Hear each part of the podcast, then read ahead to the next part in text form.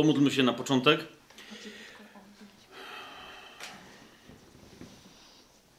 Dobry Ojcze, dziękujemy Ci yy, za całe to dzieło studium biblijnego, do którego tak wiele osób yy, zaprosiłeś i cały czas zapraszasz.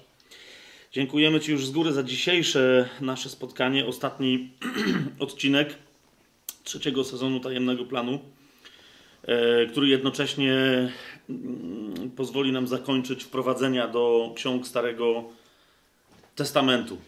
Dziękujemy Ci, Ojcze, za całe objawienie, jakiego mm, nam udzieliłeś w tym czasie tych trzech sezonów, że Twoje słowo, całe Twoje słowo jest tak samo ważne, że całe Twoje słowo jest wciąż tak samo namaszczone, ponieważ jest Twoje.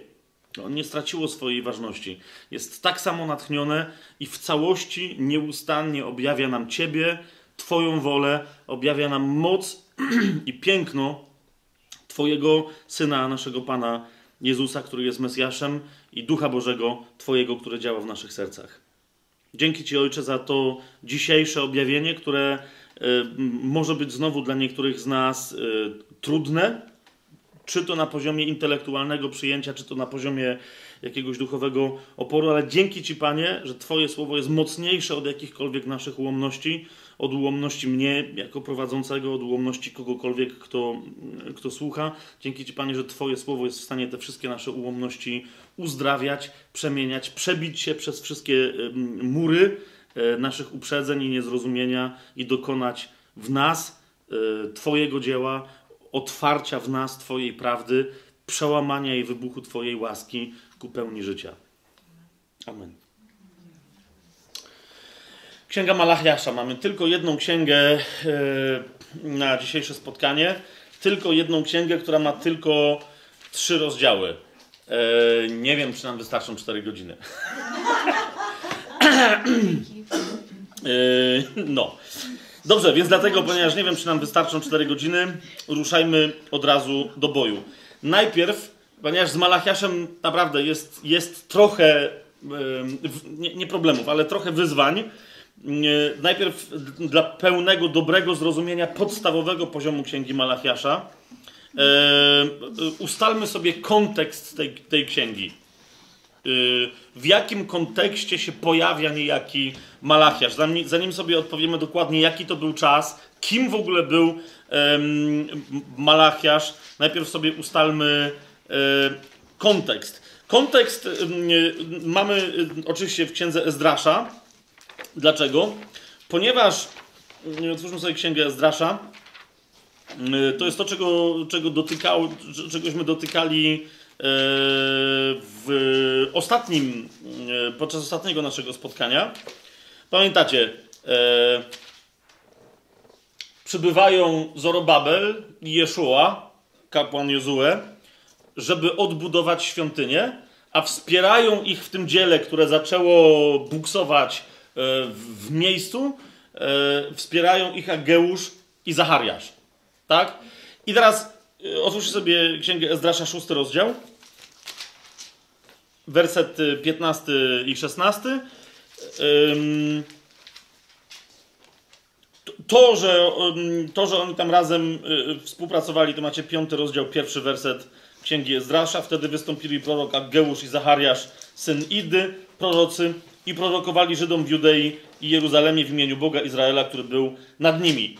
Teraz w wyniku tego prorokowania mm, e, Zorobabel i Jozue jako przywódca świecki, przywódca duchowy Izraela zmobilizowali się wraz z, z wszystkimi repatriantami, których tam wtedy nie było jakieś wielkie mnóstwo, to było jakieś około 50 tysięcy ludzi, nawet niecałe, e, i odbudowali świątynię. To jest, piąty, to jest szósty rozdział Księgi Ezdrasza, wersety 15 i 16. I dokończona została ta świątynia trzeciego dnia miesiąca Adar w szóstym roku panowania króla Dariusza. Wtedy synowie izraelscy, kapłani, lewici i pozostali dawni jeńcy z radością dokonali poświęcenia tego domu Bożego. I teraz co się dzieje, tak? Ponieważ mamy sytuację powygnaniową, I mówimy tu o sytuacji po wygnaniu babilońskim, tak? Wiemy, że północ, północne królestwo po wygnaniu asyryjskim e, przestała być żydowska w jakimkolwiek sensie, zamieniła się w Samarię, tak? Natomiast tu mówimy o powrocie wszystkich plemion izraelskich, bo pamiętacie, że ci, którzy nie, chcieli uczestniczyć w grzechu izraelskim na północy, przenieśli się na południe, a więc na południu były wszystkie plemiona, wszystkich 12 pokoleń Izraela. Tak? I teraz ci mm, powrócili z wygnania babilońskiego, są w Jerozolimie, odbudowali świątynię. I teraz pojawia się kolejny krok, który Bóg wykonuje, mianowicie pobudza ducha niejakiego Ezdrasza, do którego księgi się właśnie odwołaliśmy, aby on przybył i kontynuował dzieło. Jakie dzieło, skoro świątynia jest odbudowana? Zobaczcie siódmy rozdział. Najpierw tak tylko sobie to e, pokrótce przypomnimy, tak? bo to księgi Ezdrasza i Nehemiasza przecież już jakiś czas temu przerabialiśmy. Otóż mamy napisane tak. Siódmy rozdział, Siódmy rozdział, pierwszy werset najpierw. Mhm. Po tych wydarzeniach, czyli po odbudowaniu i poświęceniu y, świątyni przez Zorobabela, Jozułego, y, Aggeusza i Zachariasza, po tych wydarzeniach zapanowania Artaxerxesa, króla perskiego, a więc króla panującego po Dariuszu, tak?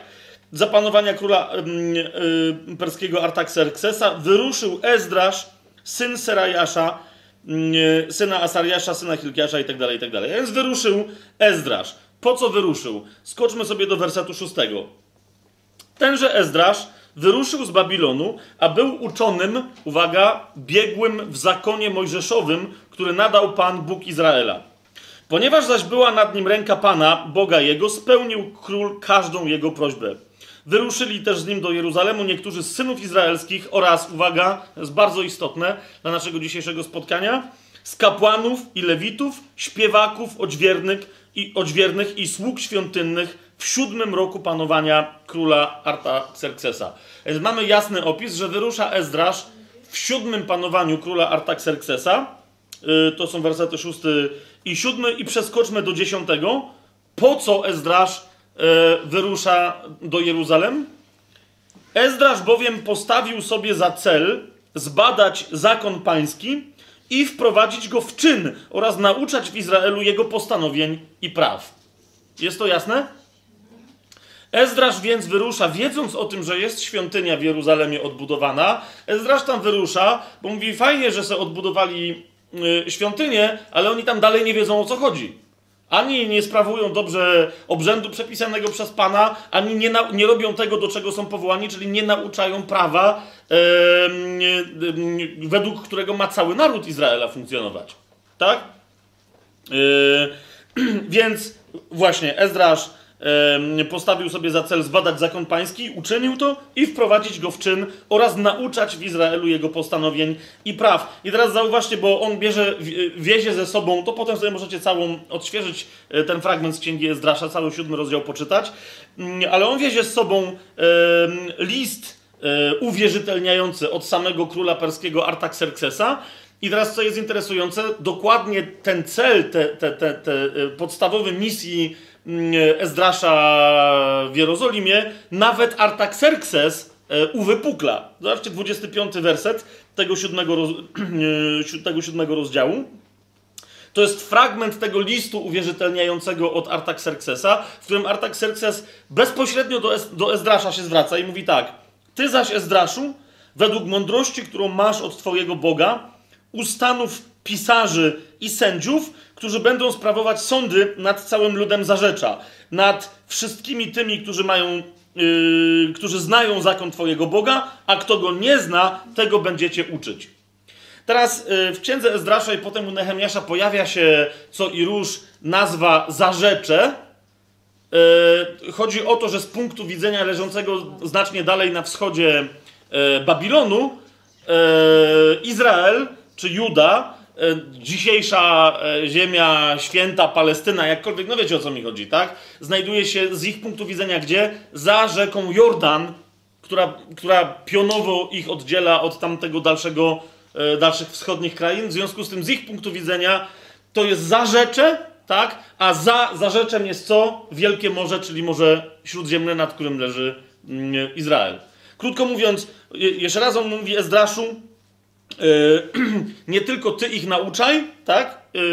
prawa pańskiego, ale według tego prawa pańskiego ustanów sędziów i pisarzy, ponieważ najlepszą nauką będzie sprawowanie tego prawa, tak? Jak ktoś się nie będzie chciał uczyć, to nieznajomość e, prawa go nie zwolni z przestrzegania go, więc jeżeli go nie będzie przestrzegał, będzie ukarany. I zresztą tam potem na, naprawdę daje takie, takie, y, takie możliwości. Zobaczcie, 26 werset. Każdy zaś, kto zakonu Twojego Boga i prawa królewskiego dokładnie nie wykona, niech będzie doraźnie skazany albo na śmierć, albo na wygnanie, albo na grzywnę, albo na więzienie i tak dalej, i tak dalej. Tak błogosławiony niech będzie Pan. To Artaxerxes pisze. A więc daje rzeczywiście moc e, Ezdraszowi do przeprowadzenia mm, e, tego, co, co, co Bóg mu na sercu położył, czyli wprowadzenia znajomości prawa w Izraelu. Nie tylko, żeby świątynia stała i wszyscy się cieszyli, że już jest fajnie, ale żeby zaczęli żyć według przymierza, które Bóg e, zawarł ze swoim ludem, przekazując im prawo przez Mojżesza e, na chorebie. I teraz Ezdrasz jedzie do e, Jeruzalem. To jest, jeszcze raz wam przypominam, siódmy rozdział, e, e, ósmy werset w siódmym roku e, panowania króla e, Artaxerxesa, a później do Ezdrasza, e, bardzo istotne, dołącza kto? Ano autor następnej księgi po Ezdraszu, czyli dołącza Nehemiasz. Przeskoczmy sobie do Nehemiasza. Po co dołącza do niego Nehemiasz? no to znowu więcej o tym żeśmy mówili, jak żeśmy rozważali księgi Ezdrasza i Nehemiasza, ale tylko przypomnimy, że Nehemiasz pozostając dalej na, e, pozostając na dworze e, e, perskim, martwił się o to, co się dzieje w Jerozolimie. Wiedział, że świątynia jest w odbudowie, ale stało się dla niego jasne, że dopóki całe miasto nie zostanie odbudowane, a żeby mogło być odbudowane, dopóki to, to, to muszą być odbudowane mury, a więc dopóki nie zostaną odbudowane mury Jeruzalem, to to wszystko i tak się będzie, e, będzie tylko na pół gwizdka dziać. Więc w związku z tym Księga Nehemiasza, e, drugi rozdział, opowiada o tym, jak to Nehemiasz poszedł do króla perskiego i dostał pozwolenie na to, żeby odbudować mury Jeruzalemu. Pamiętacie, to jest ten moment, który e, później e, e, w księdze Daniela będziemy mieli zaznaczony jako moment, od którego się zaczyna liczyć 70 tygodni. Tak? 7 tygodni, 62 tygodnie i potem jeszcze jeden. W każdym razie 69 tygodni do śmierci Mesjasza. Tak? To jest od tego momentu, kiedy Nehemiasz wyrusza. To jest na początku drugiego rozdziału Księgi Nehemiasza opisane, ale 17-18 werset to jest dopiero jak Nehemiasz przyjeżdża, bo się nikomu nie opowiada, po co on przyjeżdża do Jerozolimy, nawet tam miejscowym, już funkcjonującym Żydom. E, I dopiero po, e, po chwili tam pobytu, zobaczcie drugi rozdział, 17-18 werset Księgi Nehemiasza, e, dopiero im wyznaje, o co mu chodzi. Natomiast obecnie rzekłem do nich, wy oglądacie niedolę, w jakiej się znajdujemy, że oto Jeruzalem jest, jest spustoszone, a jego bramy spalone ogniem. Nurze, odbudujmy mur Jeruzalemu, abyśmy już nie byli pohańbieni. I opowiedziałem im o dobrotliwej ręce mojego Boga, która była nade mną, oraz o słowach, jakie wypowiedział do mnie król, który powiedział, że może budować, tak? Że możesz budować. Nie tylko, że świątynia jest dobrze, ok, ale odbudujcie Jeruzalem. Więc o tych y, słowach, jakie wypowiedział do mnie król, on opowiedział, a wtedy oni odrzekli: Zabierzmy się więc do budowy i przyłożyli ręce do dobrego dzieła. Tak? A zatem mamy Ezdrasza przybywającego, żeby nauczać prawa pańskiego oraz Nehemiasza, który buduje mury w Jeruzalemie, żeby pozwolić temu miastu odżyć. Tak? Żeby ci ludzie, którzy zaczną żyć według prawa pańskiego, na powrót w sytuacji, wiecie, otoczeni e, pogaństwem wszelkiego typu, tak? Żeby mieli ostoje w Jerozolimie. Jak jest twierdza, takie były wtedy czasy. Jak jest twierdza, to jest oparcie dla mojej kultury, dla mojego wyznania, e, dla mojej wiary w Boga i tak dalej, i tak dalej. Tak? Więc, więc Yy, nawet i po ludzku, że tak wyrażę, to było mm, dość istotne, ale, ale Bóg też powiedział tak, to jest bardzo ważne, żeby zostały odbudowane mury Jeruzalem. Skąd wiemy, że Ezdrasz z Nehemiaszem yy, współpracowali w pewnym momencie i że się znajdowali razem?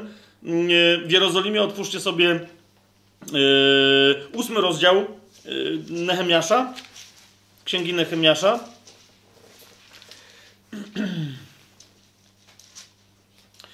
E, tam Nehemiasz opisuje o tym, jak rzeczywiście w pewnym momencie Ezdrasz w ramach tej swojej pracy, żeby przebudzić ludzi do, e, do słuchania prawa pańskiego, rzeczywiście jego, jego robota znajduje odzew w sercach e, Żydów. Zobaczcie, ósmy rozdział Księgi Nehemiasza, Nehemiasza, pierwszy i drugi werset i w ramach tego odzewu co się stało?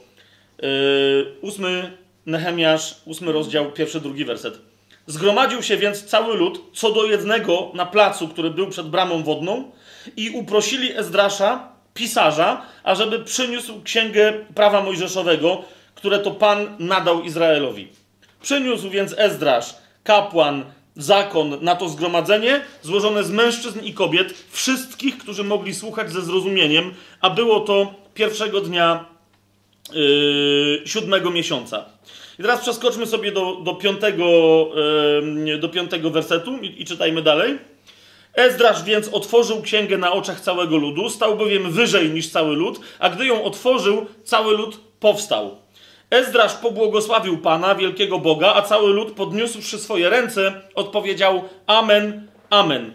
Nawiasem mówiąc, widzicie, to, to jest jeden z tych fragmentów, który pokazuje, że w najbardziej uroczystych momentach, kiedy ktoś mówi prawdę, albo kiedy ktoś przyznaje prawdę, albo wchodzi całym sobą, bez możliwości odwrotu w coś, jako Żyd mówi Amen, Amen.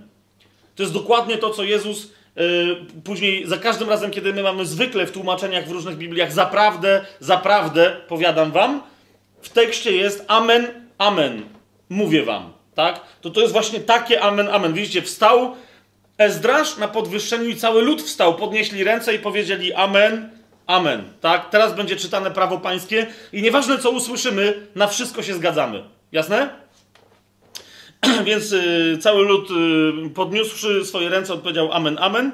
Następnie skłonili swoje głowy i oddali Panu pokłon z twarzami zwróconymi ku ziemi.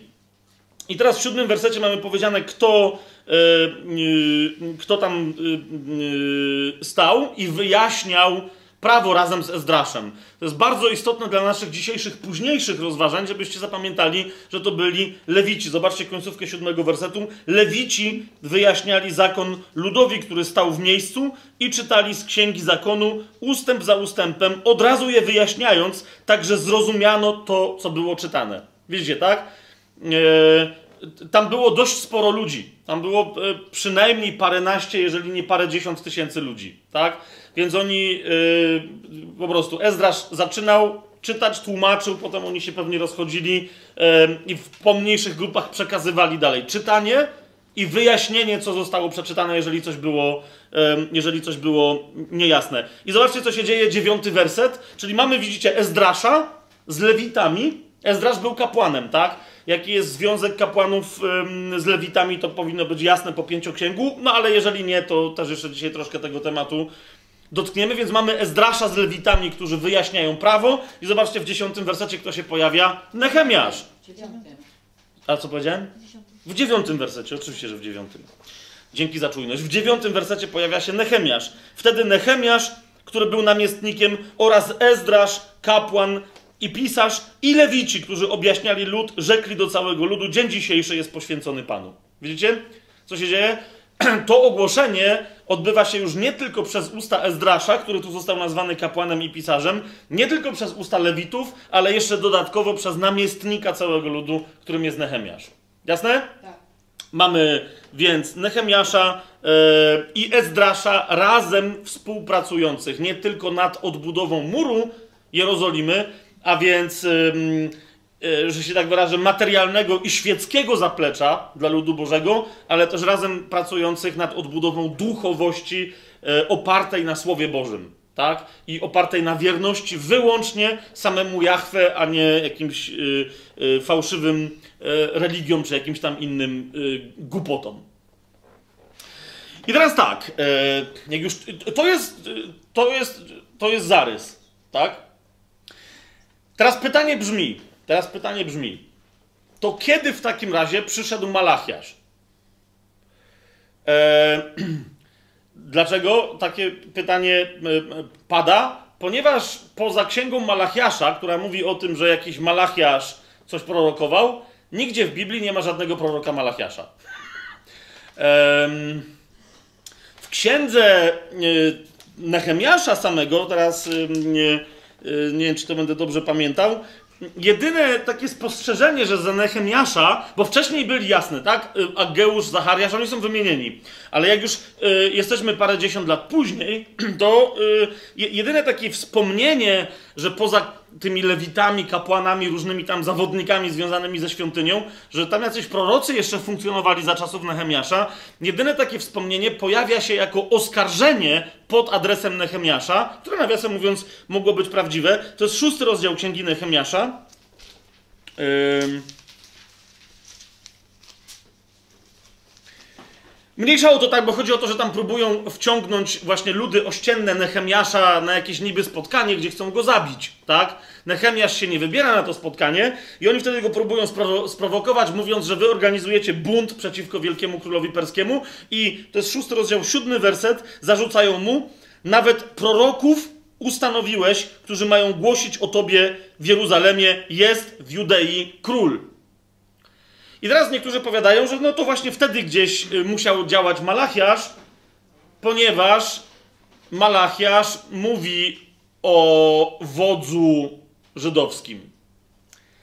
No więc, y, no więc nie. Od razu mówię, że nie, ponieważ oni zarzucali, że, że ustanawia Nehemiasz proroków, którzy mają mówić o nim, że jest królem, a jak sobie zerkniemy do Malachiasza, żeby już tam przeskoczyć do naszego dzisiejszego autora, to zobaczycie, że Malachiasz, co prawda, yy, rzeczywiście tam Bóg przez Malachiasza odwołuje się do przywódcy izraelskiego, ale nie nazywa go królem, tylko namiestnikiem właśnie. Tak?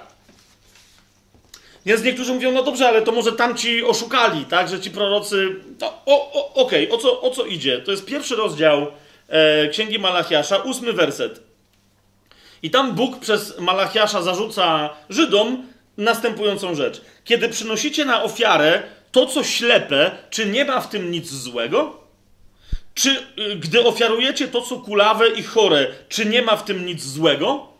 I tu Bóg, nawet nie odwołując się do prawa, które mówiło, że nie wolno takich rzeczy Bogu składać w ofierze, odwołuje się do kogo? Do namiestnika i mówi tak: spróbuj złożyć to swojemu namiestnikowi, a zobaczysz, czy przyjmie to łaskawie, albo czy okaże ci przychylność, mówi Pan zastępów. Yy, więc niektórzy mówią, dobra, nieważne, yy, może nie było proroku, rzeczywiście Malachiasz nie mówi o królu, ale mówi o Nehemiaszu. Otóż teza moja jest taka, że owszem, Malachiasz działa, ale już po tym, jak e, swoje dzieło wykonał Ezdrasz i jak swoje dzieło wykonał Nehemiasz.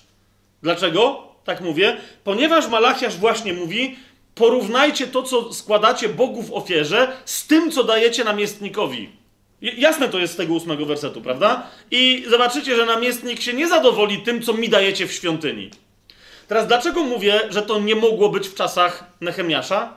Wróćmy sobie do księgi yy, do księgi Nehemiasza właśnie. I tam, yy, no właśnie, yy, z, z niejaką radością ujrzymy, że sam Nehemiasz o tym mówi. Mianowicie otwórzcie sobie piąty rozdział. W piątym rozdziale Nehemiasz mówi, że był namiestnikiem rzeczywiście bardzo poważnym namiestnikiem w Jerozolimie, tym, który jest odpowiedzialny za odbudowę muru jerozolimskiego, był namiestnikiem przez 12 lat. Ale uwaga, kiedy on był namiestnikiem, nie korzystał z prawa zaopatrzenia namiestniczego. Zobaczcie, piąty rozdział, czternasty werset. E, Księgi Nehemiasza, piąty rozdział, czternasty werset i następny. Również nie korzystałem ani ja, ani moi bracia z utrzymania przysługującego namiestnikowi. Od dnia, kiedy ustanowiono mnie ich namiestnikiem ziemi judzkiej, to jest od 20, aż do 32 roku panowania króla Artaxerxesa, czyli 12 lat. Namiestnicy poprzedni, którzy byli przede mną, byli ciężarem dla ludu, pobierając od nich w żywności i winie dziennie równowartość 40 cykli srebra. Również ich słudzy zadawali gwałt ludowi. Ja tak nie postępowałem z bojaźni przed Bogiem. Teraz, dlaczego to y, Malachiasz nie mógł być przed Nehemiaszem? Ponieważ przed Nehemiaszem nie zostało odbudowane y, prawo, nie zostało odnowione przymierze. O tym jeszcze będziemy dzisiaj mówić, tak? E, za Nehemiasza, Nehemiasz sam mówi, że przez 12 lat, kiedy był namiestnikiem, nie pobierał e, właśnie żadnego jedzenia ani żadnego picia, jak widzicie, tak jak jego poprzednicy. Ono, ono się należało namiestnikowi, tak? Ale on go nie pobierał. Krótko mówiąc, teza moja jest taka, że Malachiasz występuje po tym, jak Nehemiasz przestał być namiestnikiem. Jest to jasne? Teraz, y, czy to oznacza, że Malachiasz działał, kiedy Nehemiasza już nie było? Nie. Y, później w księdze Nehemiasza, jeszcze dzisiaj o tym y, wspomnimy, Nehemiasz pisze, że po 12 latach przestał być namiestnikiem nie dlatego, że umarł, tylko dlatego, że wrócił do stolicy Imperium Perskiego tak? I o tym mówi ym, wyraźnie, przy, przy, okazji jakiego wydarzenia to jeszcze będziemy y, później sobie mówić, ale jak otworzycie y, Księgę Nehemiasza, 13 y, rozdział, szósty werset, tam coś się działo, mniejsza o to, co się działo, ale on mówi wyraźnie, gdy to się działo, mnie nie było w Jeruzalemie, gdyż w 32 roku Artaxerxesa, króla babilońskiego, wyruszyłem do króla. Tak? Czyli on wyraźnie mówi, że właśnie po 12 latach wyruszył do króla perskiego, a wtedy y, co się stało? Wróćmy do siódmego mm, y, y, bodaj rozdziału, tak, do siódmego rozdziału. On mówi wyraźnie, że po sobie postawił u władzy swojego brata. Zobaczcie, siódmy rozdział, pierwszy werset. Gdy więc mur został odbudowany, kazałem wstawić wrota. Wyznaczeni też zostali odźwierni śpiewacy i lewici a potem postawiłem nad Jeruzalemem mojego brata Hananiego oraz Hananiasza, komendanta twierdzy. Był to bowiem mąż prawy i go, bogobojny jak rzadko kto. Tak? Oczywiście to nie znaczy, że yy, yy, brat yy, Nehemiasza y, Hanani, że on od razu został namiestnikiem, ale jako szef Jeruzalemu, a nie przywódca twierdzy jerozolimskiej, tak? Prawdopodobnie dalej y, funkcjonował jako namiestnik, po, pierwszy namiestnik po e, Nehemiaszu. Jest to w miarę jasne, co, e, co mówię? Dobrze. Krótko mówiąc, e, krótko mówiąc, Malachiasz, jeżeli się odwołuje wyraźnie do, e, do namiestnika, to musi to być ktoś, to już muszą być ludzie po Nehemiaszu. Tak? Ewidentnie, jak czytamy księgę Malachiasza, widać, że już mamy świątynię, tak? w, której, e, w której działają pouczeni kapłani. To jest bardzo istotne. Tak? A więc mamy sytuację w księdze Malachiasza, nie takie jak jeszcze wiecie u Zachariasza czy u Aggeusza, gdzie było budujcie świątynię. Tak? E, tam zresztą też ci, co budowali, oni tak się trochę nie bardzo znali na prawie. U Malachiasza Bóg mówi do Żydów, odwołując się do księgi prawa. A więc to są Żydzi, którzy już mają pouczą, pouczenie od Pana i wyraźnie odwołuje się do przymierza, a przymierze zostało zawarte dopiero e, przez Ezdrasza i Nehemiasza i cały lud razem z Panem. Mamy jasność w tej kwestii? Tak?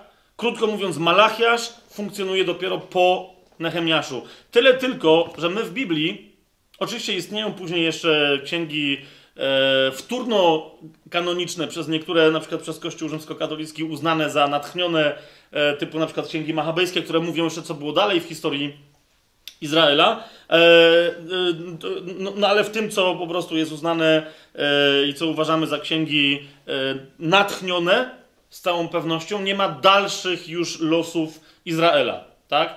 Po Nehemiaszu mamy kilkaset lat pustki, aż przychodzi E, Pan Jezus i mamy objawienie nowotestamentowe, mamy Mesjasza, który, który się objawił. Malachiasz też w związku z tym jest, wiecie, ostatnim prorokiem, później następuje milczenie prorocze w Izraelu. Tak? No ale Izrael, jak zobaczycie, o co Bóg oskarża przez Malachiasza Izraela, który już ma odbudowaną świątynię, Ma odnowione przymierze, o czym dzisiaj będziemy mówić. Zobaczycie, jak odnowione przymierze. To jest naprawdę nowy choreb, tak? To jest naprawdę nowy choreb. No ponieważ dostają oskarżenia takie jak w księdze Malachiasza, dostają, to trudno się dziwić, że później prorocy już nie mówią, tak? Co miało być powiedziane przed Mesjaszem, zostało wypowiedziane i ostatnim mówiącym jest Malachiasz. Dlaczego nie znajdujemy go e, nigdzie e, więc w, w, Starym e, Przymierzu? Dlatego w księgach historycznych, dlatego że nikt już nie pisał o tym, co się działo po Nehemiaszu. Jasne to jest? Tak? Jasne to jest? Nikt nie pisał o tym, co się działo później po, yy, po Nehemiaszu. Księgi historyczne tam się kończą. Jeżeli on był, działał nawet zaraz po Nehemiaszu, to nie jest przez Nehemiasza w jego księdze yy, opisany. No ale teraz, yy, bo niektórzy, właśnie, musimy się jeszcze odnieść do jednej kwestii, mianowicie niektórzy powiadają, okej, okay, ale Malachiasz może nie być imieniem, Tutaj wchodzimy w jeden bardzo interesujący temat. Niektórzy mówią, Malachiasz może nie być imieniem, tylko może być oznaczeniem funkcji, a w związku z tym być może, że Malachiasz jest Ezdraszem. Bardzo interesująca teza. Yy, bardzo interesująca. Yy, nie, nie, nie udzielę wam odpowiedzi, bo nie wiem, tak? E, z wyjątkiem tego, że, że wiecie, gdyby Ezdrasz prorokował, to byłoby gdzieś napisane, że był prorokiem.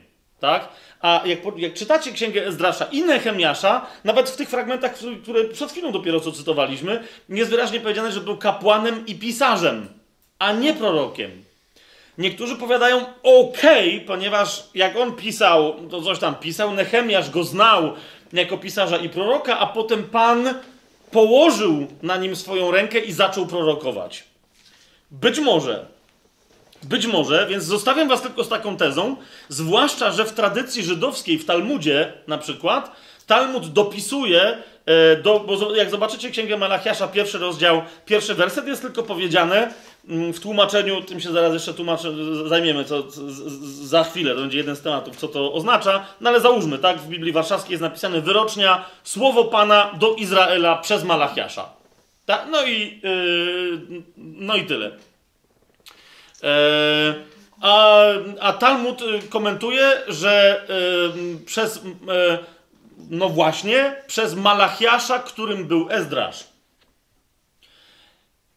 W niektórych wersjach e, Septuaginty też się znajduje e, taka informacja, tak? Mianowicie, nie do końca, znaczy jest tam komentarz, jest dopisek, ale jest informacja, że Malachiasz to, znaczy inaczej, Malachiasz jest przedstawiony jako tytuł, jako funkcja, a nie jako imię. Dlaczego? No i tu od razu będziemy mieli yy, kwestię, co, w, dlaczego w ogóle Księga Malachiasza jest ważna dla nas dzisiaj, jako dla dziś wierzących chrześcijan. Otóż musimy sobie poruszyć temat aniołów. Oczywiście nie chcę powiedzieć, że Malachiasz był aniołem, bo są też tacy szaleńcy, którzy takie głupoty gadają. Nie, nie, nie. Nie, nie, nie. Ale uwaga, e, Malachiasz, jak się temu dobrze przyjrzeć, oznacza dam wam chwilę, bo potem będą pytania. Malachiasz oznacza e, w sensie ścisłym stwierdzenie mój anioł. Oznacza mój anioł. Malachi. Malachi, ale to jest, to, to znaczy mój anioł, czyli, ale anioł, czyli kto? Malach. Malak. To jest, to jest cały czas. I teraz niektórzy powiedzą, okej, okay, dobrze, ale istniała funkcja anioła? Co? O, o, o co w ogóle chodzi? Otóż, kochani, e, musimy się przyjrzeć temu, jak, e, e, jak funkcjonuje słowo malach e, w Starym Przymierzu i w ogóle słowo anioł, ponieważ według mnie słowo anioł po polsku angel angielskie i tak dalej jest słowem sztucznym, tak? W zasadzie, jakby się temu dobrze przyjrzeć, to nie istnieje nikt taki, kogo można byłoby nazwać aniołem w naszym dzisiejszym rozumieniu. Wiecie o co mi idzie? Jak mówię anioł, to co wam przychodzi do głowy? Skrzydła. Gość ze skrzydłami, tak? Istota duchowa. No właśnie, ten, ten gość, no nie? który sobie lata, tak? Po prostu. Pojawia się gość, ma skrzydła, a różne ma jakieś formy ubrania, ale zasadniczo facet ze skrzydłami. Okej, okay, niektórzy jeszcze mówią, że anioły są rodzaju żeńskiego i dlatego to nie są aniołowie, tylko to są anioły, bo to jest anioł, a to jest anioła. No, Okej, okay, dobra. Okej, okay, dobra. Otóż, kochani, malach, malak po hebrajsku znaczy to samo co angelos po grecku, a więc poseł albo posłaniec. Tak?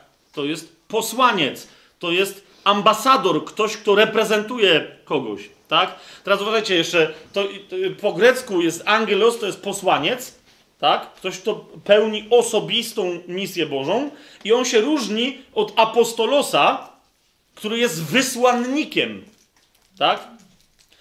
Krótko mówiąc, jak mamy dwunastu apostołów, to to jest dwunastu wysłanników.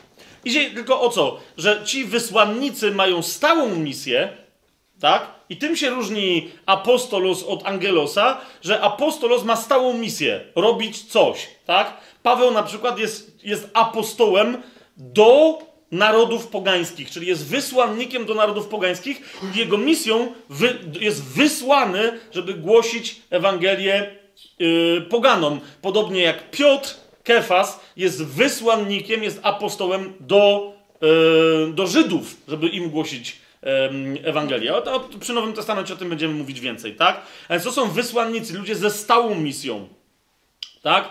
Angelos to jest ktoś, i teraz uwaga, to może być istota duchowa, to może być jakaś osoba Trójcy Świętej, sam Bóg może sam siebie wysłać. Rozumiecie o co mi chodzi? To może być też człowiek, który jest angelosem, czyli jest malakiem.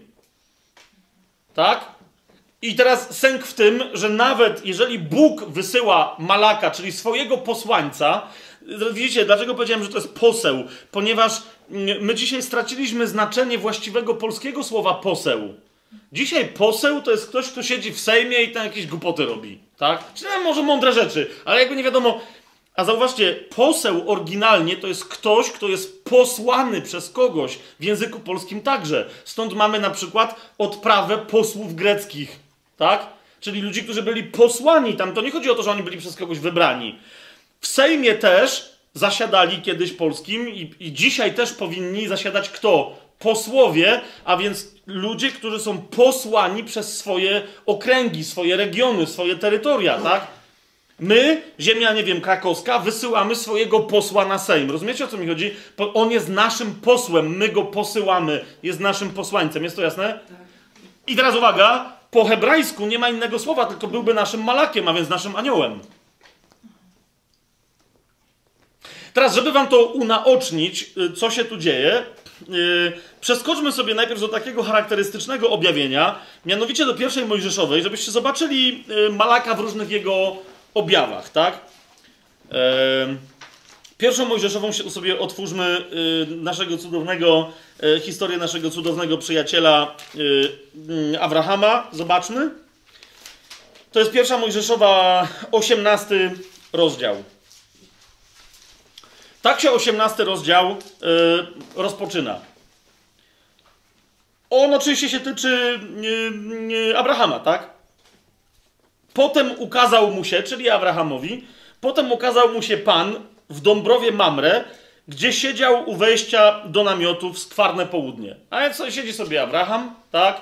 Jest skwarne południe, Dąbrowa, nawiasem mówiąc, zwróćcie uwagę, cudowny język polski, którego my dzisiaj, naprawdę jak analfabeci, nie wiemy, co się dzieje. Co to jest Dąbrowa? No, no nie, to, to jest zgromadzenie dębów. Tak? To nie jest zagajnik, w którym rosną świerki czy inne rzeczy. To jest Dąbrowa, ponieważ, e, ponieważ tam rosną dąby, czyli, czyli dęby, tak? I stąd wiemy, y, a rzeczywiście w Biblii jest mowa o paru dębach, tak? To jest Dąbrowa.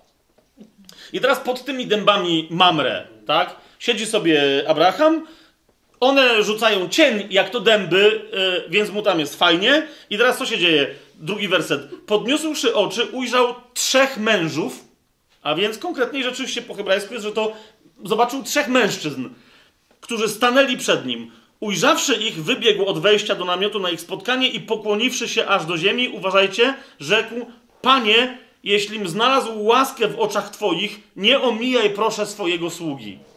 Do kogóż tak potężny człowiek jak Abraham może mówić Panie? Myśl jest, no raczej tylko do Boga, bo on do nikogo innego tak nie mówił, no ale rozumiecie, stoi trzech chłopów i teraz czemu akurat do jednego z nich ma mówić Panie? Może sobie nie trafił.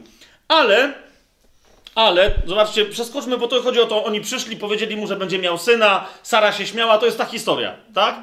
Zobaczcie, trzynasty werset. Rzeczywiście Biblia mówi, że dobrze Abraham rozpoznał, że wśród tych trzech mężczu, męż, mężów jest sam Pan. Tak? Bo Słowo Boże mówi, zobaczcie, trzynasty werset. Na to Pan rzekł do Abrahama, dlaczego to roześmiała się Sara, mówiąc, czyżbym naprawdę mogła jeszcze rodzić, kiedy się zestarzałam? Czy jest cokolwiek niemożliwego dla Pana? W oznaczonym czasie za rok wrócę do ciebie, a Sara będzie miała syna. Ale zobaczcie, kto to rzekł? Rzekł Pan do Abrahama. Tak? I przeskoczmy sobie do 33 wersetu, bo potem yy, oni wyruszają na lekką przechadzkę, tak? Pan objawia Abrahamowi, że musi zniszczyć yy, Sodomę, no pamiętacie tę historię, tak? I on się zaczyna z Bogiem yy, targować. A gdyby było 50 sprawiedliwych, to czy by, a gdyby było 40, a gdyby było i, i, i tak dalej, tak? No i teraz dociera ta historia do 33 wersetu, gdzie jest, bo pamiętacie, przyszło trzech mężczyzn, tak? Jest powiedziane, że Pan mówił. Niektórzy mówią, że oni trzech, trzech naraz gadali, jakieś tam dziwne historie, ale zobaczcie, co się teraz dzieje. W 33 wersecie 18 tego rozdziału pierwszej Mojżeszowej jest powiedziane, że po tej rozmowie z Abrahamem odszedł Pan, kiedy skończył rozmowę z Abrahamem. Abraham zaś wrócił do swojego miejsca. Tak? Czyli skończyli rozmowę, Abraham odszedł, odszedł Pan i kto został? Dwóch aniołów. 19 rozdział, pierwszy werset, zobaczcie. A pod wieczór przyszli pozostali dwaj aniołowie do Sodomy, a Lot siedział w bramie Sodomy. Widzicie to? Czyli jeden z nich to był Malak Jahwe, tak? To było objawienie samego Jahwe, o tym jeszcze za chwilę sobie powiemy, a dwóch to byli normalni posłańcy, tylko teraz widzicie, Pan sam siebie posłał. Teraz jest pytanie, który to był, Duch Święty Pan Jezus czy, czy sam Bóg Ojciec. E, rozmawiający z Abrahamem, a tamci dwaj byli posłani do kogo? Do Abrahama? Nie, oni tylko towarzyszyli Panu, a oni byli posłani do Sodomy, tak? Do Lota, nie do, yy, bezpośrednio do Abrahama. Widzicie to? Czyli Pan jako malak sam siebie, że tak powiem, posyła jedną z osób Trójcy Świętej, już mówmy takim językiem, tak? Do Abrahama w towarzystwie dwóch innych malaków, innych posłańców. On potem odchodzi, ale oni dalej kontynuują swoje posłannictwo do Sodomy. Widać to w miarę yy, jasno? Okej, okay, świetnie. To yy, wobec tego Księgę Sędziów sobie otwórzmy, tam zobaczycie innego malaka, który bo pamiętacie, myśmy o tym często mówili, tak? Że Pan sam siebie objawia jako anioł. I jest mowa o nim, że anioł Pana się objawił, i, a, a później się okazuje, że to sam Pan był, sam Bóg, tak? Walczył z, z Jakubem w potoku, Jozuemu się objawił z mieczem obnażonym i ten mówi, kim ty jesteś? A on mówi, zdejmij swoje sandały, bo ziemia, na której stoisz, jest święta. Pamiętacie to, tak? Ale jest taka e, mniej znana e, historia objawienia się Malaka Bożego, Boga samego we własnej osobie w Księdze Sędziów, w 13 rozdziale. Nie wiem, czy ją pewnie ją pamiętacie, ale jeżeli nie, to ją sobie dobrze e, przypomnij. Zobaczcie, w 13 rozdziale Księga Sędziów, trzeci werset. Tam jest jakaś tam kobieta, nie, nie jakaś tam, tylko to jest mama Samsona. Tak? Tego Samsona. Niezwyciężonego Samsona, którego kobieta zwyciężyła. No ale nie będzie.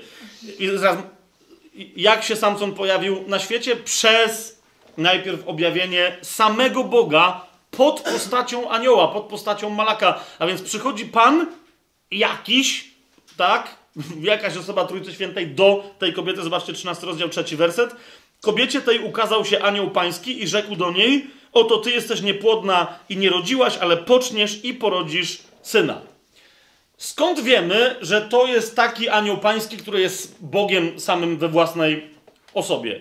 No bo ona później, yy, ona jakoś tak zrozumiała, że to jest anioł, tak? W sensie właśnie, że to jest jakieś, nie, nie że anioł, tylko że to jest jakaś duchowa istota, że to nie był człowiek.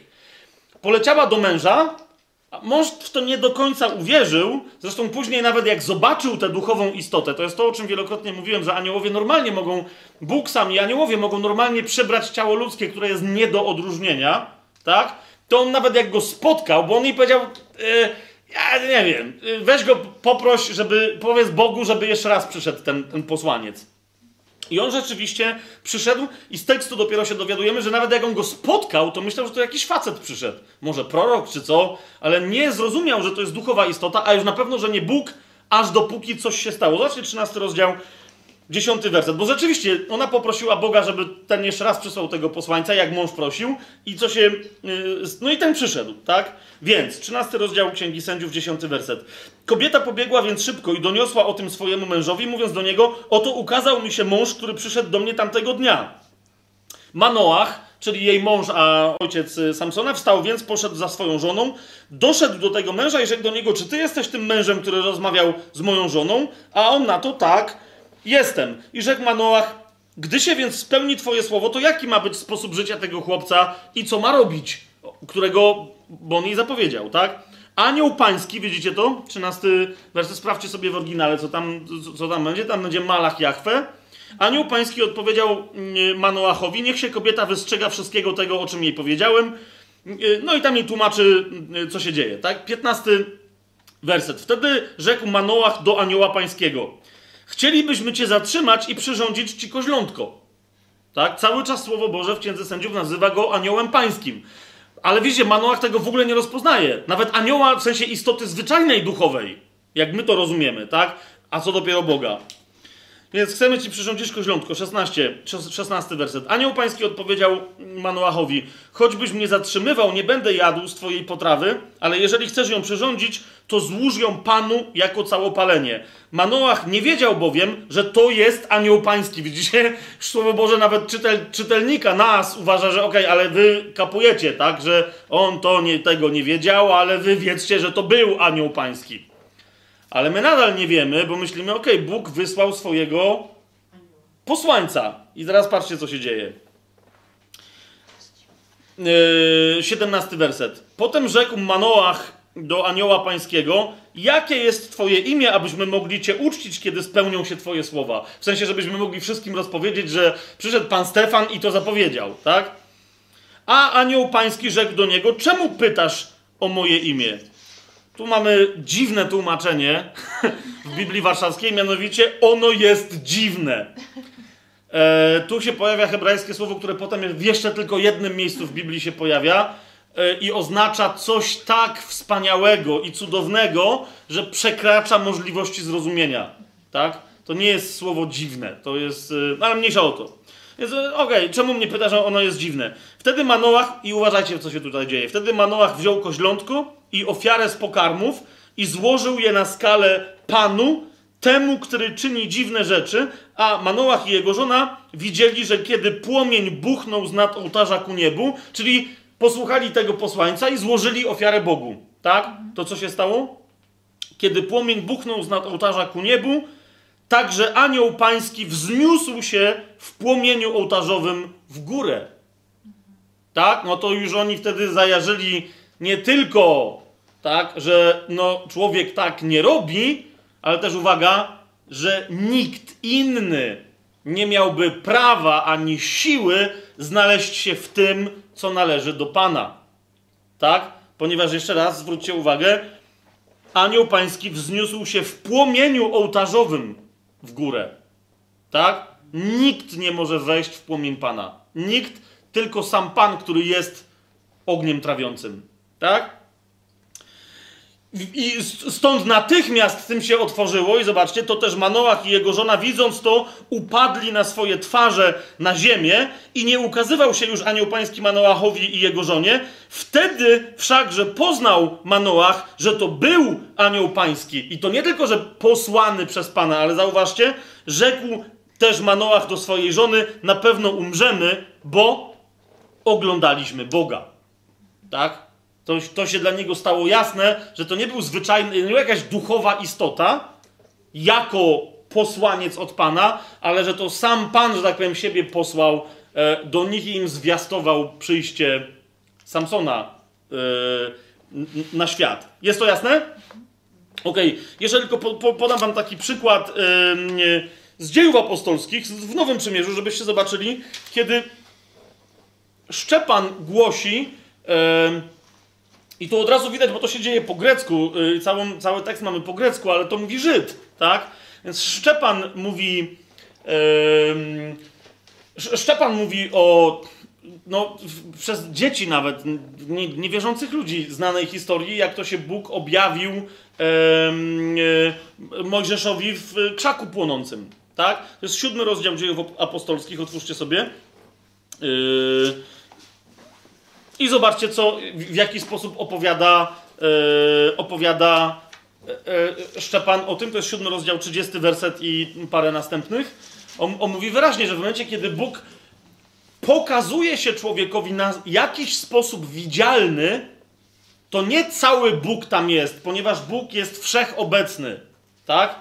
Ale że to objawienie Boga jest, jest posłańcem Boga. To jest jakaś osoba Trójcy Świętej, która się uobecnia, ufizycznia, bym powiedział, materializuje w taki czy inny sposób przed oczami człowieka, tak? Więc to jest malak, pański po angielsku, e, po angielsku, po grecku angelos, tak? I, czyli posłaniec, ale którego my mamy jak łosie przetłumaczonego anioł, po prostu dosłownie, wiecie, przepłaszczone z greckiego. Angelos, czyli anioł, tak?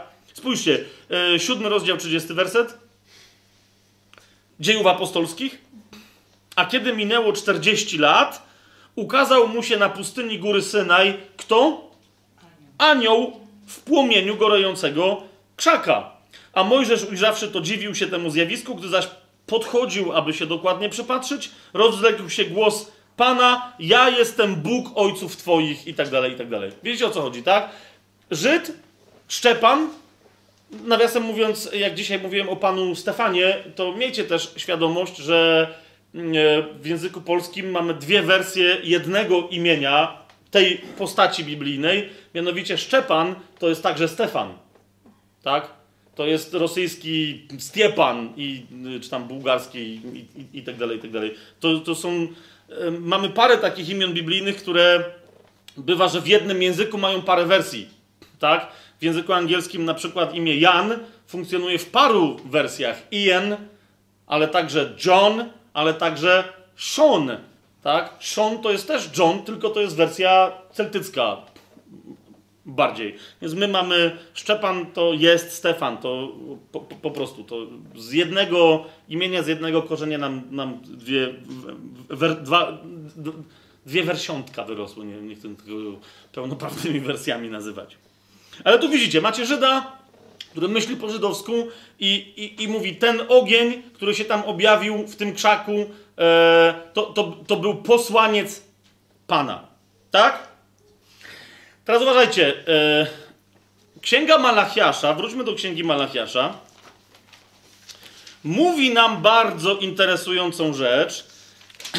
Mianowicie wręcz w jednym zdaniu mówi o tym, że może być posłańcem człowiek i może być posłańcem Bóg, który się pojawi jako człowiek i to będzie Mesjasz. Tak? I już jaśniej się tego nie dało powiedzieć. Jak, niektórzy mówią, że gdzie w Nowym Testamencie, ludzie w Starym Testamencie to jest napisane, że Bóg chciał stać się człowiekiem. Tak? Otwórzmy sobie Księgę Malachiasza, trzeci rozdział.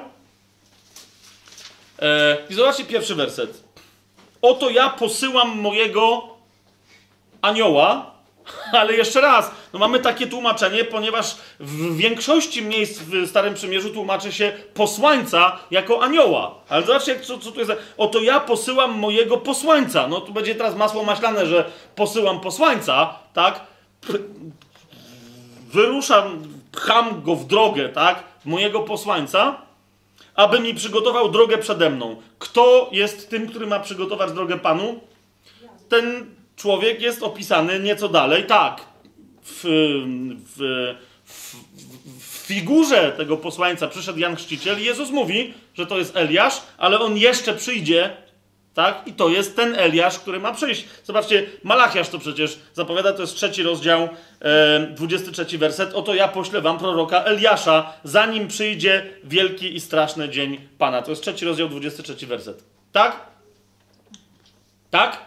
Bo taki mam jakiś taki. Dobra. I to jest ten pierwszy posłaniec, tak? Oto ja posyłam mojego posłańca, aby mi przygotował drogę przede mną. Czyli jest jeden posłaniec, który ma przygotować drogę przede mną, i 23 werset mówi, że to będzie prorok Eliasz. Tak? Ale uważajcie, potem nagle przyjdzie do swej świątyni Pan. Czyli kto przyjdzie do tej świątyni? Kto to jest Pan? Takie pytanie. Kto to jest Pan? To jest na pewno jakieś podstępne pytanie. Kto to jest Pan? No Pan. No Bóg! Jahwe! Sam we własnej osobie. Lecz uwaga, potem nagle przyjdzie do swej świątyni Pan, którego oczekujecie. To jest posłaniec przymierza, którego pragniecie. Tak? To jest ten, który powiedział: To jest kielich mojej krwi, nowego i wiecznego przymierza. Tego przymierza, które było tak upragnione. Mamy jasność? I jeszcze raz zobaczcie, jak, jak brzmi zdanie. Potem nagle przyjdzie do swojej świątyni Pan, którego oczekujecie, ten, który jest posłańcem przymierza, którego pragniecie. Teraz mowa jest nie o pierwszym przyjściu, ale, ale mowa jest o tym, że y, właśnie, że, że przyjdzie później, na końcu czasów, ten, którego już będziecie znali jako posłańca przymierza. A więc przyjdzie Mesjasz, tak? Do swojej, y, do y, swojej świątyni. W- na jednym, na jednym wydechu, na jednym wydechu mówi Malachiasz, nawiasem mówiąc, teraz widzicie, jak on się nazywa? On się nazywa Mój Malak. To jest jego imię i dlatego niektórzy mówią, może to był Ezdrasz, tak? Bo funkcjonował jako posłaniec, tak? Skoro za posłańca został uznany prorok Eliasz, który dopiero przyjdzie, o, tu jest w jednym zdaniu powiedziane, że Bóg przyjdzie jako posłaniec fizyczny, tak? Jako malak przymierza, jako posłaniec przymierza. Widzicie to, tak? W pierwszym wersecie. Teraz, żeby- było jeszcze ciekawiej, tak, to że ludzie mogą przechodzić jako posłańcy Jahwe. To w sam Malachiasz o tym mówi, dlatego to jego imię jest takie dziwne. Kapujecie? Dlatego niektórzy mówią, to chyba był Ezdrasz. Dlaczego? Bo Ezdrasz był kapłanem i pisarzem. A tylko, e, a, inaczej, a tylko Malachiasz ośmielił się powiedzieć coś tak szalonego, jak rozdział drugi, werset siódmy, spójrzcie. Mianowicie powiedział o kapłanie pańskim, co takiego? Wargi kapłana strzegą poznania, a z jego ust ludzie chcą mieć wskazania. Dlaczego? Ponieważ on jest posłańcem pana zastępów. Tak? A więc Malachiasz mówi wyraźnie, proszę was bardzo, każdy kapłan, który co? Y, Którego wargi strzegą poznania i z którego ust ludzie otrzymują właściwe wskazania zgodne y, ze Słowem Bożym, ten jest malakiem Pana zastępów. Ten jest posłańcem Pana zastępów. Jasne to jest? Widzicie, że Bóg sam się objawia jako malak i ludzie są nazywani, nie, nie objawiają się, ale otrzymują funkcję i są posyłani jako malaki. Czy to ma coś wspólnego ze, z człowiekiem ze skrzydłami? Z istotą skrzydlatą? Widzicie o co mi chodzi? Zaraz przejdziemy do tych istot, ale chcę, żebyście zrozumieli, że malak oznacza w hebrajskim naprawdę posłaniec, oznacza funkcję, a nie naturę danej istoty. To samo angelos w Nowym Testamencie oznacza funkcję, którą ktoś wykonuje, a nie y, naturę jakiejś duchowej istoty. Tak? Y, Spójrzcie sobie jeszcze na Aggeusza, to jest, y, czyli wróćmy sobie do, do tego proroka dość bliskiego Malachiaszowi, poprzedzającego go.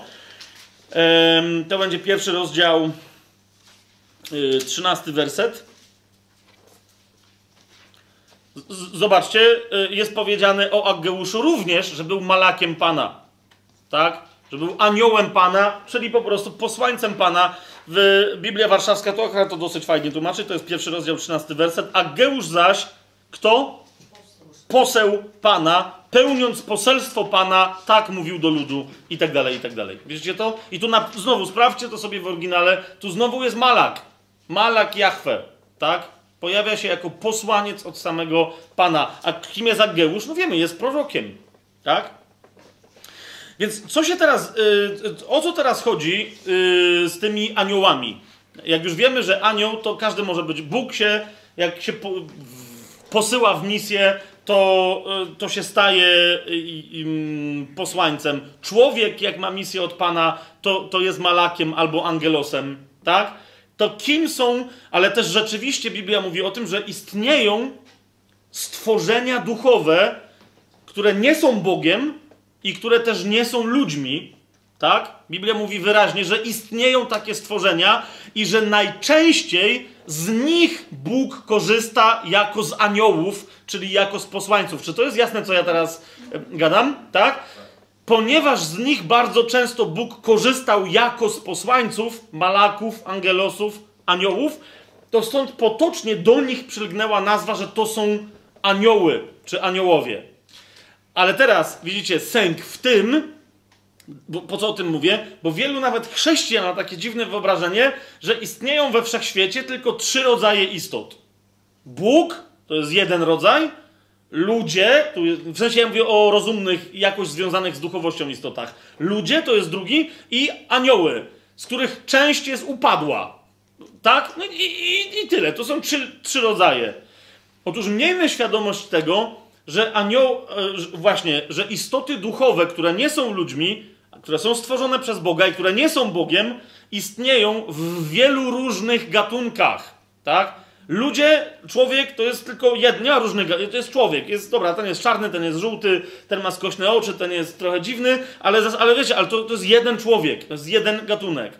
A istot duchowych, w sensie gatunkowym, istnieje mnóstwo. Co możemy na ten temat powiedzieć? Otwórzmy sobie e, list do Hebrajczyków. To jest bardzo ważne, żebyśmy sobie dzisiaj to. Za chwilę wyjaśnię, dlaczego to jest aż takie ważne. Tak?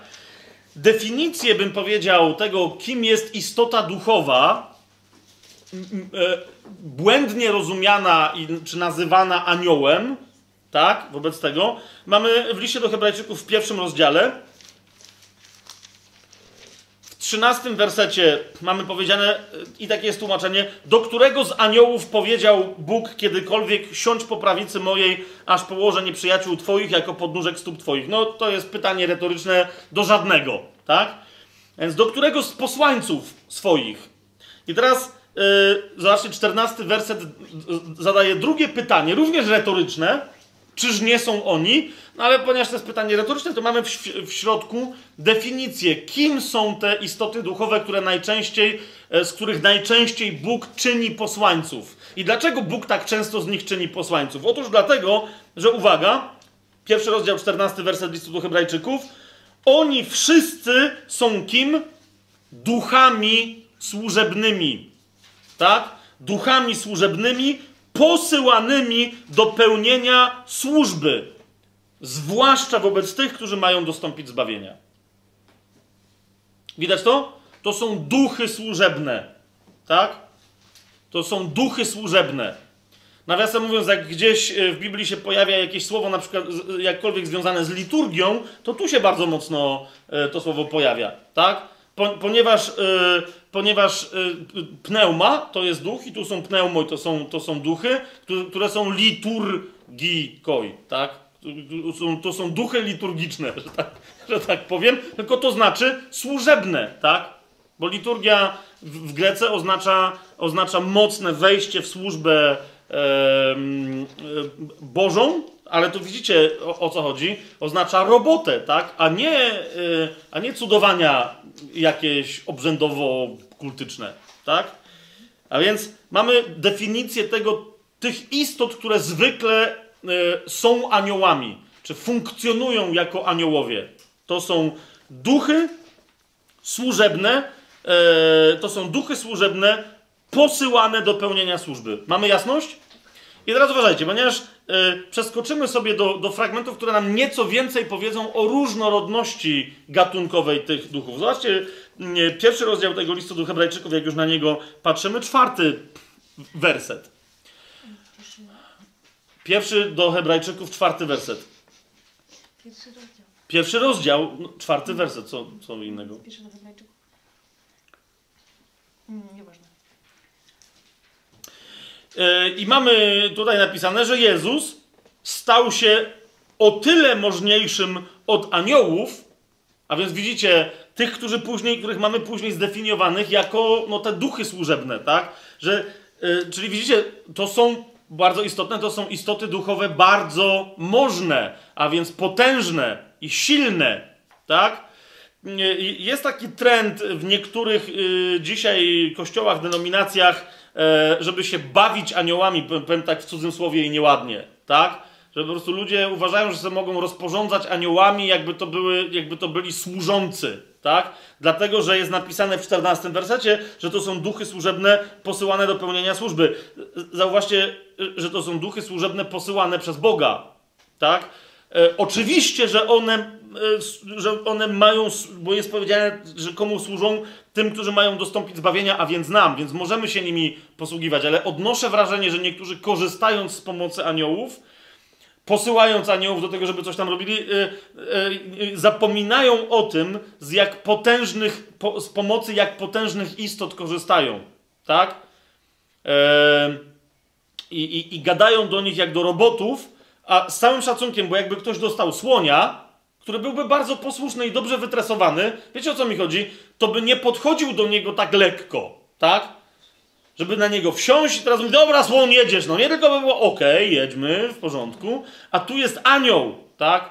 To są przepotężne istoty. Jest nieprawdopodobną tajemnicą, że oni, że my wiemy więcej niż oni. W innym miejscu Słowo Boże mówi, że oni pragną wglądać, mieć wgląd w te tajemnice, y, które, które my, y, w których my uczestniczymy, a oni nie wiedzą o co chodzi.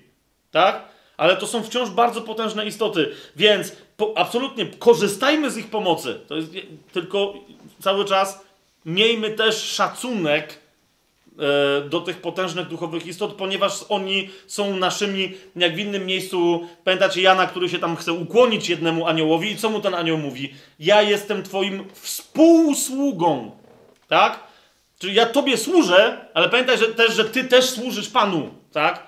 Ty, ty nie jesteś moim Panem. My mamy jednego Pana. Ja tobie służę na tej drodze, na której się teraz znajdujesz, ale jestem twoim współsługą, tak? Więc take it easy. Okej, ale tu mamy co? Że mamy potężne istoty duchowe, a co jest powiedziane o Jezusie? Zobaczcie, pierwszy rozdział, czwarty nie, werset listu do Hebrajczyków. On stał się możniejszym od aniołów, tych wszystkich stworzeń duchowych, o ile? O tyle, o ile znamienitsze od nich odziedziczył imię. I teraz przesk- przeskoczymy sobie do e, miejsc, które zaczynają nam opowiadać nieco, uchylają nam rąbka tajemnicy, co to są, co to są za istoty. Gdzie mamy y, powiedziane e, o, o tym cudownym imieniu Pana? No między innymi w liście do Filipian, więc tam sobie przeskoczmy. List do Filipian, e, drugi rozdział, mówi nam taką rzecz. Bo tu była, pamiętacie, mowa o, o, o tym, że Jezus został o tyle wyższy, o ile wyższe ma imię, tak? I zobaczcie, dokładnie o tym samym Paweł mówi w liście do Filipian, drugi rozdział, dziewiąty werset. I następne. Dlatego też Bóg wielce go wywyższył i obdarzył go imieniem, które jest ponad wszelkie inne imię. I teraz, aby na imię Jezusa zginało się wszelkie kolano na niebie i na ziemi i pod ziemią, i aby wszelki język wyznawał, że Jezus Chrystus jest Panem ku chwale Boga Ojca. No i tu mamy jeden z tych momentów, gdzie wszelkie kolano na niebie i na ziemi. To jest łatwo, wiecie, wyskoczyć stąd, że o, jest takie symboliczne określenie, że wszyscy muszą słuchać Pana Jezusa, tak? Ale tu mamy interesującą informację, ponieważ de facto Yy, otwieram teraz yy, Biblię Gdańską, bo, bo jednak trzeba się nią yy, wesprzeć. Yy, de facto yy, tu mamy mowę o istotach, tak? które są nazwane. Ja sam jestem ciekaw, jak, yy, jak to dokładnie jest yy, tu przetłumaczone u Filipia, yy, w Biblii Gdańskiej. Drugi rozdział, yy, dziesiąty. O, zobaczcie, tu jest, tu jest takie tłumaczenie. Yy, drugi rozdział, dziesiąty werset. Aby w imieniu Jezusowym wszelkie się kolano skłaniało tych, którzy są na niebiesiech i tych, którzy są na ziemi i tych, którzy są pod ziemią. Tak? Teraz y, sęk w tym, że po, po grecku, s- sprawdźcie to sobie sami, jak ktoś będzie bardzo zainteresowany. Po grecku tu są bo, bo rzeczywiście to jest tych, którzy są w niebie.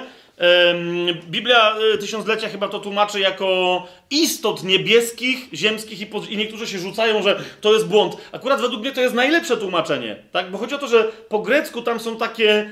mm, Ja bym to przetłumaczył, aby na imię Jezusa zgięło się wszelkie kolano e, niebieskich albo niebian, ziemian i podziemniaków. e, bo, bo, bo, tam, wiecie, tam są takie określenia oznaczające tych, którzy są w niebie, właśnie to tak jak Biblia, ale, ale to jest tam jest jeden wyraz, nie tych, którzy są, czy istot nieba, ziemi i podziemia, tylko są po prostu niebianie, ziemianie i podziemniaki. Podziemianie. Brzmi jakoś tak, jakby oni byli podziemianami, a to chodzi o to, że to jest jeszcze coś innego. B- Rozumiemy się? Czyli tu mamy zaznaczenie, że istnieją istoty, no ziemskie, powiedzmy, dobra, no na Ziemi żyją kto? No to ludzie, tak? Ale zobaczcie, mamy istoty niebieskie, tak? I istoty podziemne. Teraz, yy, wiecie, niektórzy mówią, okej, czyli istoty niebieskie to są te dobre anioły, a te podziemne to są upadłe. Wiecie dobrze, że to też nie jest tak. Najlepiej yy, to widać w liście do Efezjan, więc go sobie otwórzmy. On jest przed listem do Filipian, ale nie tam, gdzie pewnie już byście chcieli otwierać, tylko najpierw sobie otwórzmy pierwszy rozdział. Tu was yy, nieco zaskoczę. Znowu, zobaczcie, jak się czyta Biblię Warszawską, yy, tu akurat z tego co pamiętam, nawet Biblia Gdańska, tak sobie średnio, yy, tam Biblia Gdańska średnio sobie radzi. Pierwszy rozdział, 21 werset. Znowu jest mowa o tym, że Jezus jest, siedzi po prawicy niebieskiej i jest ponad wszystkich wywyższony. To jest pierwszy rozdział, zobaczcie, 20 mm, yy, werset, że tam moc okazał w Chrystusie, kiedy wzbudził go z martwych i posadził po prawicy swojej w niebie. I teraz zobaczcie, 21 werset, ponad kim? Ponad wszelką nadziemską władzą i zwierzchnością, i mocą, i panowaniem, i wszelkim imieniem, jakie może być wymienione nie tylko w tym wieku, ale i w przyszłym. Tylko wiecie, to, znowu niektórzy czytają ten 21 werset, widzicie jak to brzmi, tak? I, i myślą, że tu chodzi ta, o takie sformułowanie, że Jezus ma władzę ponad wszelką władzą. Tak? No bo jeszcze raz, zobaczcie, ponad wszelką nadziemską władzą, zwierzchnością, mocą, panowaniem. Słyszycie, tak? To brzmi takie. E, pff, Okej. Tymczasem, tymczasem nie, z greckiego widać wyraźnie, że to są konkretne istoty, które z- braku lepszych nazw mają takie nazwy. Tak? I specjalnie sobie na dzisiaj wziąłem e, grecko-polski Nowy Testament, interlinearne wydanie, żeby mieć tutaj e, właściwy tekst. I teraz zobaczcie, pierwszy rozdział listu do Efezjan, 21 werset e, czytamy, e, że Jezus jest postawiony powyżej każdego, ale każdego w sensie z jakiegoś zbioru, tak? Czyli krótko mówiąc, teraz będą podawane przykłady tych zbiorów w języku greckim, tak? I teraz jest powiedziane, że, że on jest na prawicy Bożej w niebie, jest powyżej każdego. I teraz co mamy? Pases arches, tak? To, to, tu mamy przetłumaczone y, to jako, jako ponad wszelką władzą, tak? Ale arche z greckiego to jest zasada podstawowa, początek czegoś, e, aksjomat, źródło, z którego coś wynika. Wiecie o co mi chodzi, tak? A, i, a więc tak są nazwane, no tu jest też tłumaczenie, że to są panowania, no, bo to jest związane z władzą, ale widzicie, że, że no, to, to zupełnie inaczej brzmi, tak? To, y, to są te istoty, o których niektórzy na przykład w New Age'u mówią, y, czy na, nie tylko, tak? Y, które nazywają archontami. Tak? To, to są te istoty. Jezus stoi powyżej czego? Ka, pases arches. Kai. Exousias. Tak? Czyli exousia to jest władza. Tak? A więc ponad każdą władzą. Ale, ale jeszcze raz, e, to jest konkretne tutaj podane niekoniecznie imię, ale nazwa danego gatunku. Tak? Dynameos, a więc y, nad, nad, nad każdą mocą albo nad każdą siłą. Kai kyriotetos. Y, I, I tu znowu, tu, tu, macie, tu jest przetłumaczone jako państwa, tu mamy przetłumaczone jako panowania, a chodzi o to, że to są y, kirioty, to, są Kyrios to jest Pan. I to jest coś, co pochodzi od, czyli jak, jakiegoś rodzaju panowie czegoś. Czu- Czujecie to? Tak? To jest trudne dość do, do przełożenia. I każdego innego imienia, które jest, jest wymieniane. Tak? Czyli widzicie, Jezus jest powyżej tymi różnymi aniołami. Teraz ktoś powie, "A, ale nie wiadomo, czy to są aniołowie. Otóż widzicie, w tym samym liście, prawie że robiąc kalkę, jak, nie kalkę, ale kontrastując, Paweł wymienia znowu istoty duchowe, ale upadłe. A więc wymienia złe duchy, czyli istoty duchowe upadłe i nazywa je, y, zaczyna przynajmniej nazywać je tymi samymi imionami, a potem zaczyna je zmieniać. Gdzie to się dzieje? Otworzymy sobie list do Efezjan. Szósty rozdział. Eee, spójrzcie, dwunasty werset. To nawiasem mówiąc jest coś, o czym zawsze powinniśmy pamiętać, że nigdy nie walczymy przeciwko ludziom, tak? Ale zobaczcie, jak, jak Paweł na ten temat, co on tutaj mówi. My bój toczymy nie z krwią i z ciałem. A więc nie walczymy z ludźmi nigdy, tylko ze złymi duchami, tak? Zobaczcie, będzie końcówka tego 12 wersetu z kim? Ze złymi duchami w okręgach niebieskich. A więc widzicie, e, w tych przestrzeniach ponadzziemskich również złe duchy mo- mogą działać. Ale spójrzmy po grecku, tak? Nie toczymy przeciwko krwi i ciału, ale pros y, przeciw... I teraz tutaj mamy znowu, zobaczcie, mamy dokładnie to samo. Pros tas archas i znowu mamy tych archontów, tak? Tych, tych począt... Prze... Walczymy przeciwko początkom, tak? Tym, którzy byli na początku, ale to jest konkretna kategoria, widzicie, y, duchów, które upadły i stały się złe. A więc część z nich, Jezus ponad nimi jest tymi dobrymi, ale są też ci, którzy upadli, są źli. Ten sam gatunek. Widzicie to? Yy, dalej. Prostas exousias, czyli przeciwko tym władzom. Tym, to, to samo, co było wcześniej. I teraz nagle prostus kosmokratoras. Tak? I tu się nagle pojawia, bo tam mieliśmy po... Yy, kogo mieliśmy po... Yy, po, po władzach. Tutaj mieliśmy moce, tak? A tu, słyszycie, mamy kosmokratoras. Słyszycie, jak to, jak, jak, jak to brzmi? To jest świetnie tutaj przetłumaczone prze, przeciw światodzierżcom. Tak? Światodzierżca. Takie jest tłumaczenie. Bardzo, tak? Tutaj mają takie. Bar, kosmokrator. Tak? Ale to i, to i to są kosmokratorzy i to jeszcze jacy kosmokratorzy? Ym, tusko, tus, tu, czyli y, światodzierżcą tej ciemności. Tak? Y, a więc to są, to, to, to są ci, którzy rządzą światem, ale ociemniałym, nie tam, gdzie jest jasno w świecie. Jasne to jest, tu wynika z tego tekstu jasno? Dobrze. I jeszcze na końcu, bo tu mamy tłumaczenie, że przeciwko złym duchom, że walczymy ze złymi duchami w okręgach niebieskich, ale e, tu, tu nie ma e, pneumatów, że się tak wyrażę po grecku, ale są e, pneumatika. Jakby ch- chciałoby się rzec duchowni. To nie są duchy, tylko jakieś takie. Po, e, wiecie, tu nawet widzę, że nawet tutaj ci tłumacze też mają problem, ponieważ piszą, że w oryginale jest to substantywizowany przymiotnik, stąd możliwe tłumaczenie duchom, tak? Pomijam, co to jest teraz ten przymiotnik substantyw, ale chodzi mi o to, że to nie są do końca duchy, tak? To są, to są pochodne duchów, tak? Ale jakich? Tesponerias, tak? A, a, a więc duchów niegodziwości. Nie, że to są złe duchy, tylko to są jakieś takie upiory niegodziwości, tak? które funkcjonują, i to jest tutaj dos, dosyć interesujące, entois epuraniois, czyli y, funkcjonują w, niebiosach. Tak? I my tutaj mamy, że to są złe duchy w okręgach, e, w okręgach y, niebieskich. Widzicie o co mi idzie? Czyli, y, czyli teraz, jak ktoś czytał Stare Przymierze, no to też pamięta, że są wymienione tam gdzieś e, cherubiny jako inny rodzaj istoty duchowej. Serafini, tak? Jako inne jeszcze, inny gatunek. Idzie mi o to, że ich tam jest sporo, my tego do końca nie wiemy, tak? I teraz tu, jak, jak nagle żeśmy sobie rozbudzili ciekawość, okej, jakie tam w ogóle są sensacje, otwórzmy sobie list do Kolosan, yy, drugi rozdział.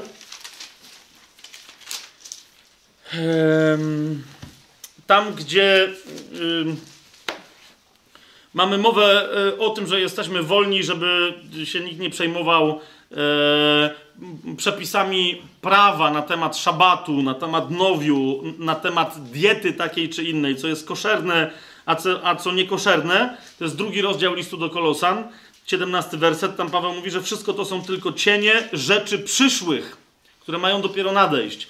A rzeczywistością jest Chrystus. I teraz uważajcie, tu się pojawia bardzo istotne zastrzeżenie. To jest 18 werset. Niech was nikt nie potępia, kto ma upodobanie w poniżaniu samego siebie i w oddawaniu czci aniołom, a opierając się na swoich widzeniach, pyszni się bezpodstawnie cielesnym usposobieniem swoim. Tak? Są ludzie, którzy e, w ramach chrześcijaństwa idą w jakieś takie ascetyczno-upodleńcze, nie wiem jak to nazwać, e, ofiarnicze duchowości. To są ci, y, o których Paweł pisze, że mają upodobanie w poniżaniu samych siebie. I zauważcie, na jednym wydechu mówi też o tych, którzy się zabawiają w oddawanie e, czci aniołom. Ewidentnie e, po prostu je, jest to rzecz uznana m, przez Słowo Boże za głupią. Tak? Za, za niewłaściwą m, zainteresowanią chrześcijanina, którzy mówią, wiesz, ale to jest duchowość. Nie, nie, to nie jest duchowość. Tak? Więc jak się rozpędziliśmy w, w, w temacie yy, w, w temacie anielskim, to od razu uspokójmy się, tak? To znaczy, yy, Biblia za wiele o tych istotach duchowych nie mówi i jest jakiś powód, dla którego za wiele o nich nie mówi, tak? Yy, I nawet wśród biblijnie wierzących chrześcijan, ja już teraz pom- pomijam inne tam historie, jest jakaś taka, taka sensacyjna, niezdrowa pasja, wiecie, żeby się dowiadywać, o, o aniołach, coś tam i zamienia się w jakiś taki dziwny kult, nie kult. Tak? Jeszcze raz, list do Kolosan, drugi rozdział, 18 werset, niech was nikt nie potępia, kto ma upodobanie w poniżaniu samego siebie, w oddawaniu czci aniołom i tak dalej, i tak dalej. Tak? Jan próbował się ukłonić jednemu aniołowi i ten mu od razu odpowiedział, nie rób tego, bo tylko Bogu samemu się należy pokłon. Tak?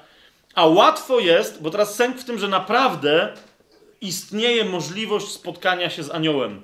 Yy, nie wiem jak, bo są też chrześcijanie, którzy mówią, nie, nie ma. Jak można e, czytać Biblię i nie wiedzieć, nie mówię, że wierzyć, ale nie wiedzieć o tym, że istnieje taka możliwość. Tak? Niektórzy mówią, że nie, to jeszcze ostatni raz przyszedł y, anioł Gabriel i powiedział Marii i ona potem urodziła Jezusa i przestań. Przyszedł też anioł do Piotra, żeby powiedzieć, żeby szedł głosić Korneliuszowi, bo sam z siebie by na to nie wpadł, bo nie wiedział, że może iść do pogan, tak? Więc powoli, aż do ostatniej księgi w Biblii przychodzą aniołowie i rozmawiają z ludźmi. Tak? Oni cały czas mają nam służyć. Więc istnieje możliwość spotkania się z aniołem. Tak? Słowo Boże mówi w nieco innym kontekście, ale myślę, że o tym dobrze byłoby pamiętać, że niektórzy nawet nie wiedząc aniołom zgotowali gościnę. Tak? No, no i naprawdę niektórzy z nas się zdziwią, jak, jak e, się w przyszłym wieku spotkamy z aniołami, o których nie wiedzieliśmy, że podaliśmy im rękę, albo że im jakoś pomogliśmy, albo że oni nam pomogli. Myśleliśmy, że to byli jacyś ludzie. Tak? Eee, Asia kiwa głową, bo kto wie, czy nie miała, ale to, to, będzie, to będzie poza kamerą, ale Asia miała takie ciekawe wydarzenie, w ramach którego właśnie kto wie, czy nie anioł e, jej tam w pewnym momencie e, nie pomógł. Natomiast jeszcze raz, e, natomiast jeszcze raz, Pierwszy do Koryntian sobie otwórzmy i tu na tym skończymy temat aniołów, bo, bo wiecie, e, jak, widzę, że jak czasem niektórzy mówią, ale jednak aniołowie to jest taki fascynujący temat, to myślę, że, że to jest taki fragment, który naprawdę leczy ludzi e, z niezdrowej ciekawości, gdy idzie o aniołów. Na, naprawdę e, zobaczenie w tym stanie, w jakim my się w tym wieku znajdujemy, w tym świecie, zobaczenie anioła może spowodować, że człowiek naprawdę upadnie na twarz, bo będzie myślał, że zobaczył Boga. Niektórzy aniołowie są przepotężni, tak? Ale dlatego trzeba pamiętać, pierwszy do Koryntian, szósty rozdział, sobie yy, yy, otwórzcie. O tym, co akurat w innym kontekście Paweł to mówi, bo tam chodzi o to, że oni się zaczęli w Koryncie sądzić i latać do świeckich sądów. Jeden chrześcijanin na drugiego coś tam nadawał. Mm, yy, A on im przypomniał bardzo istotne dwie rzeczy. To jest szósty rozdział, drugi i trzeci werset pierwszego do Koryntian. Mianowicie mówi tak, że co wy w ogóle wyprawiacie do jakichś sądów świeckich latacie? Co nie umiecie się rozsądzić? I teraz mm, zauważcie na co się powołuje. Mówi tak, czy nie wiecie, że święci będą sądzić świat. Jest pierwsza interesująca informacja na temat tego tak zwanego sądu ostatecznego. Kiedy ma być świat sądzony, jeżeli nie podczas sądu ostatecznego po tysiącletnim królestwie, tak? A tu mamy informację, czy nie wiecie, że święci będą sądzić świat, a jeżeli wy świat sądzić będziecie, to czyż jesteście niegodni osądzać sprawy pomniejsze? I trzeci werset pojawia się jeszcze bardziej zdumiewający, a czy nie wiecie, że będziemy sądzić aniołów? Cóż dopiero zwykłe sprawy życiowe.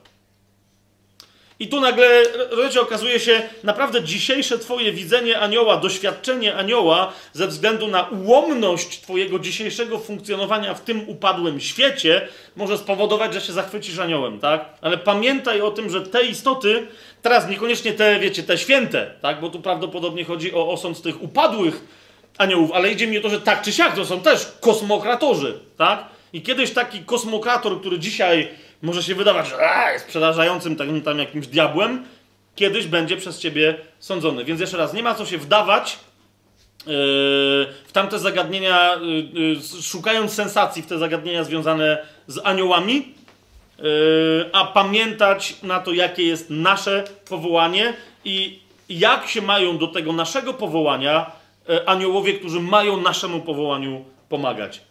Aż tyle i tylko tyle. Mamy jasność? Teraz wiecie już o co mi chodzi, jak powiedziałem, że mamy y, księgę składającą się z trzech rozdziałów ostatnio w Biblii, a nie wiem, czy cztery godziny wystarczą. No bo chłop, który jest jej autorem, jak ma takie imię, że nagle właśnie pojawia się problem, kto to jest Malak, kto to jest Malachi, czyli mój anioł, no to widzicie. Dobra, teraz wróćmy do księgi y, Malachiasza. Jak są jakieś pytania na temat aniołów, to, to sobie to odłóżmy, bo się oczywiście mogą pojawić także w kontekście tych upadłych aniołów.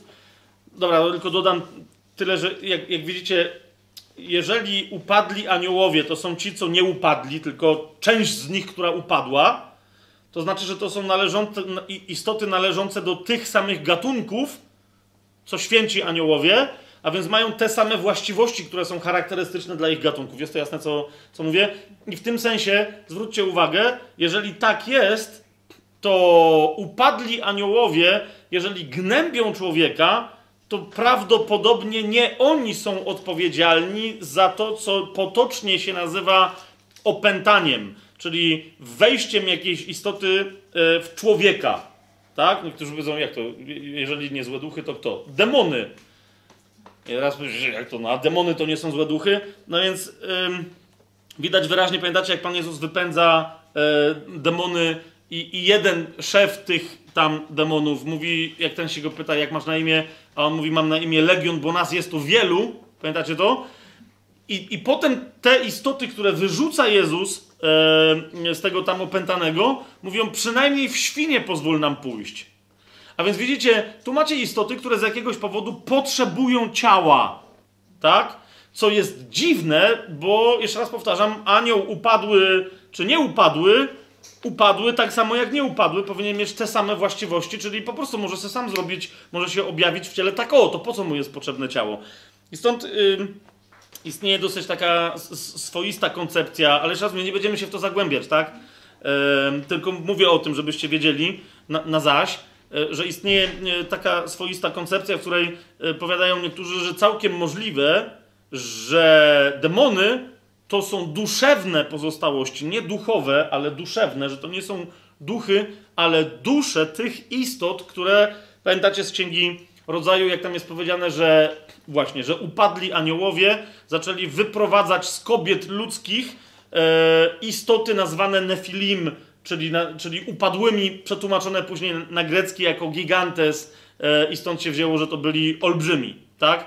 To niekoniecznie byli olbrzymi, natomiast rzeczywiście były to istoty upadłe, czyli nie do końca ludzkie, albo wręcz w ogóle nieludzkie, jak tam Biblia w wielu miejscach sugeruje, że to były nieludzkie istoty, a więc bazowały na jakiegoś rodzaju duszy, która nie, nie, nie, nie miała naturalnego w ogóle otwarcia na ducha yy, Bożego. To nie byli ludzie, a jednak nie wiadomo co. I teraz Yy, jest taka koncepcja, że, że możliwe, że demony to są dusze pozostałe po Nefilim, po tamtych istotach, wybitych. Jak pamiętacie, yy, pierwsze co mieli zrobić, wchodząc do Ziemi Świętej Żydzi, to, to wybić olbrzymów.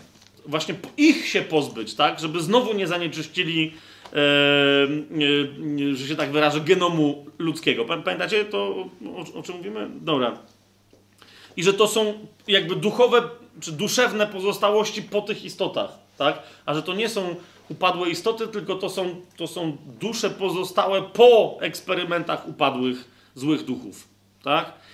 Ale jeszcze raz, przyjdzie moment, kiedy będziemy mówić o uwolnieniach w Nowym Testamencie i wtedy sobie więcej ten temat rozszerzymy. Co ma, co, o, o co chodzi Panu Jezusowi, kiedy mówi, wy się nie z dałem wam władzę stąpania po wężach i po skorpionach, na przykład mówi, ale nie z tego się cieszcie, lecz że wasze imiona są zapisane mm, w niebie i tak dalej, i tak dalej. Więc, więc to mówię, o tym jeszcze będzie, tylko teraz wam zaznaczam, jakby ktoś akurat chciał swoje studium na temat e, duchów wszelakich zacząć, to żebyście też o tym pamiętali, że e, w Nowym Testamencie spotkacie się z dwoma rodzajami e, nękania diabelskiego i jedne wyglądają jak nękania demoniczne, a więc takie, gdzie jakaś istota natury niematerialnej chce wejść w człowieka, a inne, w ramach których jakaś istota typu anioł, e, upadły zły duch, e, gnębi ludzi, jednego człowieka albo całe narody czy organizacje.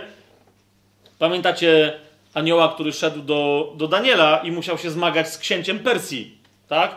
To, to, to widzicie, to wygląda na to, że E, że upadłe anioły e, mają poważniejsze e, historie do roboty niż opętywanie jednego jakiegoś wiejskiego głupka, czy nawet i mędrca wiejskiego. Chodzi mi tylko o to, wiecie, że ładowanie się w jednego człowieka, kiedy mogą e, zwodzić całe narody. Jest to, jest to jasne, co mówię? Okej. Okay. Także, także jeszcze to miejmy e, w pamięci. Następne bardzo istotne e, zagadnienie. Mam nadzieję, że przejdziemy przez nie, yy, przez nie gładko. To jest Księga Malachiasza, pierwszy rozdział, wciąż pierwszy werset.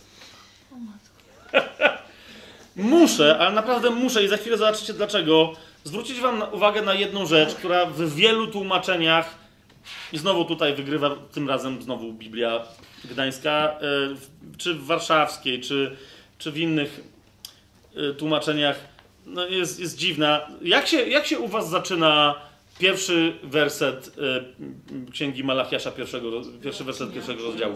Wyrocznia, słowo Pana do Izraela przez Malachiasza, tak? Kto, a Liga Biblijna? Ktoś ma Ligę Biblijną może? Wyrok. Okej, okay. Wyrok. Gdzieś tam jeszcze będzie obwieszczenie. Nawet nie chce mi się sięgać do tysiąclatki. Teraz, słuchajcie, y, to słowo teraz was y, myślę, że zadziwię to słowo e, to, to, to, to jest to samo, które pojawiło się na przykład mm, w pięciu księgów Księdze Wyjścia na oznaczenie wręcz jednego miejsca.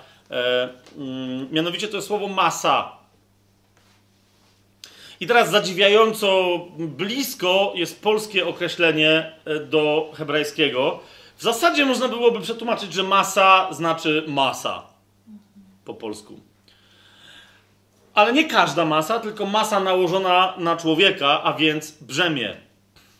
Nie ciężar ogólnie jako zjawisko fizyczne, czy grawitacyjne, czy jakieś tam inne, ale ciężar nałożony na kogoś bardzo konkretnie. To słowo, i teraz widzicie, to słowo macie przetłumaczone jako wyrocznia. Nie cierpię tego słowa, ale wcześniej to naprawdę nie było miejsca. Teraz zwróćcie uwagę, co się dzieje. To jest brzemię słowa pańskiego skierowanego do Izraela poprzez Malachiasza. Tak powinno brzmieć tłumaczenie tego pierwszego wersetu. Yy, szybciutko sięgamy do Malachiasza pierwszego rozdziału. Brzemię słowa pańskiego przeciwko Izraelowi przez Malachiasza. To jest Gdańska. To jest Gdańska. Brzemię słowa pańskiego. Tak? Teraz yy, żeby teraz, ale dlaczego ktoś tak tłumaczy? Jak tu przetłumaczyli, że wyrocznia, to może jest drugi, yy, drugie znaczenie tego wyrazu. Skąd to wiecie? Sami sobie sprawdźcie wszystkie miejsca, w których pojawia się słowo masa w, jak, jak chcecie to zrobić, tak? W języku, w Starym Przymierzu po hebrajsku. Ja wam tylko wskażę na parę e, takich fragmentów, które będą e, znaczące. Czemu? Ponieważ widzicie, e, jak już wielokrotnie o tym mówiliśmy, każdy chrześcijanin ma powołanie prorocze. To jest jasne dla wszystkich. Mówiliśmy o tym wielokrotnie. O tym, że mamy stać w, w, w wyłomie, że mamy brać odpowiedzialność, chronić miasta albo narodu, że mamy. No wiecie, o, o te wszystkie historie. I teraz jeszcze jeden element, to jest bardzo istotne uzupełnienie, że bardzo często Yy, prorok bierze, przez to, że jest prorokiem, bierze na siebie brzemię, które jest słowem albo które jest wizją. Tak? Nie tylko, że on coś, wiecie, że jest przekaźnikiem, jak normalnie, nie wiem, telewizor, tak? Ktoś nadaje, a wiecie, telewizor odbiera sygnał, prze, przerabia na obraz i dźwięk i ktoś sobie to ogląda, tak? Niektórzy myślą, że tak, tak wygląda robota proroka. Nie. Niezależnie od tego, jak wiernie prorok mówi o tym, co Bóg mu przekazał, jednocześnie nadal dla niego jest to brzemieniem. Gdzie się pojawia e, to słowo? Pierwszy raz, kiedy się pojawia słowo masa w Biblii, to jest druga księga Mojżeszowa, czyli księga Wyjścia, 23 y, rozdział, 5 werset. W bardzo interesującym miejscu. Pojawia się, pojawia się no, w takim stwierdzeniu, że y, no, rozumiecie, tam się pojawia definicja słowa masa. W ogóle jest taka zasada, no, ona różnie y, działa, ale zasadniczo dość interesująco i, i dobrze. Mianowicie, jeżeli chcesz sprawdzić, jakie jest znaczenie jakiegoś wyrazu w Biblii oryginalne, to zobacz, gdzie ten wyraz po raz pierwszy jest użyty. W jakim kontekście, tak? W jakim kontekście jest użyty, użyty w Biblii wyraz masa, później tłumaczony z jakichś zdumiewających powodów jako wyrocznia?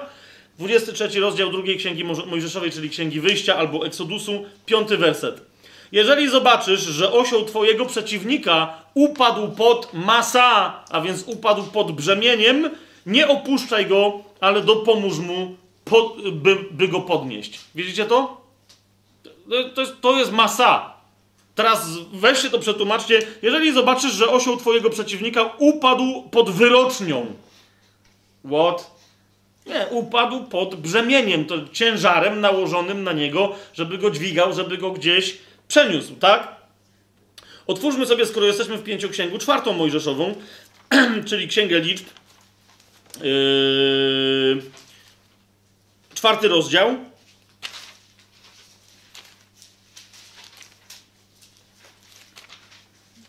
Tam y, się pojawia y, nieco inne, że tak powiem, uzupełniające y, y, dodefiniowanie słowa masa. Czwarty rozdział, 15 werset. Gdy tedy obóz będzie ruszać, Aaron ze swoimi synami zakończy okrywanie świętych przedmiotów i wszystkich sprzętów świątynnych, a potem przystąpią kechatyci, aby je nieść. Lecz nie będą dotykać się świętych przedmiotów, aby nie zginęli. Taka jest służba synów Kehata przy namiocie zgromadzenia. Yy, Chodzi o to, że tutaj jest mowa o tym, że Kehatyci będą nieść. Chodzi o to, że wezmą na siebie to brzemię. Tak? Ten ciężar. Ciężar czego? Dźwigania świętych przedmiotów. Widzicie to? One muszą być o, y, obłożone na drążkach, muszą być tak umiejscowione, żeby oni mogli to brzemię wziąć na siebie, ale żeby się nie dotknęli go. I to dopiero jest brzemię. Nie tylko, że mają to dźwigać, ale że mają uważać, żeby się nie dotknąć. Pamiętacie historię, jak Dawid kazał przenieść Arkę Przymierza i ona się e, zaczęła dziwnie przechylać i jeden postanowił, że, że ją wesprze. Wyciągnął rękę e, i umarł na miejscu. Tak? Bo sobie zapomniał, że to nie jest jego zadanie. Tak? Nic się Arce nie stanie. Na pewno ręka człowieka jej nie będzie em, podpierać. I jeszcze przeskoczmy sobie do 11 rozdziału 4 Mojżeszowej. I do 11 wersetu. Zobaczcie, bo niektórzy mówią, może jest jakieś, jakieś, jakieś przenośne znaczenie. Oczywiście wyraz masa naprawdę oznacza polski, polski, to jest to samo co polskie słowo brzemię i ma też znaczenie emocjonalne. Zobaczcie 11 rozdział 4 Mojżeszowej, 11 werset. I powiedział Mojżesz do Pana, dlaczego tak źle obszedłeś się ze swoim sługą?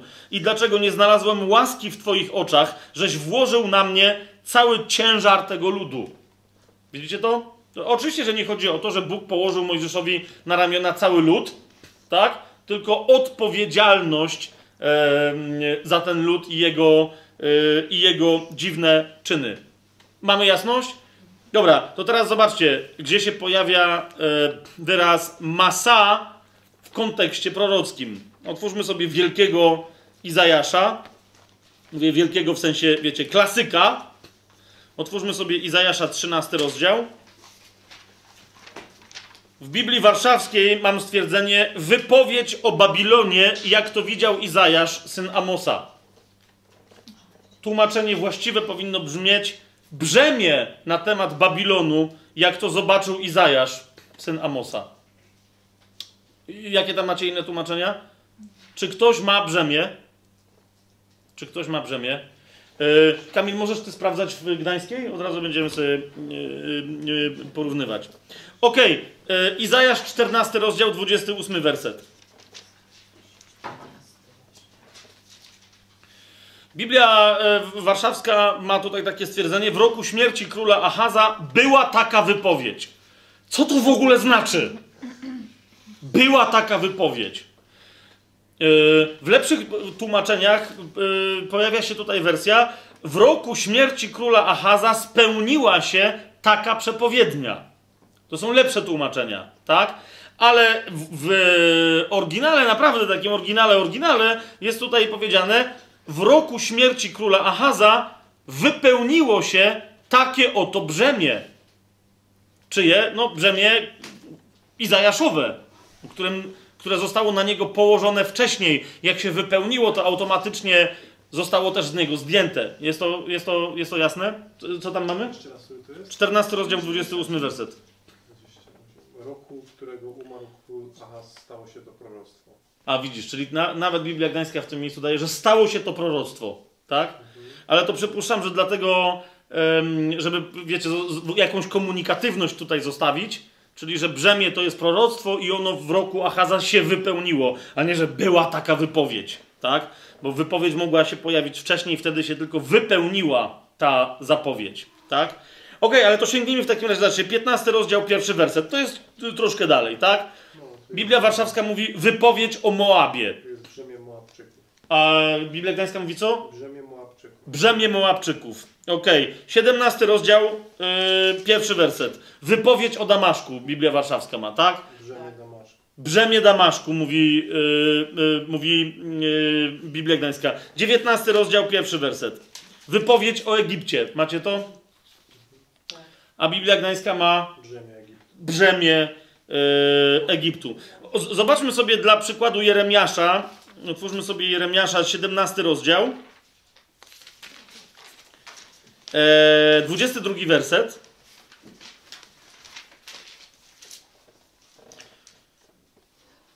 Z- Zobaczcie, bo, bo y, zobaczcie, że bo niektórzy mówią, pewnie do czasów proroków zmieniło się znaczenie tego słowa. Tak? Więc zobaczcie sobie Jeremiasza, 17 rozdział, 22 werset, który mówi, i to nie, nie trzeba sięgać do Biblii Gdańskiej, po prostu, bo on mówi dosyć oczywistą rzecz. E, nie, wy, nie noście ciężarów, nie wynoście ciężarów z waszych domów w dzień szabatu i nie wykonujcie żadnej pracy. No to jest jasna sprawa, tak? Jak jest szabat, nie wykonujemy żadnej pracy, a więc między innymi pracą jest noszenie ciężarów, tak? Nie przestawiajcie na przykład, nie wiem, mebli w domu, mówiło to prawo. Jest to jasne, co, o czym gadamy, tak? Jeremiasz, 17 rozdział, 22 werset. I teraz zobaczcie tego samego Jeremiasza, przeskoczmy do 23 rozdziału. 23, yy, 33 wersetu.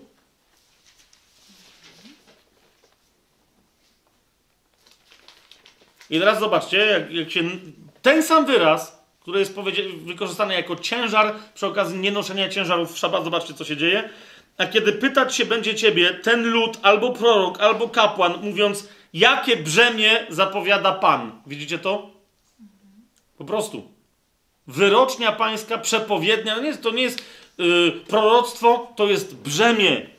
Tak? Jakie brzemię zapowiada Pan? Wtedy im odpowiedz, wy jesteście moim brzemieniem, ale ja was wreszcie zrzucę, mówi Pan. Jasne? I możemy y, tych przykładów naprawdę, wiecie, mnożyć. Y, Ezechiel, Nahum i tak dalej, i tak, tak dalej. Y, spójrzcie na Habakuka, na, na przykład z takich e, tych naszych, że tak powiem, przyjaciół ostatniego, e, ostatniego czasu. Habakuk, pierwszy rozdział, pierwszy werset. To jest dosyć interesujące stwierdzenie, gdzie jest powiedziane, e, Księga Habakuka, pierwszy rozdział, pierwszy werset. Widzicie to? Wyrocznia, którą prorok Habakuk otrzymał w widzeniu. Tymczasem, zauważcie, jak to zupełnie inaczej brzmi, brzemię, które prorok Habakuk otrzymał w widzeniu. Tak? Jak, jak Biblia Gdańska, co ona tam na ten temat Brzemię, który widział prorok Abakuk. Brzemię, które widział prorok Abakuk. Tak? Rozumiecie o co, o co mi chodzi? Teraz ktoś zapyta, okej, dobra, ale to po co mamy aż tyle tu się yy, rozważać? Rozumiemy, tak? Prorok, mając widzenie, słysząc słowa, dasz mi słowo, bo mi się, mi się, się przyda. Mając widzenie, słysząc jakieś słowa i tak dalej, przyjmuje odpowiedzialność, która dla niego jest normalnie e, doświadczalna jak fizyczny ciężar. Tak? Kochani, chcę wam pokazać jeden fragment z Nowego Przymierza, e, z Ewangelii, mówiąc ściślej, to, ponieważ to Pan Jezus mówił, to... No ale to, jest element Nowego Przymierza. E, jak teraz pamiętacie, co to jest brzemię? Brzemię to jest wyrocznia, to jest proroctwo, to jest przepowiednia. Mamy jasność w tej kwestii? Okej, jedenasty rozdział w takim razie e, Mateusza sobie otwórzmy, niektórzy już wiedzą o, o czym mówię. Jedenasty mm, e, rozdział Ewangelii Mateusza, 29 werset i 30. Ile słyszeliście dziwactw opowiadanych z różnych ambon, e, e, e, mównic i jeszcze innych historii na temat tego fragmentu? Który brzmi: Weźcie na siebie moje jarzmo i uczcie się ode mnie, bo jestem cichy i pokorny sercem, a znajdziecie ukojenie dla waszych dusz, albowiem jarzmo moje jest miłe, a brzemię moje lekkie.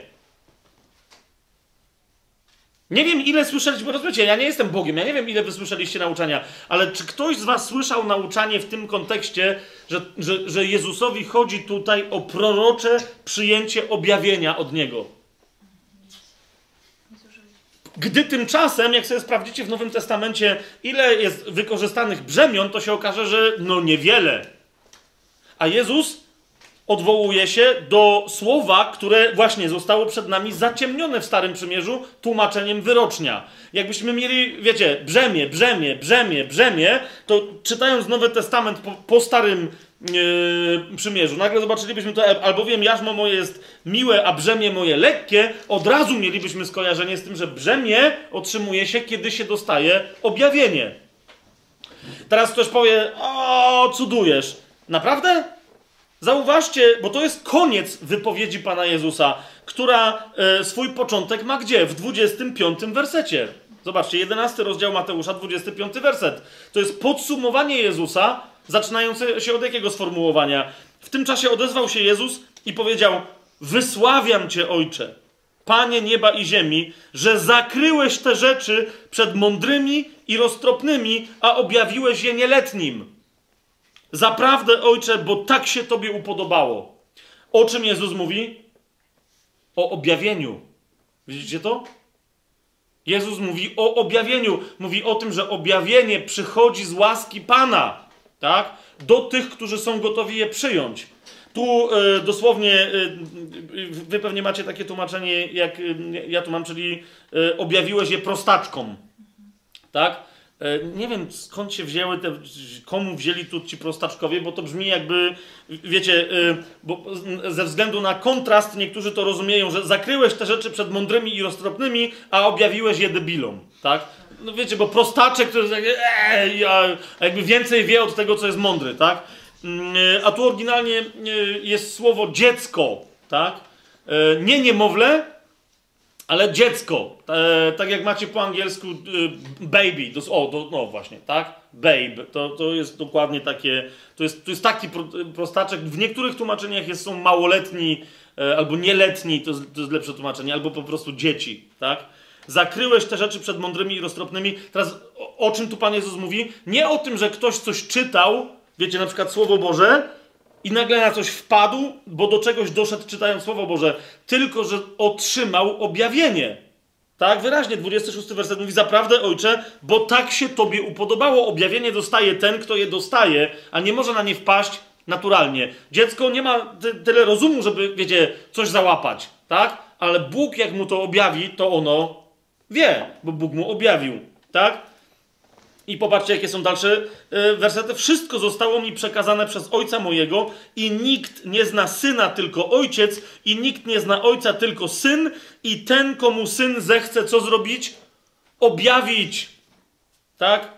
Pójdźcie więc do mnie wszyscy, którzy jesteście spracowani i obciążeni, a ja wam dam ukojenie. Weźcie na siebie moje jarzmo. Rozumiecie o co idzie?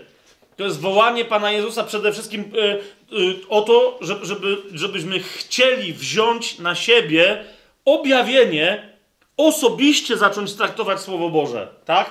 Nie tylko wyciągać z niego doktryny i wiecie, kłócić się e, na, na, na, na cytaty i na fragmenty i na wersety, a tu jest to, a to jest to, a z tego wynika coś tam, a tu po grecku, a tu po hebrajsku. Wszystko to trzeba wiedzieć, trzeba być mądrym i roztropnym, tak?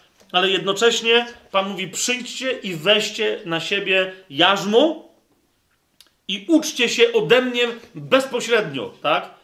Kto tylko i wyłącznie czyta Pismo Święte i nie ma w sobie ochoty, pragnienia przyjęcia ducha objawienia od Jezusa, ten się uczy z litery, ale niekoniecznie uczy się od samego Pana. Jest to jasne, co, co, co, co mówię?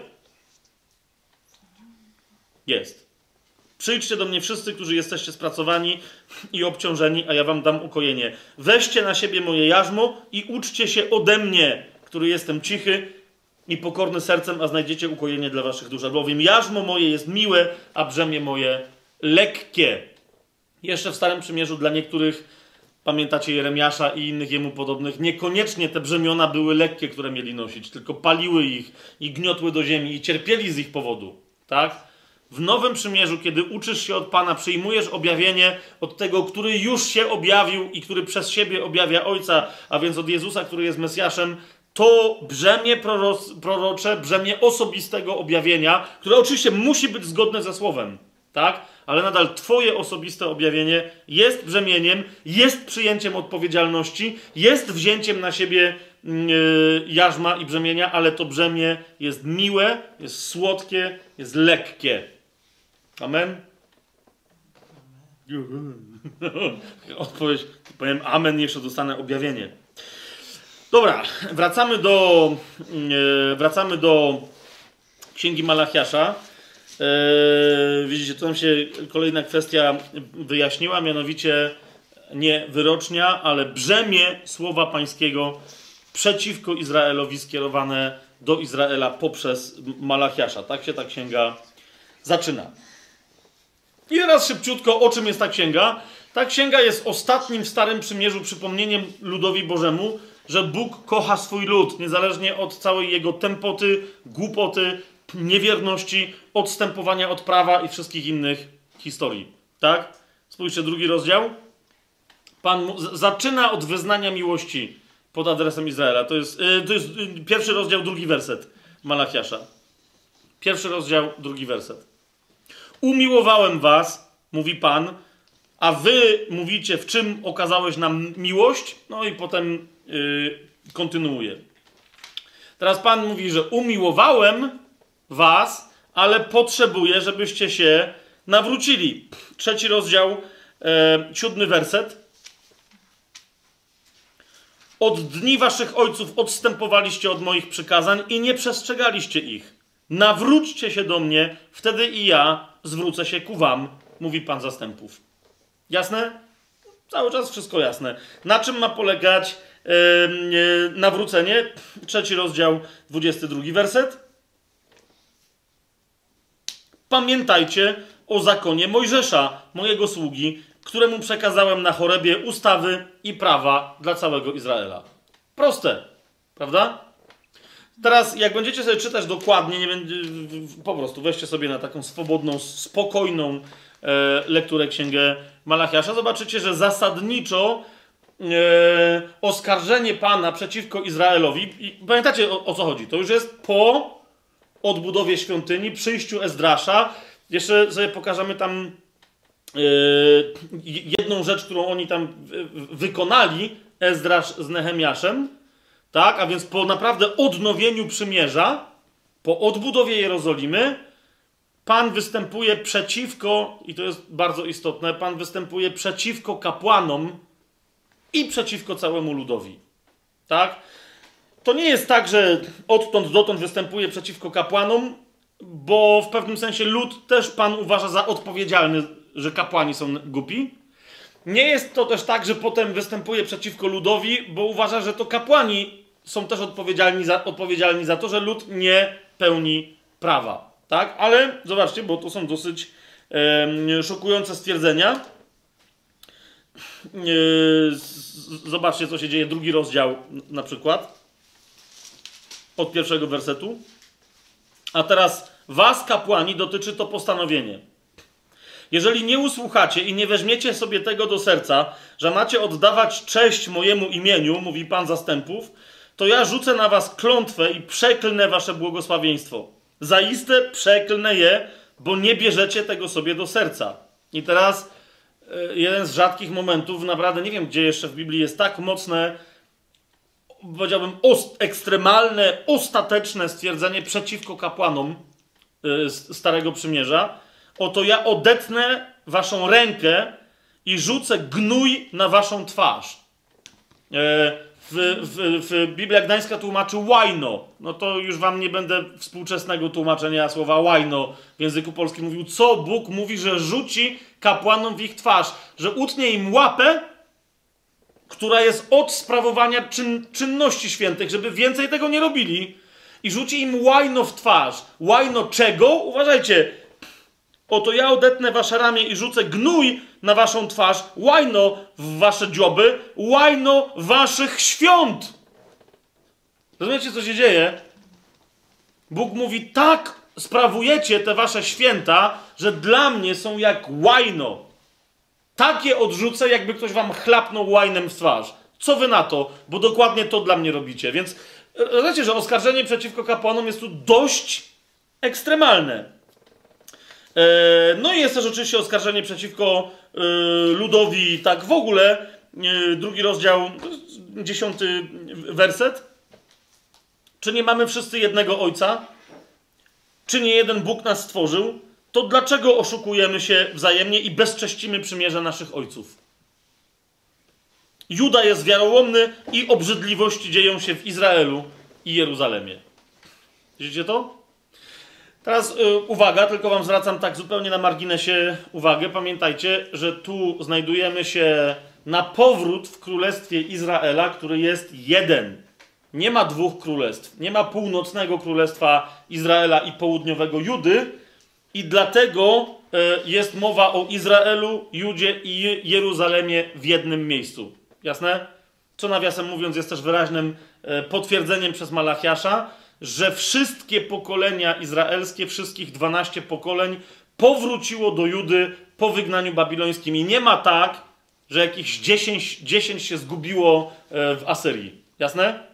Jest Juda, jest cały Izrael, wszyscy mają stolicę em, y, w Jeruzalemie. I teraz, kochani, o co to chodzi? Dlaczego aż takie, aż takie, że chlapnę wam łajnem w twarz? O co to chodzi? Znowu wróćmy do kontekstu, który nam daje księga Nehemiasza. Tak? I chciałbym, żebyście sobie, nie wiem, y, trzymajcie sobie księgę Malachiasza otwartą, bo, bo, bo chcę wam pokazać ym, y, po prostu od, odnośniki, tak? Było tak, a okazało się, że jest śmak i, i tak dalej. Otwórzmy, a, a, a drugą ręką sobie otwórzcie księgę Nehemiasza. Teraz zobaczcie, co się dzieje. Yy, Pamiętacie tam ten fragment, jak, yy, yy, jak się zebrali i Ezdrasz czytał razem z Lewitami całemu ludowi yy, prawo, tak? I Nehemiasz też tam był. I pamiętacie, lud podniósł ręce do góry i powiedział amen, amen, dzioby do ziemi, absolutnie tak właśnie jest. To nie tylko, że tak się stało, ale miejcie tego świadomość, że naprawdę oni tam zrobili nowy choreb. Znaczy, nie, nie tylko, że powiedzieli, okej, e, chcemy, e, chcemy pełnić wolę Pana wyrażoną e, dla nas w prawie mojżeszowym, ale uważajcie, podpisali z Bogiem nowe przy- przymierze, znaczy nie tyle nowe przymierze, co podpisali się na nowo że wszystkie prawa, czyli całe przymierze, całe prawo mojżeszowe, że ich obowiązuje. Ci wszyscy, pamiętacie poprzednicy, do których em, przychodzili prorocy, oni wszyscy znali albo nie znali prawo. Pamiętacie, jak żeśmy w pewnym momencie mówili, że oni od czasów na przykład Jozułego w ogóle nie świętowali yy, na przykład yy, Paschy tak? i tak dalej. Znali albo nie znali. Ale tym Ezdrasz, znawca prawa, co zrobił? Odczytał całe prawo. I oni, na, i, a gdzie nie wiedzieli o co chodzi, to mieli specjalnych lewitów, którzy im tłumaczyli. Tak? I teraz popatrzcie. Księga Nehemiasza, dziesiąty rozdział. W dziewiątym rozdziale tam jest cała modlitwa pokutna całego ludu, gdzie macie opowieść, jakby ktoś jeszcze chciał sobie ją odnowić. Więc macie opowieść w tej ostatniej księdze historycznej na temat wszystkiego, co się działo z ludem Izraela. Jak Pan im dawał prawo, im pomagał, wyprowadzał ich z Egiptu, ci tam robili śmichy-chichy, potem coś, poszli w niewolę i tak dalej. Wszystko opowiedzieli, za wszystko przeprosili. I teraz zobaczcie, co się dzieje. Dziesiąty rozdział, Pierwszy werset to jest oświadczenie ludu e, Izraela. Dziesiąty rozdział, pierwszy werset.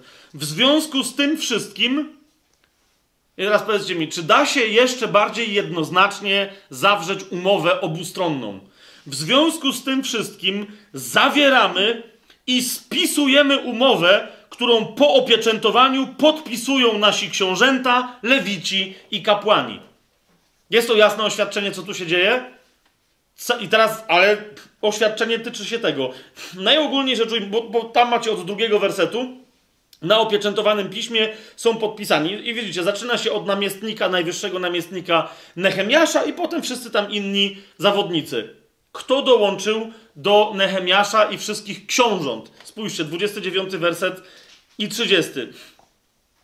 A reszta ludu, kapłani, lewici, odźwierni, śpiewacy, niewolnicy, niewolnicy świątynni oraz wszyscy, którzy się odłączyli od obcej ludności, a przyłączyli do zakonu Bożego, ich żony, ich synowie, ich córki, wszyscy, którzy mają dostateczne zrozumienie, przyłączają się do swoich braci, do swoich dostojników pod klątwą i przysięgą, że będą postępować według zakonu Bożego, który został nadany za pośrednictwem Mojżesza, sługi Bożego i że będą przestrzegać i wypełniać co?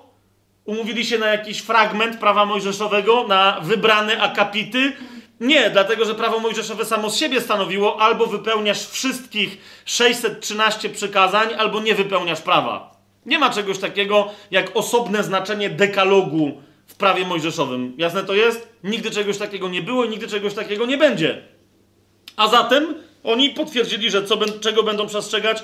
Że będą przestrzegać i wypełniać wszystkie przykazania Pana, Boga naszego, wszystkie Jego prawa i przepisy. Widzicie to? No to teraz y, skonfrontujmy, y, y, skonfrontujmy sobie sytuację. Zobaczcie, o co oskarża ich Pan. Księga Malachia. A tu trzymajcie, tak? Bo zaraz będziemy przeskakiwać. Ponieważ nie dość, że się zobowiązali przestrzegać całego prawa, to jeszcze niektóre aspekty tego prawa podbili, także je wymienili w tej umowie dodatkowej. Tak? Więc zobaczcie, co się dzieje. Malachiasz, trzeci rozdział, na przykład wersety 13, 15. Od tego zaczynamy.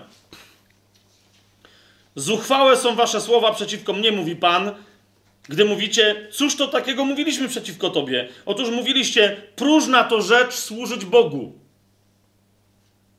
Czyli podpisują prawo, a już za chwilę, nie wiem, to może było następne pokolenie, tak? A już za chwilę mówią, to jest bez sensu. Jaki pożytek z tego, że przestrzegamy jego przykazań, widzicie to? I że chodzimy w pokutnej szacie przed Panem Zastępów, my sądzimy raczej zuchwałych, o, uważamy zuchwałych za szczęśliwych, ponieważ im się powodzi dobrze chociaż bezbożnie postępują, a nawet kuszenie Boga uchodzi im bezkarnie. Pamiętacie psalm, kiedyś mówiłem o takim złożeniu, psalm 37 i 73. 3773. 3773. Psalm 37 i psalm 73. Co tam jest powiedziane? Tam jest powiedziane o tym nie zazdrość bezbożnemu. Tak? Masz zasady, na podstawie których otrzymasz pełnię błogosławieństwa i całe szczęście, nie zazdrość bezbożnemu. W 73 wersecie yy, psalmie jest powiedziane o mało co nie upadłem, bo bym powiedział, bo bym pozazdrościł bezbożnym. O mało co nie upadłem i się nie poślizgnąłem, tak? A tu Pan mówi, dawno się poślizgnęliście. Podpisujecie, twierdząc, że, że jeżeli, że chcemy błogosławieństwa, które wynika z pełnienia prawa, podpisujecie to prawo i za chwilę mówicie, ale w ogóle to jest bez sensu, bo lepiej się powodzi bezbożnym. A więc fundamentalne niewiara w Słowo Boże. Widzicie to, tak? I w moc wierności Pana swojemu Słowu. Pierwszy podstawowy y, grzech. Dalej, Malachiasz, y, pierwszy rozdział. Siódmy werset.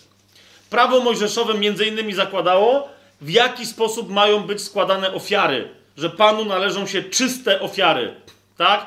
Co robił kapłan? Kiedy ktoś powiedział, że ma dla niego, dla Boga ofiarę do złożenia, co robił kapłan? Sprawdzał, czy ofiara jest nieskazitelna. Dlaczego? Ponieważ każda ofiara składana nie tylko za, za grzechy ludu, ale każda ofiara składana wobec Pana z tych, które miały być nieskazitelne, była figurą ofiary, którą ostatecznie złożył Jezus. Tak? Miała być symbolem tego, że Pan nie patrzy na Twoje grzechy. Pan patrzy na nieskazitelność tego, kto składa mu ofiarę. Czy ty możesz złożyć Bogu jakąś ofiarę? Nie, ponieważ wszystko Twoje, dopóki jesteś grzesznikiem, jest skażone i ty też jesteś osobą skażoną. Tak? Tylko Jezus, który był nieskazitelnym barankiem Bożym, gładzącym wszelki grzech całego świata, tylko On mógł złożyć ofiarę nieskazitelną, na którą Pan spojrzał i powiedział: To jest nieskazitelne. Rozumiecie o co idzie? Te wszystkie rzeczy, które były zapowiedzią rzeczy przyszłych, tak? Były dlatego tak istotne, a oni to zobaczcie, pierwszy rozdział, siódmy werset. Oto, bo oni mówią, w czym wzgardziliśmy Twoim imieniem? Jak obraziliśmy Twoje imię? On im mówi, pierwszy rozdział, siódmy werset Malachiasza, na przykład w tym, że ofiarujecie na moim ołtarzu pokarm nieczysty. I jeszcze się pytacie, czym go zanieczyściliśmy? Tym, że mówicie, stołem Pana można pogardzić. Jasne? To jest, to jest jedna rzecz. Spójrzcie 13, yy, 14 werset tego samego pierwszego rozdziału. Mówicie też, oj, jakaż to mordęga i złościcie mnie, mówi Pan zastępów, i przynosicie mi na ofiarę to, co zrabowane, to, co kulawe, to, co chore i to mi ofiarujecie. Czy mam łaskawie przyjąć to z waszej ręki, mówi Pan? Przeklęty jest oszust, który ma w swojej trzodzie samca i ślubuje go oddać, a potem ofiarowuje Panu zwierzę ułomne. Ja jestem wielkim królem, mówi Pan zastępów, a moje imię wywołuje zbożny lęk pomiędzy wszystkimi narodami. A wy, którzy jesteście moim narodem, robicie taką błazenadę? Taka jest myśl. Tak? Więc tu macie drugi rozdział, yy, ósmy werset i dziewiąty. To jest, to jest e, oskarżenie przeciwko kapłanom, tak? Cały czas Pan mówi, podpisaliście mi się, nową umowę żeście ze mną zawarli, nowy choreb żeście zrobili, tak? Każdą ustawę, każde prawo, wszystko będziemy i mówi co? Nawet kapłani, zobaczcie, wy zboczyliście, drugi rozdział, ósmy werset i następny, wy zboczyliście z drogi i sprawiliście, że wielu się zachwiało w, w zakonie. Zerwaliście przymierze z Lewim, mówi Pan zastępów. Co to jest przymierze z Lewim, to jeszcze za chwilę. Ale właśnie to jest element prawa mojżeszowego, tak? Mówi, zerwaliście to przymierze, dlatego i ja sprawię, że będziecie wzgardzeni i poniżeni u całego ludu, ponieważ nie trzymacie się moich dróg i jesteście stronniczy przy stosowaniu prawa. W domyśle, jak ktoś wam lepiej zapłaci albo macie z tego e, większy pożytek, to wtedy naginacie prawo dla tamtego, a kto wam nie, się nie przysłuży, nie da łapówki, nie da e, czegoś materialnego, to jesteście wobec niego znacznie bardziej yy, surowi. Spójrzcie yy, jeszcze na 13 werset drugiego rozdziału wciąż. A oto kolejna rzecz, którą czynicie, zraszacie łzami ołtarz Pana wśród płaczu i westchnień, lecz On nie może już patrzeć na ofiarę, ani jej łaskawie z waszych rąk przyjąć. Wy mówicie, dlaczego? Dlatego, że Pan jest świadkiem między tobą i między żoną twojej młodości, której stałeś się niewierny. Chociaż ona była twoją towarzyszką i żoną związaną z tobą przymierzem. Jak sobie zobaczycie tam dalej, e, Bóg tu, to jest bardzo interesujące, e, wyrzuca Izraelowi zbyt łatwe, e, czy w ogóle niezasadne godzenie się na rozwody. Tak? To nie, nie będę teraz tego czytał, bo jeszcze mamy tro, trochę materiału, ale zobaczcie sobie potem sami. 14, 15, mm, e, 16 werset. On, on mówi, potem jak pamiętacie, jak przychodzi Pan Jezus i ci mówią, ale przecież Mojżesz nam pozwolił na list rozwodowy i on mówi powoli, powoli. Tak? Jak? Najpierw było powiedziane, opuści człowiek ojca i matkę i złączy się ze swoją żoną i będą jednym ciałem i tak dalej, i tak dalej. Tak mówi, więc co, dlaczego nagle ten, ten, tamtą odpuszcza i teraz chodzi zwłaszcza o to, że e, jak się komuś nie spodobała z jakiegoś powodu, tak, przestała podobać kobieta, to po prostu dawał jej list rozwodowy bez żadnych tych uzasadnień, o których była mowa e, w prawie mojżeszowym, tak? Teraz, żeby to było jasne, my tu mówimy cały czas o tym, że Bóg zarzuca Izraelitom niestosowanie prawa mojżeszowego, a nie mówimy tutaj o zasadach małżeństwa czy możliwości rozwodowej e, w Nowym Testamencie, tak? Ja tylko mówię o tamtej historii, że między innymi to też Bóg im wyrzucał. Jak wszystkich praw przestrzegacie, to czemu w takim razie odsyłacie kobiety, mówiąc list rozwodowy Mojżesz nam dał, ale w jakich konkretnie yy, okolicznościach? Teraz tak, y, cały czas mamy Malachiasza i Nehemiasza. Zobaczcie Nehemiasza, 10 rozdział, 31 werset, tak? Jedna z takich rzeczy, które Żydzi tam podbili, że absolutnie oni całe prawo będą przestrzegać, ale zwłaszcza tego to już zupełnie jak mistrzowie świata. Znaczy 10 rozdział Nehemiasza, 31 werset. Nie będziemy wydawali naszych córek za mąż, za pogan tej ziemi, ani córek ich nie będziemy brali na żony dla naszych synów. Mniejsza o to teraz, o co, jak, jak pamiętacie, to zanim oni weszli do ziemi obiecanej, to Bóg powiedział wyraźnie, żeby właśnie tego nie robili. Żeby się nie mieszali z obcymi ludami z pewnego e, względu. I tu, widzicie, 10 rozdział, 31 werset, do tej umowy, którą podpisali, dokładają taki punkt, że tego szczególnie przypilnujemy, tak?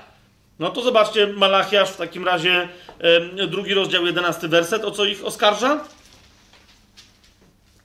Juda jest wiarołomny i obrzydliwości dzieją się w Izraelu i Jeruzalemie. Tak Juda zbezcześcił świątynię, którą Pan miłuje i pojął za żonę córkę obcego Boga. Widzicie to? Mówi, no takie jest właśnie wasze... Podpisaliście się, tak? Podpisaliście się prawie, że krwią. I co się dzieje? Nechemiasz, przeskoczmy z powrotem do niego, dziesiąty rozdział.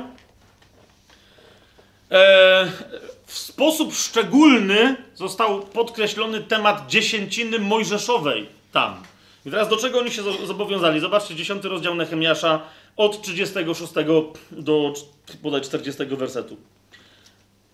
Ma się też sprowadzać do świątyni Pana rok w rok pierwociny naszej ziemi i pierwociny owocu każdego drzewa i pierworodnych z naszych synów oraz pierworodne z naszego bydła, zgodnie z przepisem zakonu. Pierworodne z naszej rogacizny i z naszych owiec będziemy sprowadzać do domu naszego Boga dla kapłanów pełniących służbę w domu naszego Boga.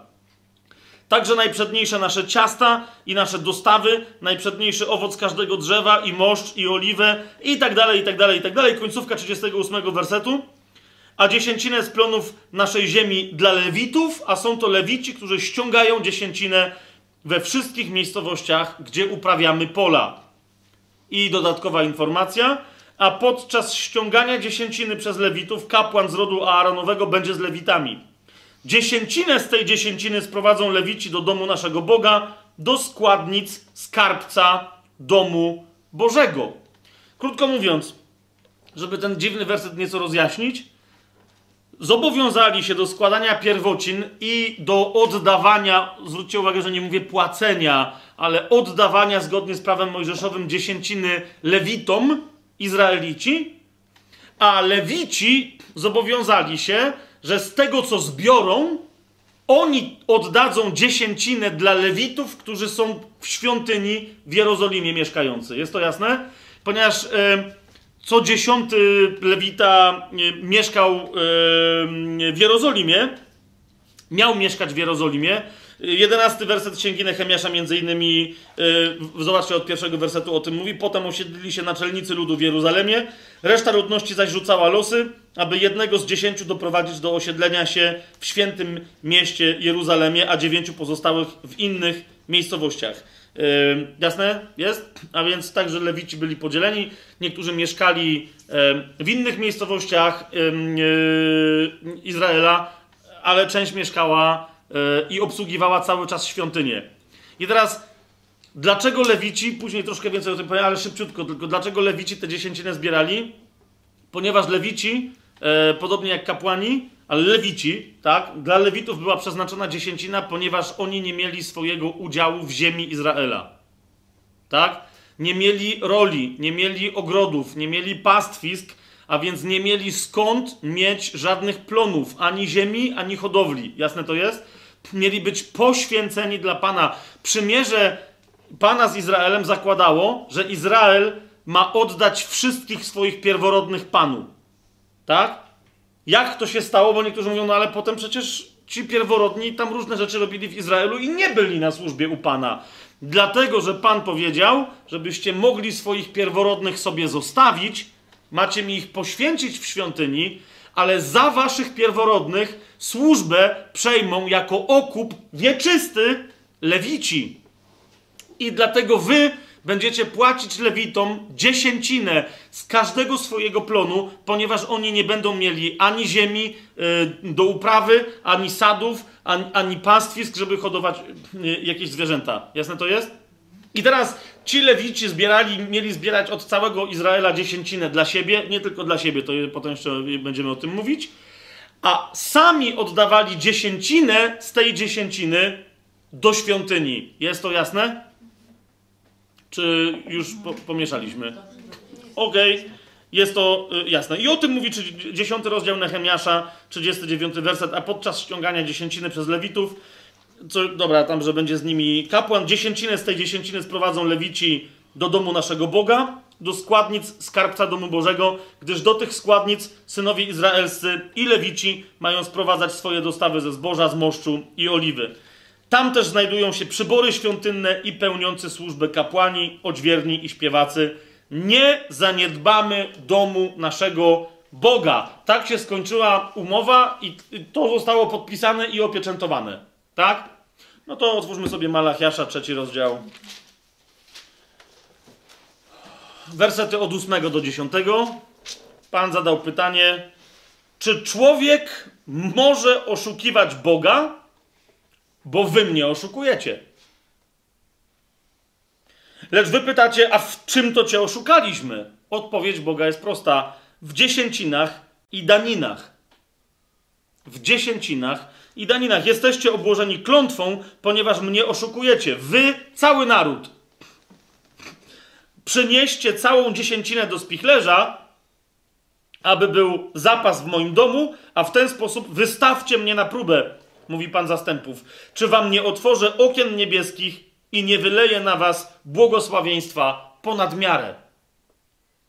Jeszcze raz zwracam wam uwagę, dziewiąty werset to jest oskarżenie całego narodu, że nie daje lewitom dziesięciny, a yy, dziesiąty werset jest de facto oskarżeniem lewitów, że i tak z tego, co przynoszą, i tak oni nie przynoszą całej dziesięciny do spichlerza. Jest to jasne? Ok. I teraz.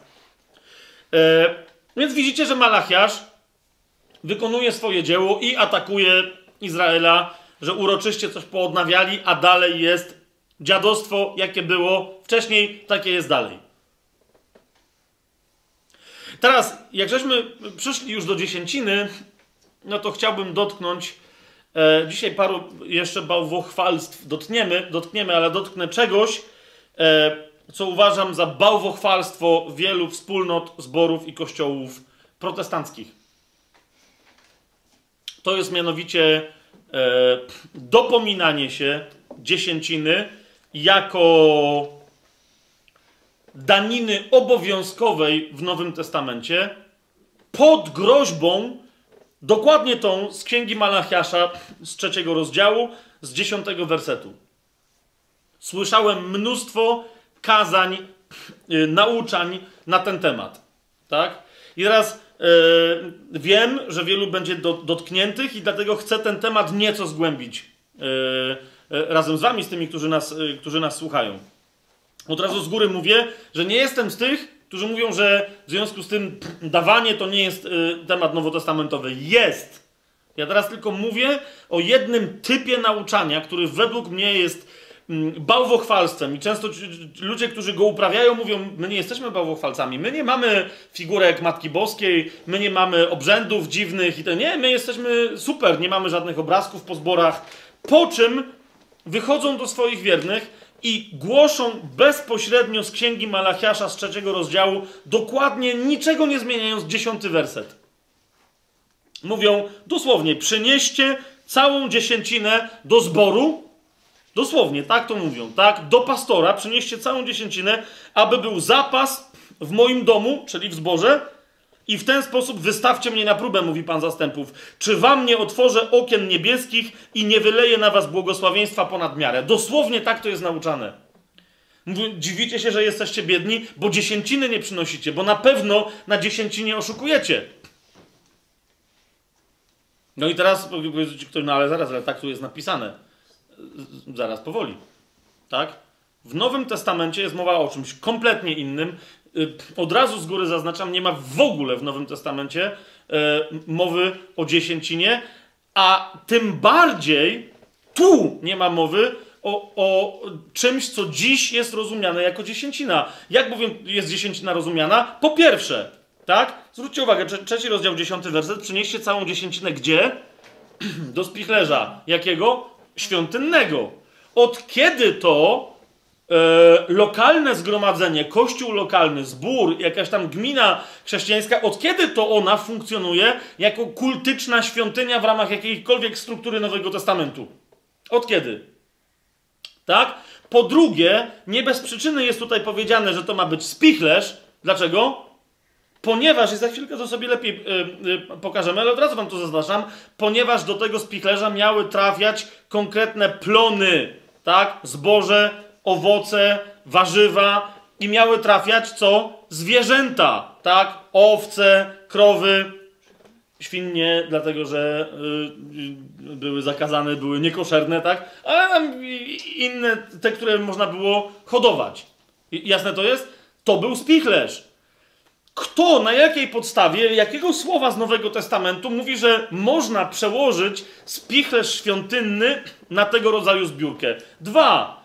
Dziesięcina zwykle jest dzisiaj głoszona jako oddawanie comiesięczne 10% swojego dochodu, który się ma z jakiejś tam pracy. Jeszcze raz, sprawdzimy sobie zaraz prawo mojżeszowe, ale to pamiętajcie, tak? Rzeczywiście dziesięcina miała być oddawana. Po, pomyślcie, jeżeli to były plony, to rzeczy, znacie takie plony, które zachodzą co miesiąc? Coś tu nie gra, tak? Gdzie jest tu przełożenie pomiędzy tą gdzieś. Zaraz, zaraz, zaraz. W związku z tym, zamiast zrobić e, zaraz, zobaczmy, o jaką to. Bo, bo, bo, bo pamiętacie, tak? Zobaczcie, trzeci rozdział, 22 werset. Pamiętajcie o zakonie Mojżesza, tak? Krótko mówiąc, o jaką dziesięcinę chodzi w trzecim rozdziale Malachiasza? O dziesięcinę wynikającą z zakonu Mojżesza, tak? No okej, otwórzmy sobie w takim razie trzecią Mojżeszową, gdzie znajdziemy jeden z elementów definicji e, e, dziesięciny, żebyśmy mieli raz na zawsze spokój z, z tym tematem. Trzecia Mojżeszowa, 27 rozdział. Cóż tam mamy napisane? 27 rozdział, e, 30, e, 30 werset. Co to jest dziesięcina? Uwaga. To jest jeden z podstawowych. 27 rozdział, 30 werset i następne. Wszelka dziesięcina z płodów ziemi, mamy to zaznaczone? Tak. Z płodów ziemi. Tu jest coś mowa jakaś o pieniądzach? Nie. Nie. Z płodów ziemi, czy to z plonów polnych, czy to z owoców drzew należy do Pana. Jest ona jaka? Poświęcona Panu. Jeżeli coś jest poświęcone Panu, to znaczy, że jest nietykalne. Tak? Jak o nas mówi Słowo Boże, że jesteśmy święci, to znaczy, że jesteśmy nietykalni, że jesteśmy oddzieleni od wszystkiego, co nieczyste. Tak? My jesteśmy sakrum w tym świecie. Każdy, kto przyjmuje łaskę, jest święty, jest oddzielony co, od wszystkiego, co nieczyste. Dziesięcina po prostu natychmiast jest oddzielona dla, dla Pana. Jeszcze raz, nie żeby Pan potrzebował tych 10%, rozumiecie? Tylko dlatego, że ma tych swoich lewitów, którym trzeba oddać, ponieważ oni nie mają z czego mieć zysków. Czy to jest jasne? Yy, płodów. To jest to. Panu jest to niepotrzebne. Przecież Pan błogosławi, dając tę tą całą obfitość. Tak? A mówi, mnie oddajcie dziesięcinę, czyli komu? No bo ja zapewniam ją lewitom, a oni oddają swoją dziesięcinę na funkcjonowanie świątyni. Tak? Ale widzicie, to są plony. Dalej, 31 werset. Bo jest mowa o tym, Pan mówi, ok, ja rozumiem, że ktoś z was będzie chciał zapłacić. Uwaga, co się teraz dzieje? Mówi, a jeżeli ktoś chce wykupić coś ze swojej dziesięciny, to dołoży do niej jedną piątą. Co to oznacza? To oznacza, że musi przeliczyć, na przykład, dobra, nie dam barana. Ile kosztuje baran? Za, załóżmy, że 100 denarów. Nie wiem, tak, ale załóżmy 100 denarów. To ile to jest jedna piąta ze 100? 20, a więc musi dołożyć do ceny tego barana jeszcze za karę, że nie daje barana. Widzicie o co chodzi? Pan nie chce pieniędzy, on chce tego barana. Musi dołożyć za karę jedną piątą jego wartości i nie dać jednej dziesiątej, ale nam z tego wobec tego co się robi? 12%. Ewidentnie, jeżeli chcesz dać w pieniądzach, musisz dać więcej niż 10%. Czy ktoś to dzisiaj po zborach liczy, że no właśnie, okej. Okay. 32 werset. Co? 20%, nie 12. Nie, dlatego że to jest 1 piąta z 10%. Dobra. To są dwa, to jest 2%, tak? To jest 2% z dziesięciny. No. 32 werset. Wszelka dziesięcina, to jest następna, tak? Z czego jeszcze ma iść dziesięcina? Wszelka dziesięcina z bydła i z trzody. I teraz w jaki sposób ma być odliczona? Zobaczcie, co się dzieje, tak? Po, wtedy, kiedy się rodzą nowe tam zwierzęta, tak? A więc masz ich więcej w stadzie puszczasz je pod laską, dosłownie, tak? Przechodzą pojedynczo. I zobaczcie, wszelka dziesięcina z bydła i z trzody, to znaczy wszystko, co przejdzie pod laską pasterską, co dziesiąte będzie poświęcone Panu. Dosłownie, tak? Jak to mamy policzyć? Sto, nie, po prostu puść te zwierzęta, tak? Co dziesiąte, bach, oddzielona owca dla Pana. Dziesiąta, bach, oddzielona dla Pana. Krowy, dziesiąta, bach, oddzielona dla Pana, tak? Zauważcie, jak ktoś miał osiem krów, płacił dziesięcinę? Rozumiecie o co mi chodzi?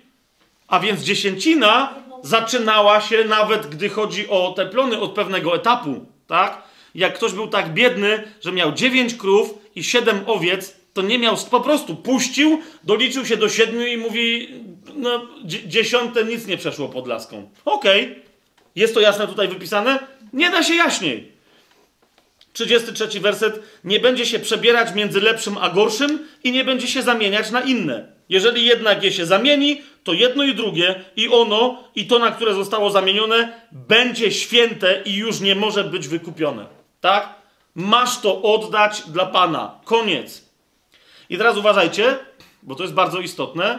Czy można było jakoś się bawić z dziesięciną? To była jakaś forma wsparcia dla świątyni wynikająca. Eee? Nie, 34 werset mówi nam bardzo wyraźnie, że te przepisy to są co? Przykazania, które Pan nadał przez. Oczywiście wraz z wieloma innymi, tak? Ale to są przykazania, które mają być tak samo przestrzegane jak nie zabijaj, nie cudzołów, nie cudzołóż, nie mów fałszywego świadectwa i tak dalej. Te też. One mają być tak przestrzegane. Nikt sobie nie może, rozumiecie, nikt sobie nie może zamienić nie zabijaj na, ale czasem zabijaj, ale z uśmiechem, żeby było fajnie. No, no nie. Takie jest, to są przykazania, które Pan nadał przez Mojżesza synom izraelskim na górze Synaj. Mamy jasność? Okej, okay, idźmy w takim razie yy, dalej. Cofnijmy się troszkę w tej. Yy, nie, idźmy dalej. Idźmy do czwartej Mojżeszowej, yy, która nam nieco wyjaśni do 18 rozdziału. Idźmy do czwartej Mojżeszowej, żeby w ogóle, wiecie, złapać yy, o co to poszło, tak? To jest 18 rozdział, 20 yy, werset, 20 i 21. I powiedział Pan do Aarona. Aaron był, wiecie, szefem wszystkich szefów, gdy chodzi o kapłanów, tak? Powiedział do niego tak. W ich ziemi, czyli ziemi całego Izraela, nie będziesz miał dziedzictwa, nie będzie też dla ciebie wśród nich działu. Co to oznacza? Nie dostaniesz ziemi. nie masz gdzie hodować, nie to, to o czym mówiłem, tak? Widzicie, ja jestem twoim działem i twoim dziedzictwem wśród synów izraelskich. Oni to muszą rozumieć, tak, że dostając pole, dostają też ciebie, bo musi być świątynia, dopóki trwa prawo mojżeszowe. I świątynia musi być obsługiwana przez kapłanów i prawo mojżeszowe ma być nauczane przez kapłanów. Oni nie, nie, nie, nawet lepiej, żeby się nie zajmowali tak, uprawą roli i tam innymi rzeczami, tylko żeby żyli z tego, co wy im dacie. I mamy jeszcze lewitów, czyli tych, którzy pomagają kapłanom w świątyni. Pamiętacie, oni pomagali Ezdraszowi w nauczaniu nawet prawa i tak dalej, tak? 21 werset, zobaczcie. Lewitom zaś dałem oto jako dziedzictwo każdą dziesięcinę w Izraelu za ich służbę, którą spełniają w namiocie zgromadzenia. Jasne? Przeskoczmy do 24 wersetu. Ponieważ dziesięcinę synów izraelskich, którą ci składają w darze ofiarnym, yy, którą oni składają w darze ofiarnym Panu, dałem jako dziedzictwo jeszcze raz komu? Lewitom. Dlatego powiedziałem o nich, oni też nie będą mieć dziedzictwa wśród synów izraelskich. I przemówił Pan do Mojżesza tymi słowy, do Lewitów zaś przemów i powiedz im, gdy będziecie pobierać od synów izraelskich dziesięcinę, którą dałem wam od nich jako wasze dziedzictwo, bo kapłani mieli, wiecie, żyć e, z, z ofiar świątynnych, tak? A oni, widzicie, a oni sobie mieli od wszystkich zbierać dziesięcinę. Taką, jak przed chwilą sobie ustaliliśmy, co to była dziesięcina, tak? Więc, gdy będziecie pobierać od synów izraelskich dziesięcinę, którą dałem wam od nich jako wasze dziedzictwo, odłóżcie od niej jako dar ofiarny dla Pana dziesięcinę z tej dziesięciny. Wasz dar ofiarny będzie wam poczytany za z gumna i za z tłoczni. To jest, i, i, pamiętacie, i oni, y, dziesiąty rozdział Nehemiasza, to też podkreślili, że tak będzie, tak? Będziemy dawać dziesięcinę lewitom, a oni z tego wydzielą dziesiątą część i dadzą na świątynię, tak? A Pan mówi, no, nie robicie tego. Tak samo też odłóżcie dar ofiarny, to jest 28 y, werset. Tak samo też odłóżcie dar ofiarny dla Pana od wszystkich dziesięcin, które pobieracie od synów izraelskich. Dar z tego wydzielony dla Pana oddajcie Aaronowi, yy, kapłanowi. No i to się tak aż do 32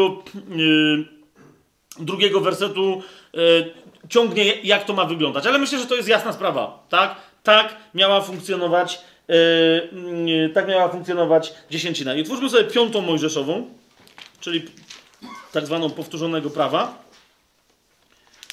14, 14 rozdział.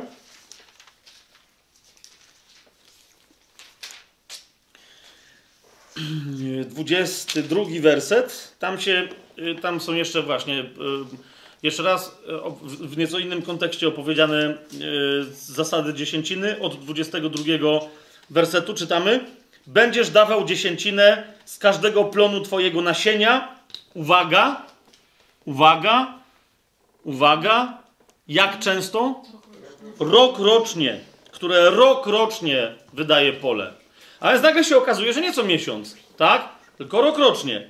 Dalej, 23 werset. Na miejscu, które Pan wybierze na mieszkanie dla swojego imienia, będziesz jadł przed Panem, Bogiem Twoim, dziesięcinę z Twego zboża, wina i oliwy oraz z pierworodnych Twojego bydła i trzody, abyś się uczył bojaźni Pana Boga Twojego po wszystkie dni. Gdzie ma być składana dziesięcina? I między innymi yy, także spożywana yy, częściowo w Jerozolimie, tam gdzie jest świątynia.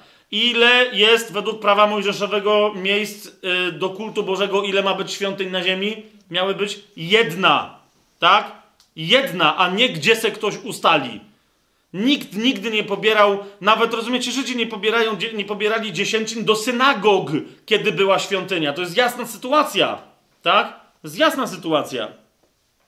I teraz się tam pojawia e, instrukcja, 24 werset. Jeżeli jednak droga będzie dla ciebie za daleka i nie będziesz mógł jej tam zanieść, widzicie o co chodzi, tak? Tu chodzi o tą dziesięcinę, to jest konkretne, nie są pieniądze do przelania e, na konto, tak? Tylko trzeba ją tam zanieść nie będziesz mógł tam, yy, Pan Bóg Twój, aby tam złożyć swoje imię, będzie zbyt oddalone od Ciebie, kiedy Pan Bóg Twój Cię błogosławi, to możesz ją spieniężyć, tak? Jeżeli by miała być za długa droga, to możesz ją spieniężyć i zawiniesz pieniądze w swej ręce i pójdziesz na miejsce, które sobie wybierze Pan, Bóg Twój, a więc jednak można pieniądze plus 5%, jedną piątą, pamiętacie, tak? Pójść gdzieś, Pan wyznaczył miejsce, ale teraz uważajcie, i wydasz te pieniądze, nie przekażesz ich nadal nikomu tych pieniędzy, tak? Ale wydasz te pieniądze na to wszystko, czego zapragnie twoja dusza. Z bydła, owiec, wina, napoju upajającego i wszystkiego, czego zapragnie twoja dusza. I będziesz tam jadł przed Panem i będziesz się weselił ty i twój dom. A w tym, co kupisz za te pieniądze, bo to musi być materialna rzecz, tak? Co się stanie, przyłączy się do ciebie lewita, zobacz. Oraz lewita, który jest w twoich bramach. Nie opuścisz go, gdyż on nie ma działu i dziedzictwa z tobą. I teraz uwaga, tam się pojawia jeszcze jedno zastrzeżenie, że nie jest dziesięcina tylko dla lewitów i tylko na świątynię dziesięcina z dziesięciny. Zobaczcie, pod koniec trzech lat oddzielisz całą dziesięcinę z twoich plonów tego roku i złożysz ją w swoich bramach. Wtedy przyjdzie lewita, ponieważ nie ma on udziału i dziedzictwa z tobą oraz kto jeszcze musi wziąć udział w korzyściach z tej dziesięciny oraz obcy przybysz, sierota i wdowa, którzy są w twoich bramach. I będą jedli i nasycą się, aby ci błogosławił Pan, Bóg twój, w każdym dziele twojej ręki, które będziesz wykonywał. Jasne to jest? Jeżeli e, ci, co mówią, że dziesięcina, jeszcze nam się należy dziesięcina, czy oddajesz dziesięcinę ze swojej pensji, czy oni, po pierwsze, czemu nie robią tego co roku? Po drugie, e, czy się rozliczają, ile z tego potem idzie na sieroty, wdowy i na imigrantów? Obcych przybyszów w twoich bramach? No coś nie wydaje mi się, nie przypominam sobie, a sęk w tym, nie będziemy teraz się w to wdawać, ale naprawdę idzie o to, że rozumiecie, że to musi być porówno podzielone. Trzeci rok zasadniczo ma zaspokoić bardzo mocno potrzeby sierot, wdów i obcych przybyszów, którzy są w nędzy. Tak? E, 26 rozdział 5 Mojżesz- Mojżeszowej jeszcze sobie otwórzmy. Wybaczcie mi, że bo, bo, wie- wiecie, to może być nie, jakieś takie, nie wiem, nudne czy coś takiego, ale chcę, żebyście to jasno zobaczyli, tak? Bo łatwo jest powiedzieć dziesięcina i dzisiaj wy, e, czyli to jest to, co my wam mówimy. No nie. To jest bardzo konkretny opis. Nie, nie ma dowolnej interpretacji. To są konkretne przykazania i one mają być tak przestrzegane, tak? 26 rozdział sobie otwórzcie. 12 werset. Jeszcze raz o tym, o, o czym teraz mówiłem, tak? A kiedy w trzecim roku, roku dziesięcin, e, Widzicie, tu niektórzy uważają, że w ogóle e, dziesięciny powinny być odkładane, składowane, chowane po spichlerzach, e, a, a dopiero w trzecim roku rozliczane, a więc nawet niekoniecznie co roku, tak? Tylko z, co roku mają być odliczone, a potem. Ale to okej, na razie zostawmy e, temat interpretacji prawa mojżeszowego, bo i, tak- i tak nas nie obowiązuje. Pokazuję wam tylko o co tu chodzi, tak? A gdy w trzecim roku, roku dziesięcin, zakończysz składanie wszelkich dziesięcin ze swoich plonów. I uwaga, i oddasz, co się należy lewicie, co się należy obcemu przybyszowi, co się należy sierocie i wdowie, aby i oni spożywali w twoich bramach i zostali nasyceni, wtedy powiesz przed Panem Bogiem twoim, usunąłem z domu to, co święte. Wiecie o co idzie? To było święte, a więc oddzielone dla Pana, nietykalne. Daj to tym ludziom, którym, którym ci wskazałem, lewitom, Eee, sierocie i wdowie i obcemu przybyszowi. To są trzy grupy, tak? To jest dla nich, dla ciebie to jest nietykalne, tak? Wtedy powiesz przed Panem Bogiem twoim, usunąłem z domu to, co święte, udzieliłem z tego lewicie, obcemu przybyszowi, przybyszowi sierocie i wdowie, zgodnie ze wszystkimi twoimi przykazaniami, jakie mi dałeś. Nie przekroczyłem i nie zapomniałem żadnego z Twoich przykazań. Nie jadłem z tego, gdy byłem w żałobie, nie usunąłem z tego nic, gdy byłem nieczysty, nie dałem z tego nic dla zmarłego. Widzicie o co chodzi? To są rzeczy, które się przechowuje, z których można byłoby skorzystać. Na stypie, przy okazji jakiejś tam, jakiegoś bidowania, e, w trakcie przedwiośnia czy tam czegoś, tak? Nie, nie, nic z tego nie, nie tknąłem. Usłuchałem głosu Pana Boga mojego, postąpiłem we wszystkim zgodnie z tym, co mi nakazałeś. Spójrz wtedy ze swojego świętego przybytku z nieba i pobłogosław Twój lud Izraela i tę ziemię, którą nam dałeś, jak przysiągłeś naszym ojcom ziemię opływającą w mleko i w miód. Widzicie o co chodzi? Jest, mówi, wtedy tak powiem i dlatego u Malachiasza Pan mówi, trzeci rozdział, dziesiąty werset, przynieścież całą dziesięcinę do spichlerza, aby był zapas w moim domu. Dla kogo? No nie musi, przecież podpisywali dopiero co z niej umowę. Dla lewitów, dla obcych przybyszów, dla sieroty i wdowy. I w ten sposób wystawcie mnie na próbę, czy wam nie otworzę okien niebieskich i nie wyleję na was błogosławieństwa pon- ponad miarę. Dlaczego? Bo macie powiedzieć, spójrz wtedy ze swojego świętego przybytku z nieba i pobłogosław twój lud. Jasność?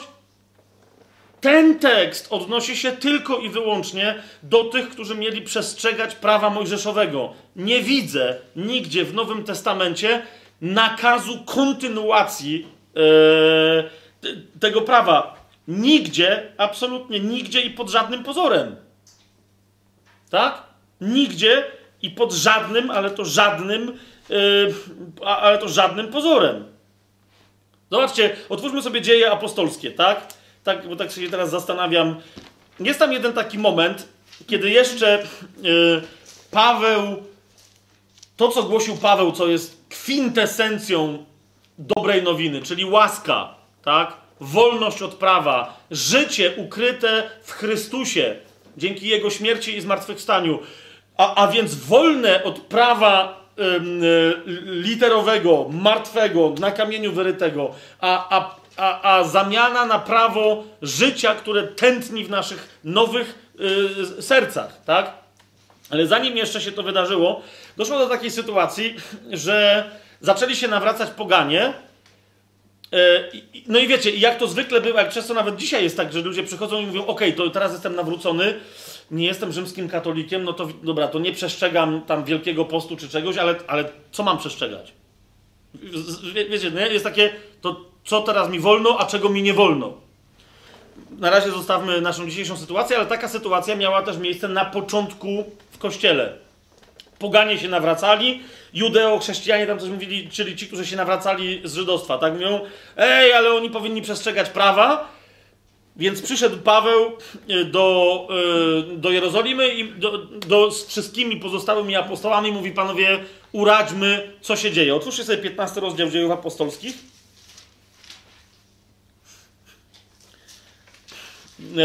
28 werset. Bo tam jest cała historia, tak? E, c- Cały. cały 15 rozdział. Ale okej, tylko zobaczcie, jaki był wniosek. Jaka była odpowiedź, co ewentualnie z tego, co gdzieś było zawarte w prawie mojżeszowym, co powinni poganie nawracające się na chrześcijaństwo w miarę dalej przestrzegać, tak? Znowu, to nie jest coś, to po prostu, 15 rozdział, zobaczcie, 28 werset i następny. Postanowiliśmy bowiem, Duch Święty i my, by nie nakładać na was żadnego innego ciężaru, swoją drogą macie znowu brzemię, tak? By nie nakładać na was żadnego innego ciężaru, oprócz następujących rzeczy, które są niezbędne. A to wstrzymywać się od mięsa ofiarowanego bałwanom, od krwi, od tego, co zadławione i od nierządu. Jeżeli się tych rzeczy wystrzegać będziecie, dobrze uczynicie. Bywajcie zdrowi. Gdzie jest y, dziesięcina, bo troszeczkę jej nie dostrzegłem. Ja już teraz pomijam, że teraz się zacznie dyskusja, to nie wolno jeść kiszki, bo tam jest krew i to... Dobra, zostawmy to sobie, jak będziemy rozważać, wiecie, now, y, y, życie pod, pod, pod, pod nowym przymierzem, ale tak czy siak, widzicie, że ci jeszcze coś tam im tłumaczą, że no to krew, y, nierząd. Jest tu gdzieś dziesięcina jako coś, co muszą absolutnie oddawać Kościołowi? Nie wiem, apostołom, komuś. Jest coś takiego? No nie. Galacjan sobie otwórzmy szósty, szósty rozdział. Ehm, drugi werset. Jeżeli coś ma nas obciążać, i tu się zaczyna troszeczkę myśl na temat, no to ale co w takim razie? To my sobie wszystko mamy dla siebie zatrzymywać w tym Nowym Testamencie? to, to, to, to jest cie- ciekawe powiązanie, czym jest prawo Chrystusowe, które jest prawem nowego przymierza. Tak? To jest szósty rozdział, drugi werset. Yy, Paweł w liście do Rzymian powie: Miłujcie się nawzajem, w ten sposób wypełnicie całe prawo. Tak? Ale ciekawie do Galacjan mówi, zobaczcie, szósty rozdział, drugi werset mówi: Jedni drugich brzemiona noście, a w ten sposób wypełnicie cały zakon Chrystusowy. Widzicie to? Więc jest teraz pytanie, tu już się pojawia, co to znaczy nosić nawzajem swoje e, brzemiona. Tak? Niemniej nadal e, nigdzie nie znajdziecie w Nowym Testamencie żadnego powiązania pomiędzy, e, pomiędzy prawem dziesięciny mojżeszowym a czymkolwiek, co by to prawo przypominało w Nowym Testamencie. Zresztą e, w tym kontekście pierwszy do Tymoteusza myślę, że dobrze jest przywołać, bo to jest cały czas powracająca jakaś tam debata, co z prawa mojżeszowego, nic z prawa mojżeszowego. Po prostu. To, że my, to nie, to nie znaczy, że my nie, nie żyjemy według. Nie, chrześcijanie żyją według prawa, które jest znacznie bardziej restrykcyjne, znacznie bardziej uszlachetnione, według znacznie ostrzejszych, idealistycznych, szlachetnych kryteriów funkcjonujące jest niż, niż prawo mojżeszowe. Tak? Ale jeszcze raz, jak je rozpoznać, to w ogóle, ale to na pewno nie przez prawo mojżeszowe. Zobaczcie pierwszy e, list do Tymoteusza, pierwszy rozdział, ósmy werset i yy, następne. Czy to znaczy, że prawo mojżeszowe było złe? Paweł mówi, nie, nie było złe, ale zrozumcież, że ono dla nas dzisiaj nie funkcjonuje, bo my żyjemy według prawa życia, a nie rozróżniania dobra i zła. Tak? I dlatego mówi, zobaczcie, yy, ósmy werset. Wiemy, że zakon jest dobry, jeżeli ktoś robi z niego właściwy użytek. A kiedy robi? Wiedząc o tym, że zakon nie jest ustanowiony dla sprawiedliwego, lecz dla nieprawych i nieposłusznych. Tak? Zakon ma przypominać tym, którzy nie są usprawiedliwieni, nie są święci, ma im przypominać o ich grzechu. Po co? Żeby szukali rozwiązania. Gdzie jest rozwiązanie? W Chrystusie, który jeden może cię usprawiedliwić. Jak? Przez wiarę w Niego. No już o tym mówiliśmy przy okazji chociażby Habakuka, tak? A sprawiedliwy z czego żyje? Z wiary żyć będzie. Więc widzicie, wiedząc o tym, że zakon nie jest ustanowiony dla sprawiedliwego, ale dla nieprawych i nieposłusznych, dla bezbożnych i grzeszników, dla bezecnych i nieczystych, dla ojcobójców i matkobójców, dla mężobójców, rozpustników, mężołożników, e, czyli homoseksualistów, dla handlarzy ludźmi, dla kłamców, krzywoprzysięzców i dla wszystkiego, co się sprzeciwia zdrowej nauce, zgodnej z Ewangelią chwały błogosławionego Boga, która została mi powierzona. Jasne to jest? Prawo mojżeszowe miało pouczać o tym, jak wielki jest grzech grzesznika, a nie przynosiło rozwiązania tej sytuacji. To zresztą nie było zadanie prawa, jak Paweł to dosyć jasno, yy, dosyć jasno wyłożył. Teraz, kochani, niektórzy yy, mówią, mówią, dobra, możemy zamknąć Malachiasza i fajnie, ale Nowy Testament jednak, e, panie Błaszkiewicz, mówi o dziesięcinie. Mówi o dziesięcinie i to nie w kontekście prawa mojżeszowego, lecz kogoś, kto był właśnie przed prawem mojżeszowym, którego my jesteśmy potomkami, więc czy nie powinniśmy my też yy, i tak dalej. To jest siódmy rozdział listu do Hebrajczyków.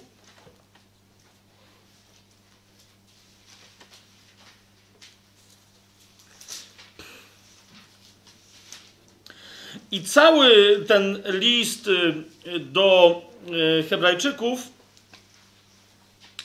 e, według niektórych nauczań, że w Nowym Testamencie również należy się dziesięcina. Nawet jeżeli prawo mojżeszowe nie działa, to należy się dziesięcina. Dlaczego? Bo Abraham zapłacił dziesięcinę Melchizedekowi.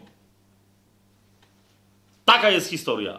Bo Abraham zapłacił dziesięciny Melchizedekowi i wtedy pojawiają się, wyrwane z kontekstu, ja tego nie będę teraz robił, bo to nie ma sensu, fragmenty siódmego rozdziału listu do hebrajczyków. No to już, kochani, zostawiam was z osobistą lekturą tego rozdziału, tak? Ale zwracam wam uwagę tylko na jeden fragment, tak? Czy rzeczywiście list do hebrajczyków mówi o tym e, w tym miejscu, że mamy płacić dziesięcinę, czy po prostu posługuje się przykładem dziesięciny, żeby pokazać, o ile większym od Mojżesza był Abraham i o ile większym jeden jednorazowy jego czyn był większy od regularnie powtarzanego czynu mojżeszowego. No teraz zauważcie, jak ktoś mnie chce pouczać, że mam płacić dziesięcinę, bo Abraham zapłacił Melchizedekowi, no to sobie sprawdźcie dokładnie, co się stało. Ile razy Abraham zapłacił dziesięcinę Melchizedekowi? Raz. Z czego zapłacił Abraham dziesięcinę Melchizedekowi? Z łupów wojennych. Krótko mówiąc, dopóki nie pójdę na wojnę i kogoś nie złupię, co będzie dosyć ciężkie, będąc chrześcijaninem, to nie zapłacę żadnej dziesięciny, bo nie mam z czego, gdybym miał płacić tak jak Abraham. Tak? Tyle tylko, że jeszcze raz, zobaczcie siódmy rozdział, mm, powiedzmy od piątego wersetu. Zobaczcie, jaka tam jest logika, żebyście zobaczyli, to, to zupełnie o czym innym Paweł tutaj w liście do Hebrajczyków mówi. Zobaczcie, mówi tak. Wprawdzie ci, którzy są z synów Lewiego, a otrzymują urząd kapłański, mają nakaz, zgodnie z zakonem, pobierać dziesięcinę od ludu. To jest od braci swoich, chociaż i oni wywodzą się z rodu Abrahama. Swoją drogą, widzicie, e, Nowy Testament też mówi, że dziesięcina to był temat Lewiego i temat Starego Przymierza i pobierania dziesięciny od kogo? Od Izraelitów, tak? Ale idziemy dalej. Ale tamten, czyli Abraham, który nie wywodził, się od, nie wywodził od nich swojego rodu, znaczy Melchizedek, otrzymał dziesięcinę od Abrahama i pobłogosławił temu, który miał obietnicę. I teraz zauważcie, jakiś, jakaś, jaki się pojawia wniosek. Jaki z tego wniosek? A więc powinniśmy płacić dziesięcinę, bo płacił ją Abraham? Nie. Siódmy rozdział, siódmy werset. A rzecz to jest bezsporna, że mniejszy od większego otrzymuje błogosławieństwo. O czym jest ten fragment? O tym, skąd do kogo przychodzi błogosławieństwo, a nie kto komu jest winien pieniądze. Jasne? Ósmy werset i dalej. W jednym wypadku biorą dziesięcinę śmiertelni ludzie, w drugim ten, o którym złożono świadectwo, że żyje. Bo Melchizedek jest figurą Jezusa tutaj, tak? W tym, w tym fragmencie. I jeżeli tak można powiedzieć, w osobie Abrahama i sam Lewi, który pobiera dziesięcinę, tutaj dał dziesięcinę. Jasne? Ten Lewi, który miał normalnie według prawa mojżeszowego oddawać dziesięcinę do świątyni, de facto, gdyby to miało działać w drugą stronę, oddał dziesięcinę razem z Abrahamem, temu, który jeden żyje na wieki. Tak? Ale to nie działa w tą stronę, to jest w ogóle o czym innym historia. Tu jest historia na temat tego, jak stępuje błogosławieństwo, a nie kto komu jest winien jaką ofiarę. Jasność? Jedenasty werset. Gdyby zaś doskonałość, bo teraz jest a propos właśnie dziesięcin i, i lewitów. Gdyby zaś doskonałość była osiągalna przez kapłaństwo lewickie, a wszak w oparciu o nie otrzymał lud zakon, to jaka jeszcze była potrzeba ustanawiać innego kapłana według porządku Melchizedeka, zamiast pozostać przy porządku Aarona? Skoro bowiem zmienia się kapłaństwo, i to jest bardzo istotne, że jednak była potrzeba, tak? Przyszedł Jezus, który jest według kapłanem, według porządku Melchizedeka, a nie według porządku mojżeszowego. Skoro więc zmienia się kapłaństwo, musi też nastąpić zmiana czego? Zmiana zakonu. Nie ma obowiązywania prawa mojżeszowego w nowym przymierzu. Bo ten, do którego odnosi się ta mowa, należał do innego plemienia, z którego nikt nie służył ołtarzowi w domyśle według prawa mojżeszowego. Tak? Nie w domyśle, tylko w oczywistym wniosku. 18 werset.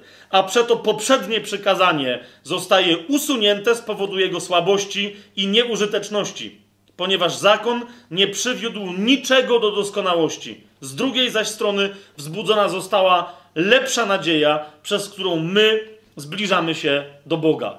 Jaka to jest nadzieja? 22 werset. To jest Jezus. O ileż lepszego przymierza stał się Jezus poręczycielem. Tamtych kapłanów było więcej, gdyż śmierć nie pozwalała im pozostawać w urzędzie. Ale ten sprawuje kapłaństwo nieprzechodnie, ponieważ trwa na wieki. Dlatego też może zbawić na zawsze tych, którzy przez niego przystępują do Boga, bo żyje zawsze, aby wstawiać się za nimi. Tak?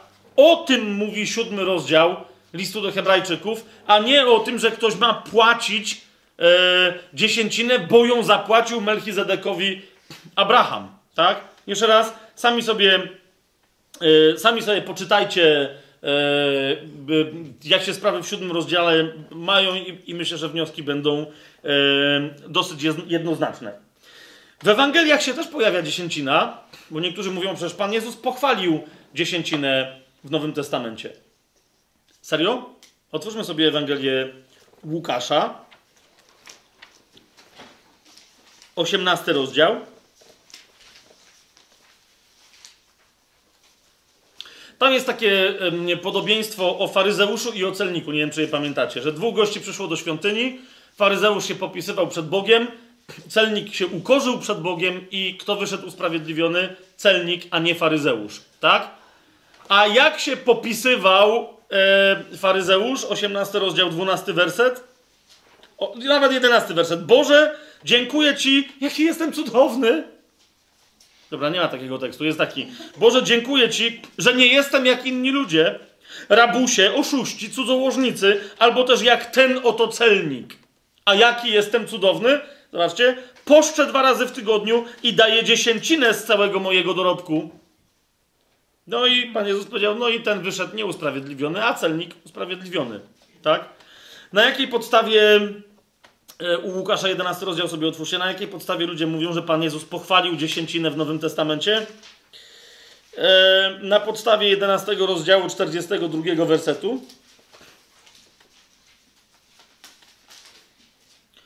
To jest dosyć ciekawe, jak niektórzy twierdzą, że tutaj Pan Jezus pochwalił dziesięcinę. Tak? Czytam cały fragment. Biada wam, faryzeusze, że dajecie dziesięcinę z mięty i ruty i z każdego ziela, a pomijacie prawo i miłość Boga. Wszak należało i to czynić, i tamtego nie zaniechać. Tak? E, I teraz Pan Jezus mówi, biada wam, faryzeusze, że dajecie dziesięcinę i nikt nie widzi całości, tylko wszyscy mówią, no ale Pan Jezus powiedział, wszak należało i to czynić, i tamtego nie zaniechać. Czyli należało to czynić. Oczywiście, że tak. Dobre Boże łosie. I teraz zwróćcie uwagę, że po pierwsze, Pan Jezus tu jeszcze nie umarł na krzyżu, jeszcze nie powiedział, wykonało się, jeszcze nie zmartwychwstał, tak? To jest raz. A dwa, co Pan Jezus powiedział? Czy powiedział, wszak należy to czynić i tamtego również nie zaniechiwać na przyszłość? Czy powiedział to w czasie przeszłym? Należało wszak i to czynić i tamtego nie zaniechać. Ale wyraźnie nadchodzi czas, kiedy nie będzie miało to znaczenia, tak? Nim tylko mówi, mieliście do roboty to i tamto. Miłość Boga odpłynęła, a się zajmowaliście, ile z koperku trzeba urwać, żeby była jedna dziesiąta. Tak?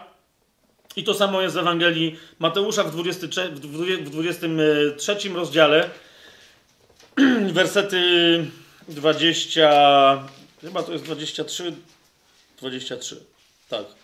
23, 23 rozdział, 23 werset. I następny, zobaczcie, jest dokładnie. Pamiętajcie, że Mateusza Ewangelia jest pisana do Żydów, więc ona tu ma jeszcze taki konkretniejszy wymiar. Biada wam uczeni w piśmie i faryzeusze obłudnicy. Obłudnicy. Że dajecie dziesięcinę z mięty i z kopru i z kminku, w sensie z każdego płodu rolnego, nawet z takich malutkich roślineczek. I z mięty, i koperek wyrośnie, i on tam rwał dziesiątą roślinkę. I z kminku. A zaniedbaliście to, co ważniejsze w zakonie. Sprawiedliwość, miłosierdzie, wierność. Te rzeczy należało czynić, a tamtych po prostu nie zaniedbywać. Widzicie to? I teraz jak Jezus nazywa w tym kontekście, w Starym Przymierzu, jak nazywa zachowywanie dziesięciny? Uwaga! Ślepi przewodnicy, przecedzacie komara, a połykacie wielbłąda. Tak? Tak nazwał Pan Jezus zachowywaniem dziesięciny, nawet w Starym Przy- Przymierzu. Nazwał przecedzaniem komara. Jasne to jest? A połykaniem wielbłąda w momencie, kiedy ktoś się liczy yy, z dziesięciną, a zupełnie odpływa w innych, yy, w innych kwestiach. No więc teraz jest takie, okej, czyli co mówisz, luzik, nie dajemy żadnych dziesięcin. Kochani, nie dajemy absolutnie żadnych dziesięcin. Dajemy znacznie więcej. 50. Tylko teraz będzie, aha, okej, no to żeś teraz dowalił. Już, na, już przyszła ulga, że nie musimy tego dawać. Nie, jeszcze raz pamiętajcie, nikt nie może cię obłożyć poczuciem winy, że gdzieś w Biblii Bóg ci mówi, tobie jako osobie nowonarodzonej, że ci mówi 10% albo cię przeklnę. Dlatego masz bidę w domu, rozumiesz? Nie płacisz całe, na pewno oszukujesz na dziesięcinie, a Pan Jezus, a Bóg mówił u Malachiasza wyraźnie, załóż się ze mną, dej policz dokładnie dziesięcinę, czy cię nie pobłogosławię. Z całym szacunkiem, znam masę ludzi, którzy bardzo dokładnie wyliczają dziesięcinę i dalej żyją bidniej, ale dają to w tych swoich zborach i, i nie ma tam wcale radości. Nie ma wcale otuchy. Otóż e, już Salomon miał jasność, człowiek, który, wiecie, e, niektórzy uważają, że może Hiob, może Abraham, ale może właśnie Salomon był najbogatszym człowiekiem e, na świecie. On powiedział wyraźnie, nie, nie, nie, mówi. I, I potem Nowy Testament to nauczanie wyraźnie podkreślił. Mówi, nie! Dawajcie z dobrego serca. Zauważcie, dobroczynność. Charytatywność jest dawniej nazywana dobroczynnością, tak? To musi być dobro, które ty czynisz, ale które jest też dla ciebie dobre. Rozumiesz? Jeżeli ty czynisz dobro, a się wściekasz w środku, to co jest za dobro? Dajesz komuś dychę i go w duchu przeklinasz. Ej, masz tą dychę. Ej! Jakby wiedział, to może by tej dychy nie wziął od ciebie. Tak? Otóż sięgnijmy sobie do yy, Księgi Przysłów, a potem wrócimy do Nowego Testamentu, ale dlatego sięgam do Księgi Przysłów, żebyście zobaczyli, że to nie jest tak, że Stare Przymierze nie wiedziało o tym. Tak? Był trend prawa, które było zawarte z Bogiem, i według prawa mojżeszowego należała się dziesięcina, tak jak ona jest opisana. To jest jasne, tak? Która czasem miała 12%, jak ktoś to zamienił na pieniądze, należała się na konkretne potrzeby, które Bóg zapewniał swoim ludziom, lewitom, kapłanom, e, sierotom, wdowom, bo w tamtych czasach, jak została kobieta bez mężczyzny, to już niewiele mogła obcym przybyszom e, w krainie. Tak? Ale zobaczcie sobie trzeci rozdział e, Księgi Przypowieści. Salomonowej. Trzeci roz... I zobaczcie, czy jest tu mowa o dziesięcinie? Nie. Ale jest mowa o tym, żeby oddawać Bogu cześć, że to jest rodzaj ofiary, którą się składa Bogu. Tak? Spójrzcie, trzeci rozdział, werse- wersety nie, 9 i 10. Czcij Pana darami ze swojego mienia. I tu y, Salomon to nie jest prawo mojżeszowe, on tylko ci przekazuje mądrą poradę. Czcij Pana darami ze swojego mienia i z pierwocin wszystkich swoich plonów. Ile? No po prostu czcij Pana. Czcij Pana znaczy tak daj, jak Pan jest tego wart w twoim sercu. Tak? A to zawsze jest związane z czym? Z radością. Rozraduj się swoim Bogiem. Rozkoszuj się nim. Każda ofiara dla Pana ma być radością. Tak? I teraz patrzcie, on mówi, Pana darami ze swojego mienia i z pierwocin wszystkich swoich plonów, a będą Twoje stodoły wypełnione ponad miarę, a Twoje prasy opływać będą w moszcz. Prasy to są te od, wiecie, wyciskania soku, Oliwy z y, oliwy z oliwek albo soku z winogron, to są te wszystkie, e, to są te wszystkie tam e, historie. Jedenasty rozdział sobie otwórzcie przypowieści Salomona.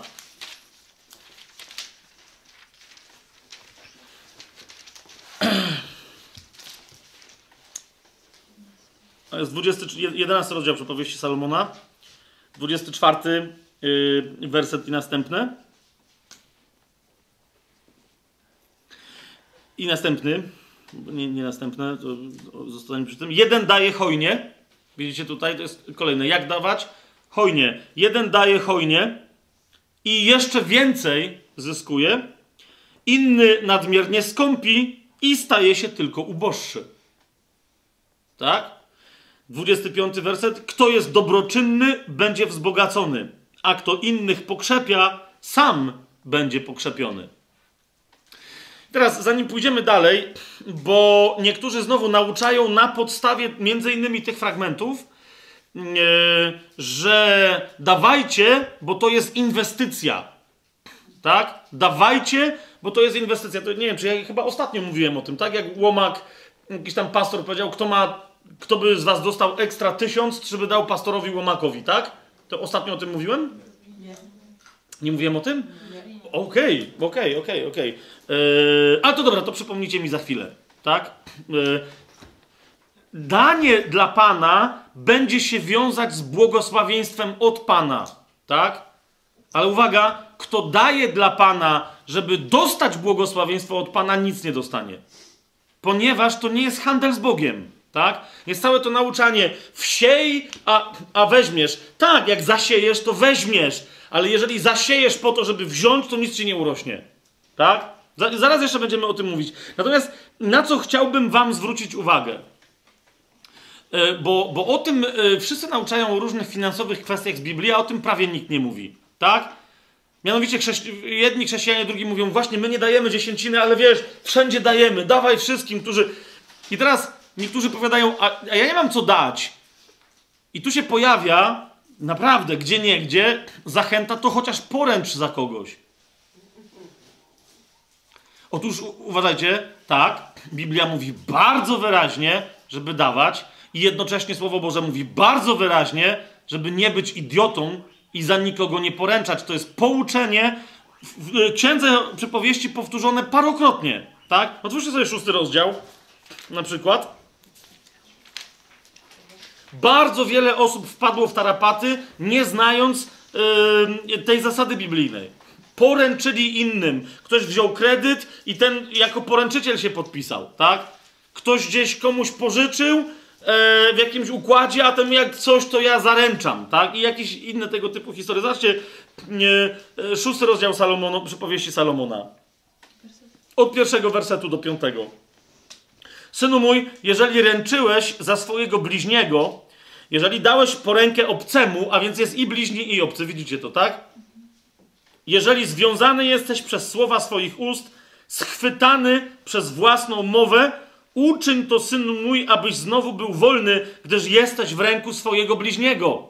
Uwolnij się od poręczenia tak szybko, jak to jest możliwe. Taka jest tutaj myśl. Idź śpiesznie i nalegaj na swojego bliźniego. Nie daj zasnąć swoim oczom i nie pozwól, aby się zdrzemnęły twoje powieki. Wyrwij się jak gazela z sieci i jak ptak z ręki ptasznika.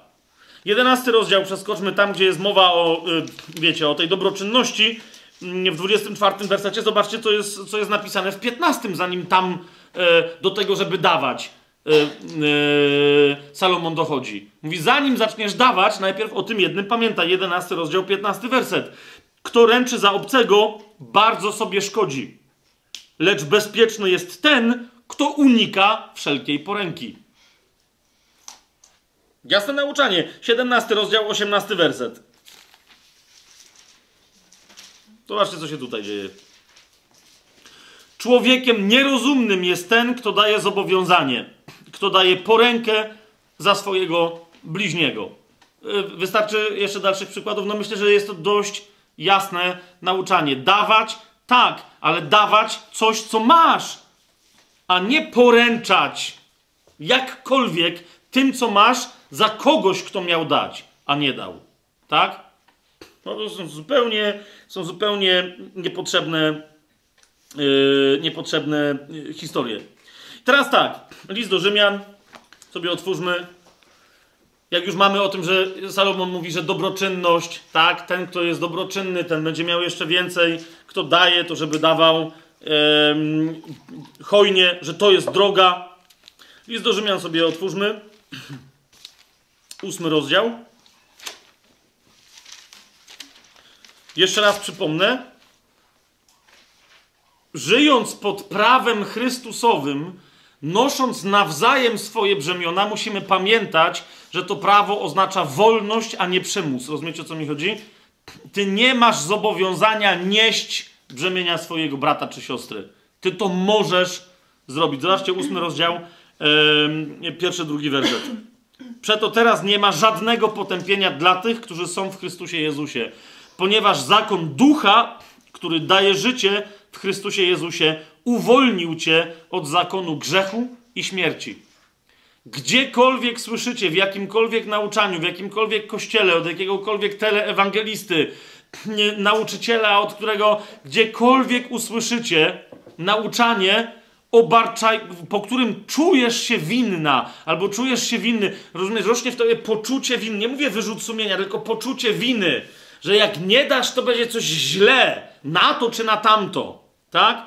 Jeżeli słyszysz gdzieś jakieś nauczanie nie nauczanie, kampanię jakąś chrześcijańską, tak? Że ci pomagają dzieciom i tam widzisz te dzieci, którym zawsze chodzą jakieś muchy po oczach. Wiecie o co mi chodzi, nie?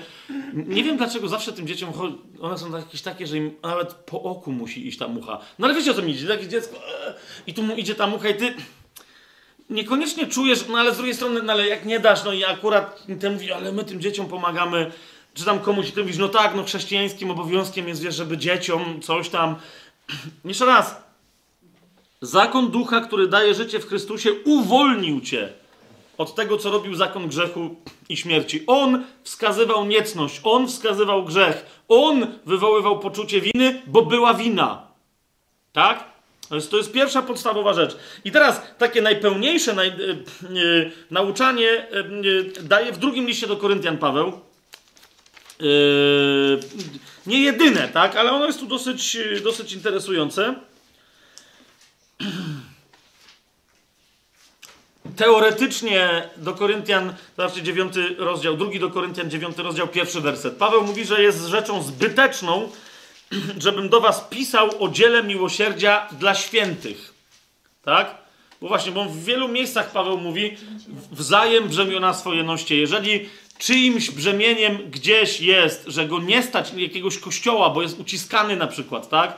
Pamiętajcie o prześladowanych, tak? List do Hebrajczyków, 13 e, rozdział. To oczywiście, że my ich wspieramy. To jest nasze dźwiganie ich brzemienia. Wysyłamy im pieniądze, bo oni nie mają nawet jak zarabiać. Tak? Siedzą w więzieniu. Po prostu wszystko im, wszystko im odebrali. Więc dlatego Paweł mówi to zbyteczną jest rzeczą, żebym do was pisał o dziele miłosierdzia dla świętych. Ale i tu się zaczyna szósty e, werset i dalej. Nauczanie jednak Pawła na temat dawania. Dajmy mu się najpierw e, wypowiedzieć, tak? Toż Paweł, zobaczcie co mówi. A powiadam, kto sieje skąpo, skąpo też będzie rządź, a kto sieje obficie, obficie będzie rządź. Bardzo nam to przypomina to, co dopiero co mówił do nas Salomon w swoich przypowieściach. Prawda? Czytamy dalej. Każdy tak, jak sobie postanowił w sercu, nie z żalem albo z przymusu, ponieważ ochotnego dawcę miłuje Bóg. Czy to jest jasne? Bo naprawdę, ja po prostu nie, nie wiem, bo tu znowu jest, no ale czyli dziesięcina byłoby dobrze. Dajże dwudziesięcinę, trzydziestościecinę. Co tam chcesz? Ale jak wiesz, zarabiasz 30 tysięcy, a serce ci się ściska i masz pikawę y, przy 5 złotych, to daj 4. A potem się zastanów, co ci się w głowie dzieje. Tak? Każdy, po pierwsze, zauważcie, tak jak sobie postanowił w sercu. Dwa, nie z żalem. Trzy, nie z przymusu. Dlaczego? Ponieważ ochotnego, chętnego, radosnego dawcę miłuje Bóg. Tak? Jeżeli zachodzą te rzeczy, że ktoś czuje się przymuszony, że ktoś e, z jakimś. Przestań. Nie dawaj, bo, bo Bóg nie chce czegoś takiego. I teraz, e, w momencie, kiedy ktoś tak daje, co się dzieje? Władny jest Bóg, zobaczcie, ósmy werset, a władny jest Bóg udzielić wam obficie wszelkiej łaski, abyście, mając zawsze wszystkiego pod dostatkiem, mogli hojnie łożyć na wszelką dobrą sprawę. Tak? Bóg chce, w innych miejscach jest powiedziane, że miejcie tyle, ile trzeba i tak dalej. I potem się zaczyna, że tyle, ile trzeba, czyli suchą kromkę chleba, trochę masła, żeby przesmarować i wodę, kawałek pieniądza na prąd, żeby ją podgrzać, żeby się nie otruć, tak? Pomijam już, że cokolwiek zatrutego wypiją nie zaszkodzi im, więc to wody akurat nie musimy y, gotować. Dobra, y, żartuję. Ale tu macie wyjaśnienie, ósmy werset. Co to znaczy? Mieć tyle, ile trzeba, tyle, ile wystarczy, tak? Żeby ci nie zbywało. Nigdy ci nie zbywa, kiedy dajesz ochotnym sercem, tak? Władny jest Bóg udzielić wam ob obficie wszelkiej łaski, abyście mając, zauważcie, zawsze wszystkiego, jak pod dostatkiem, mogli hojnie łożyć na wszelką dobrą sprawę. Tak? Jeżeli rzeczywiście nie chcesz nikomu nic dawać, to ty też żyj o chlebie i kawałku masła i surowej wodzie. Tak? Ale jeżeli żyjesz w hojności, to Bóg ci będzie błogosławić, bo będzie wiedział, że będziesz dawać i będą inni, którzy będą dawać tobie. Po prostu, jak napisano, szczodrze rozdaje, udziela ubogim, sprawiedliwość jego trwa na wieki. I czytamy dalej. A ten, który daje ziarno siewcy i chleb na pokarm, da i pomnoży zasiew wasz i przysporzy owoców sprawiedliwości waszej. Zauważcie, tu nie, ma, nie, nie mamy powiedzianego, że jak ktoś będzie dawać pieniądze, to następnie w zamian dostanie jeszcze więcej pieniędzy. Zauważyliście to?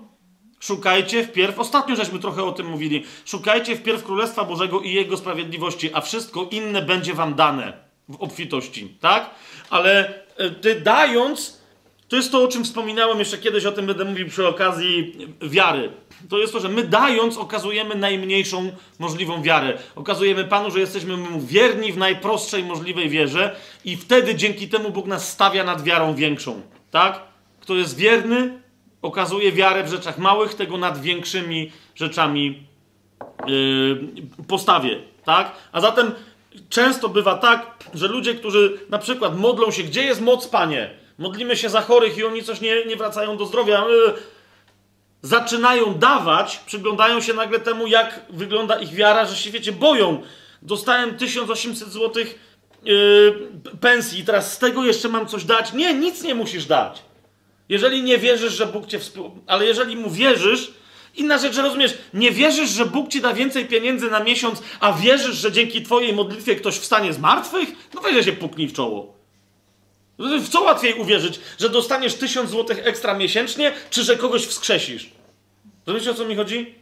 Więc dlatego, jeszcze raz, kto daje, ten z powrotem może od Pana otrzymać większą sprawiedliwość królestwa. A więc na przykład właśnie Pan nad nim wyciągnie rękę i zacznie dokonywać znaków i cudów przy głoszeniu Ewangelii. Ma, ma to sens, co, co mówię? Ten, który daje ziarno siewcy i chleb na pokarm, da i pomnoży zasiew wasz. W jaki sposób? Przysporzy owoców sprawiedliwości waszej. I czytamy dalej.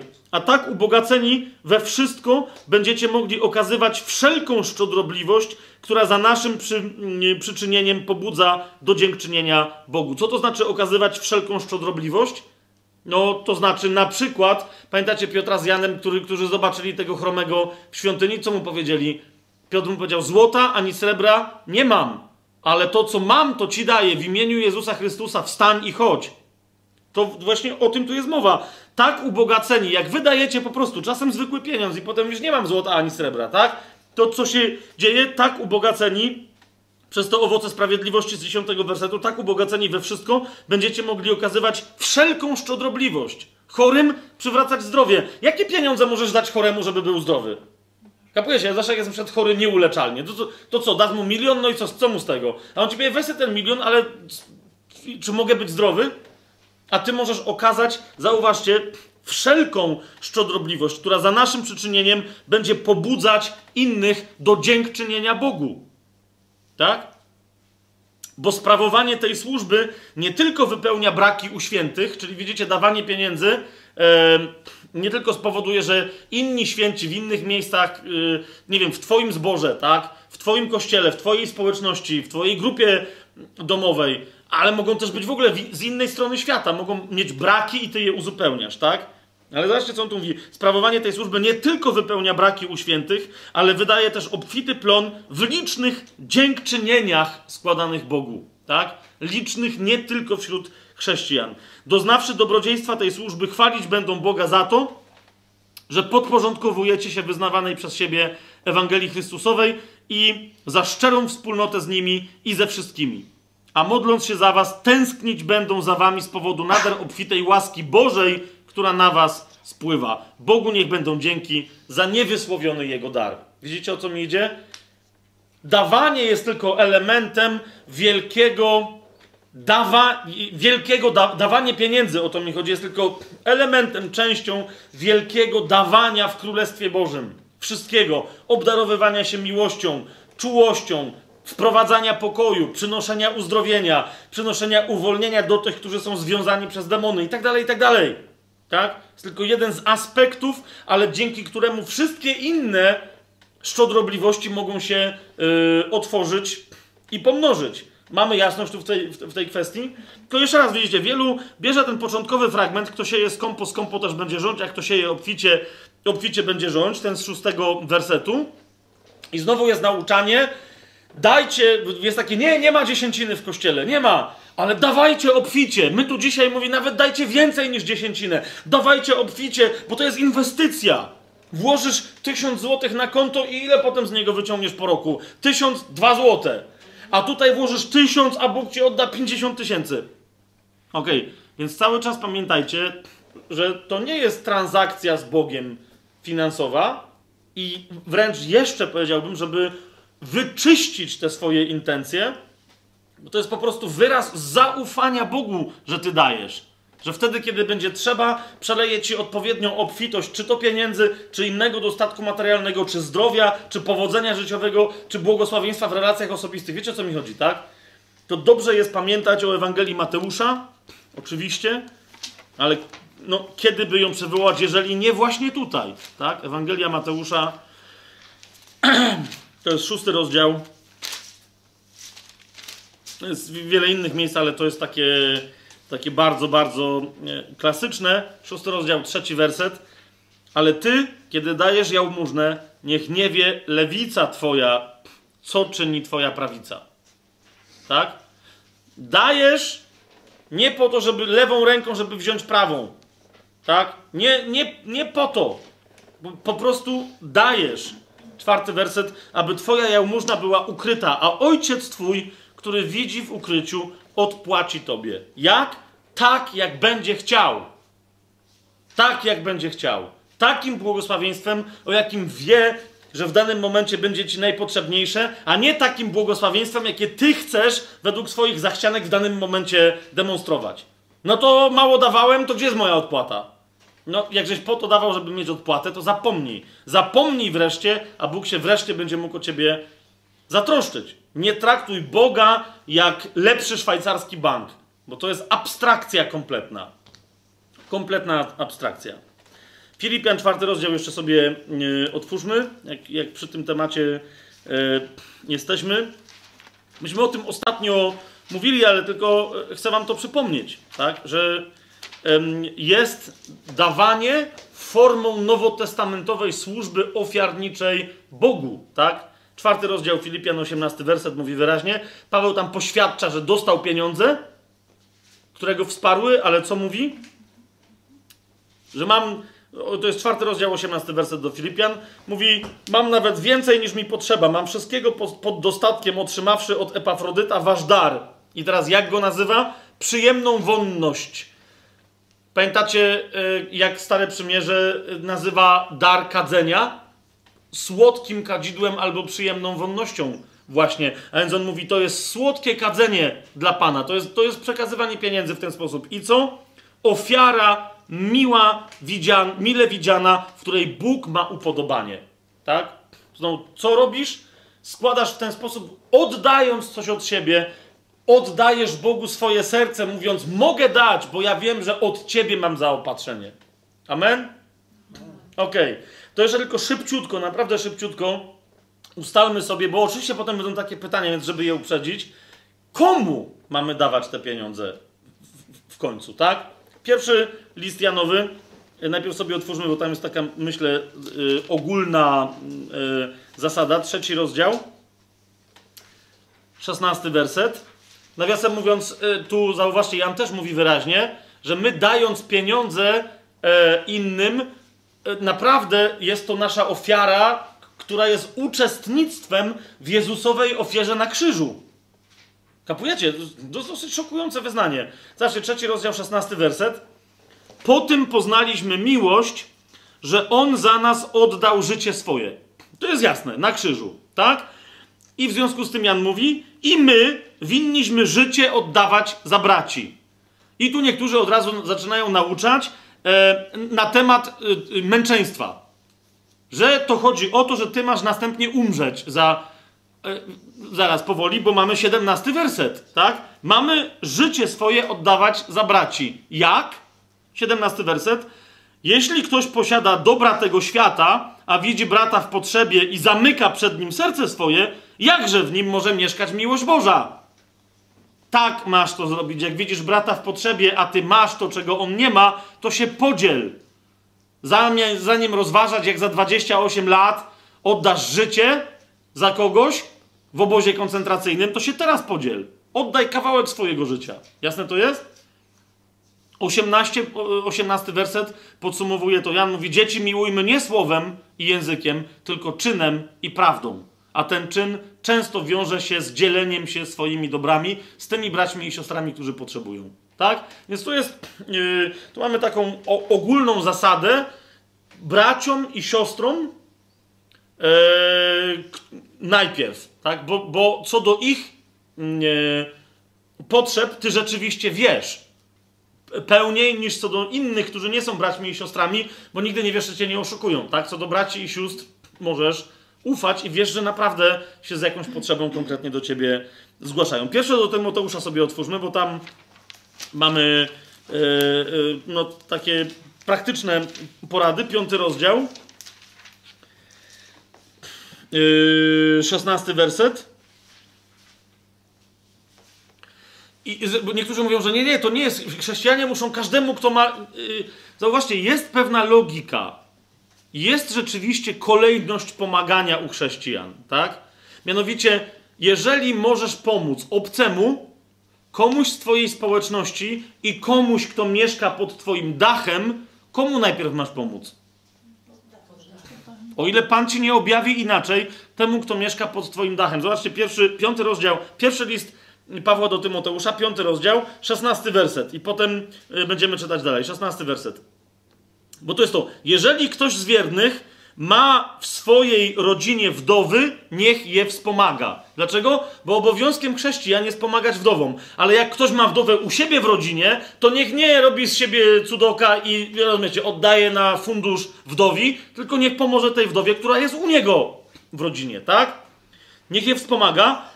Dlaczego? Zauważcie, aby cały zbór nie był obciążony i mógł wspierać te, które rzeczywiście są wdowami. To znaczy, nie tylko, że nie mają męża, ale nie mają też rodziny, która by je wsparła wierzącej.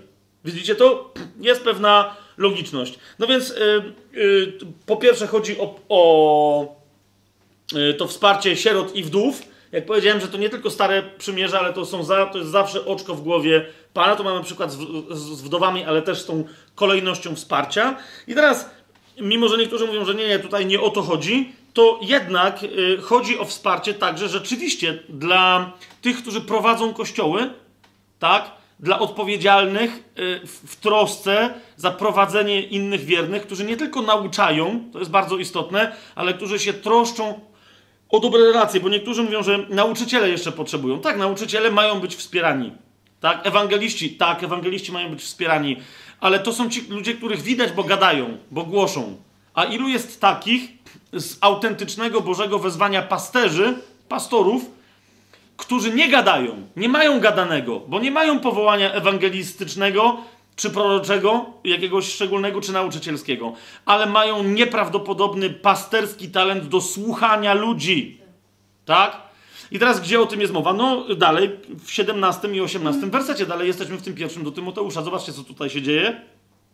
Starszym, którzy dobrze swój urząd sprawują, należy oddawać podwójną cześć, zwłaszcza tym, którzy podjęli się zwiastowania słowa i nauczania. Ale jeszcze raz, tym, którzy nauczają, y, zwiastują słowo, tak? Ewangelistom głównie, ale nie tylko, no, głoszącym słowo. I nauczycielom, tak, na, należy się podwójna cześć, ale zauważcie, wszystkim starszym, którzy dobrze swój urząd sprawują.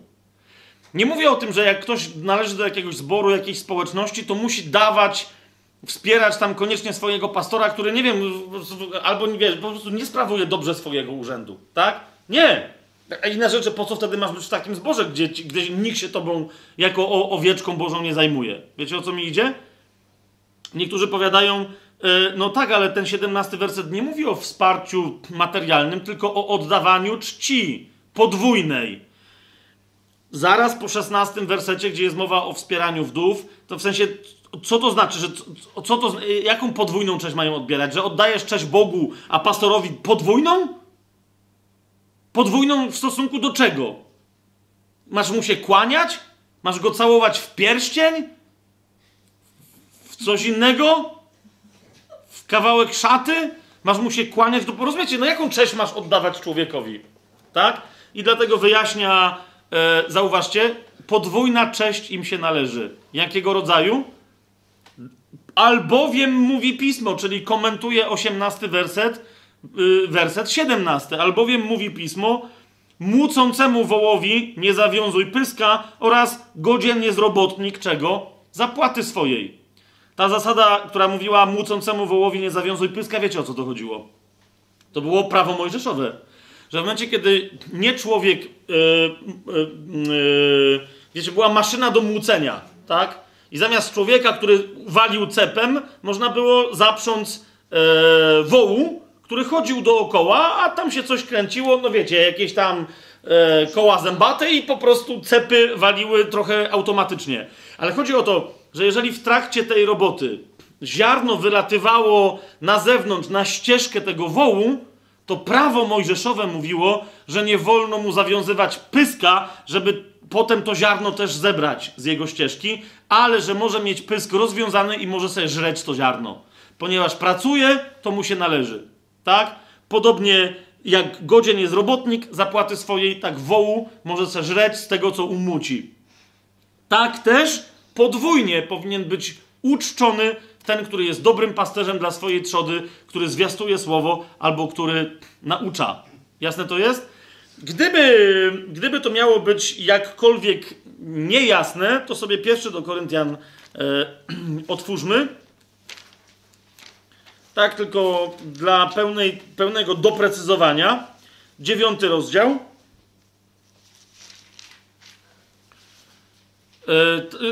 Tam jest taki fragment, w którym się Paweł dokładnie na, ten sam, na te same e, dwa cytaty powołuje z prawa mojżeszowego.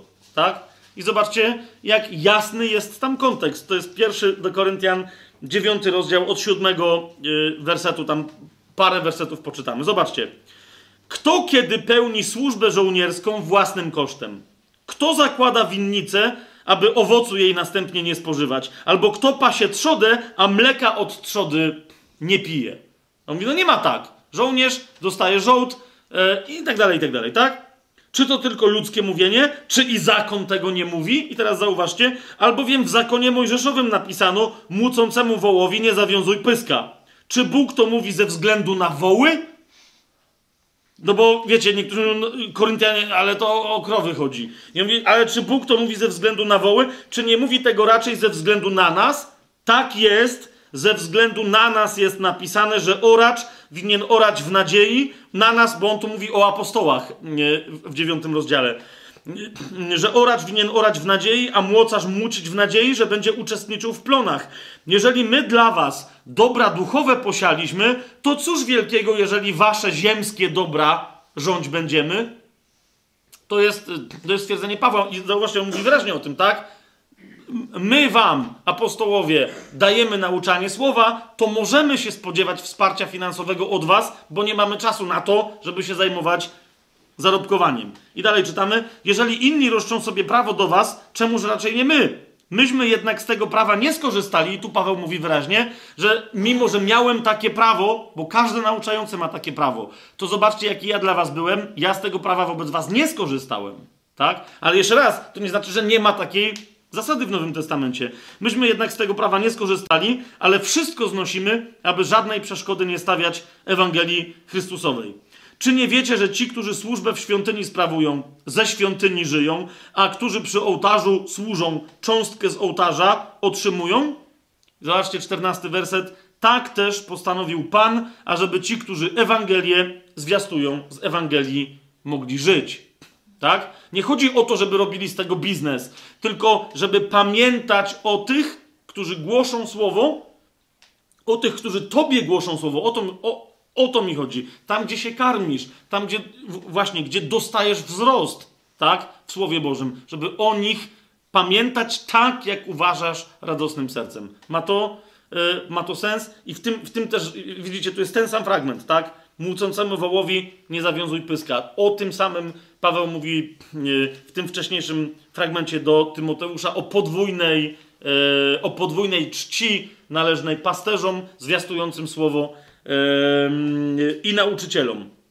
I jeszcze jakby to było niejasne, szósty rozdział i szósty jest więcej takich fragmentów, ale to są takie, które jasno pokazują, gdzie, gdzie można dawać wsparcie, bo oczywiście każda dobroczynność, tak, do której Pan cię porusza, każda misja, słyszysz o tym, że jest jakiś ewangelista, głosi, wiesz, w jakimś odległym kraju i tam z czego on tam ma żyć? A ona może, wiesz, uczy się dopiero języka, za rok dopiero będzie głosił Ewangelię. Jak będzie głosił Ewangelię, dalej nie będzie miał z czego żyć. Pan cię może wezwać do tego, żeby go wesprzeć. Szósty rozdział Galacjan. Szósty werset. E, czy rzeczywiście tak jest? Czy rzeczywiście tak, bo niektórzy mówią, no tak, ale to mogę sobie wybrać, no nie? Tutaj dam na jakieś tam dzieło charytatywne, tu tam na coś, tam na coś. E, jeszcze raz, w tej kwestii chcę, żebyście mieli naprawdę jasność, tak? Szósty rozdział, szósty werset. Ten, którego się naucza Słowa Bożego, niechaj się dzieli wszelkim dobrem z tym, który go naucza. Widzicie to? A zatem, mając inne cele, wsparcie sierot, wdów, kogokolwiek i tak dalej, jeżeli masz gdzieś nauczyciela, który naprawdę cię dokarmia, to się z nim podziel. Jeżeli masz. Teraz nie chodzi mi o to, że my tu akurat mamy tajemny plan, tak? Ale masz kościół domowy, wspólnotę. Tam masz kogoś, kto, kto ci mówi mocne rzeczy, tak? Przychodzisz tam, bo naprawdę masz tam. To zostaw tam ten pieniądz, tak? To nie musi być, to nie musi być pieniądz, to może być innego rodzaju wsparcie. Ale zastanów się nad tym, bo tu wyraźnie Słowo Boże o tym mówi. Masz, masz różne koncepty, ale ten, jeszcze raz, ten, którego się naucza Słowa Bożego, niechaj się dzieli wszelkim dobrem z tym, który go naucza. Tak? A więc wyraźnie na nas jest położone. Ja to o, o tym też przypominam nauczycielom. Bo to jest kolejna rzecz. Niektórzy mówią, no ale ja sam nauczam. Nauczasz, bo co? A ty masz tylko i wyłącznie objawienie od Ducha Świętego i od nikogo innego? Od innych też się nauczyłeś, tak? Gdzie się uczyłeś, y, to tam zostaw jakieś swoje dobro. Gdzie się dalej uczysz, tak? To, to tam przekaż swoje dobro. To, że ty dzisiaj jesteś nauczycielem, ewangelistą, kimś tam nie ma żadnego znaczenia, tak? Jeżeli na, na, nawet, no po prostu gdziekolwiek przyjąłeś od kogoś, Bóg cię dotknął przez czyjąś posługę, to co z tego, że ty jesteś wielkim namaszczonym posługującym? Do, w pokorze uznaj, że Bóg ciebie nauczył przez innego nauczyciela. Jasne to jest? Mówię o tym tutaj dla, dlatego, bo tutaj jest też paru nauczycieli i, i, i nauczających, więc się na mnie nie obraźcie, tylko, tylko wam mówię, tak? E, no, no dobra, tyle. Mówię i skończyłem mówić. Okej, mamy jeszcze ma, mamy jeszcze chwilę wytrwałości, mamy jeszcze dwa, e, dwa tematy. Mamy 3,5 godziny. Czy mamy chwilę, mamy, macie jeszcze jakąś odrobinę energii? My możemy na tym skończyć, dlatego że tym, którzy nie oglądali odcinka poświęconego księdze Aggeusza i Zachariasza, mówię tylko o tym, że wtedy mówiliśmy, yy, mówiliśmy yy, też yy, trochę na temat dawania jej na temat pieniędzy. Zgadza się? Czy coś nie pamiętam? Mówiliśmy o pieniądzach wtedy. Mówiliśmy. Więc jak ktoś jeszcze sobie chce uzupełnić, a nie słuchał tamtego poprzedniego w, stosunku do tego odcinka, to niech e, sobie tamtego nauczania e, wysłucha. Teraz jeszcze na dwie rzeczy chciałem Wam zwrócić uwagę, jak macie e, chwilę. Jeszcze. Albo odrobinę energii w sobie. Otóż, jak niektórzy wykorzystują Malachiasza do tego, żeby właśnie nauczać dziwacznych rzeczy na temat dziesięciny, bo tu mamy jasność, tak? Dajemy z serca, dajemy jeszcze więcej niż dziesięciny, ale nie liczymy się z Panem. Znaczy, liczymy się z Panem, ale nie liczymy się, wiecie, co do grosika, bo coś tam i tak, i tak dalej. Nie ma w ogóle y, y, żadnego znaczenia.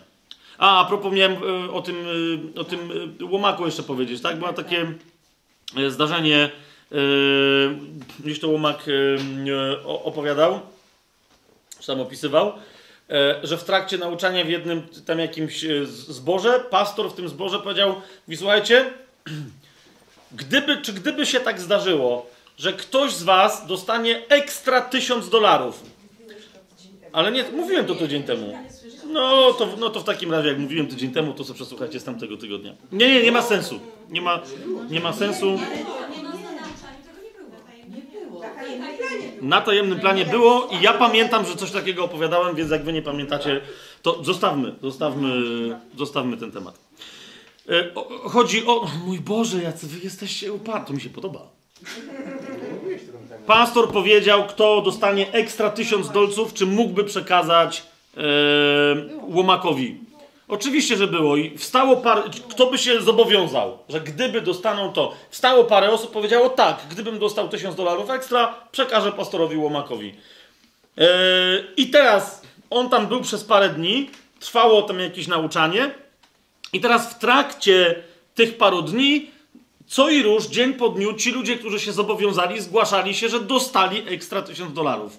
Ktoś tam się zgłosił, powiedział, że dostał podwyżkę o 1000 dolarów i przekazał te pieniądze Łomakowi. Ktoś tam się zgłosił, że tam jakieś coś odziedziczył i że ekstra 1000 dolarów dostał jeszcze więcej, ale że ma te ekstra 1000 dolarów i przekazywał, przekazywali je e, Łomakowi. Wiecie, wniosek był taki, że jak się ci ludzie zobowiązali, czy gdyby dostali ekstra 1000, czy by go z łatwością przekazali, jak się zgłosili, to dostali nie tylko ten 1000, ale znacznie więcej.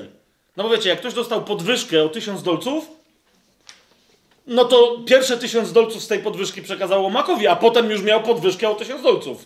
Tak? Więc y, Łomak, co tam miał wziąć, to, to wziął, wyjechał, ale pod koniec tej, tego jego pobytu, czy już nawet jak on wyjechał, nie pamiętam teraz dokładnie, pastor powiedział, czy jak teraz widzicie, co się dzieje, czy gdybym teraz powiedział, jak ktoś z nas dostanie ekstra 1000 dolarów, to czy by przekazał e, jeszcze na dzieło pastora Łomaka. Tak? I do, jak się domyślacie, e, prawie cały zbór tam powstał, tak? Oczywiście! Oczywiście!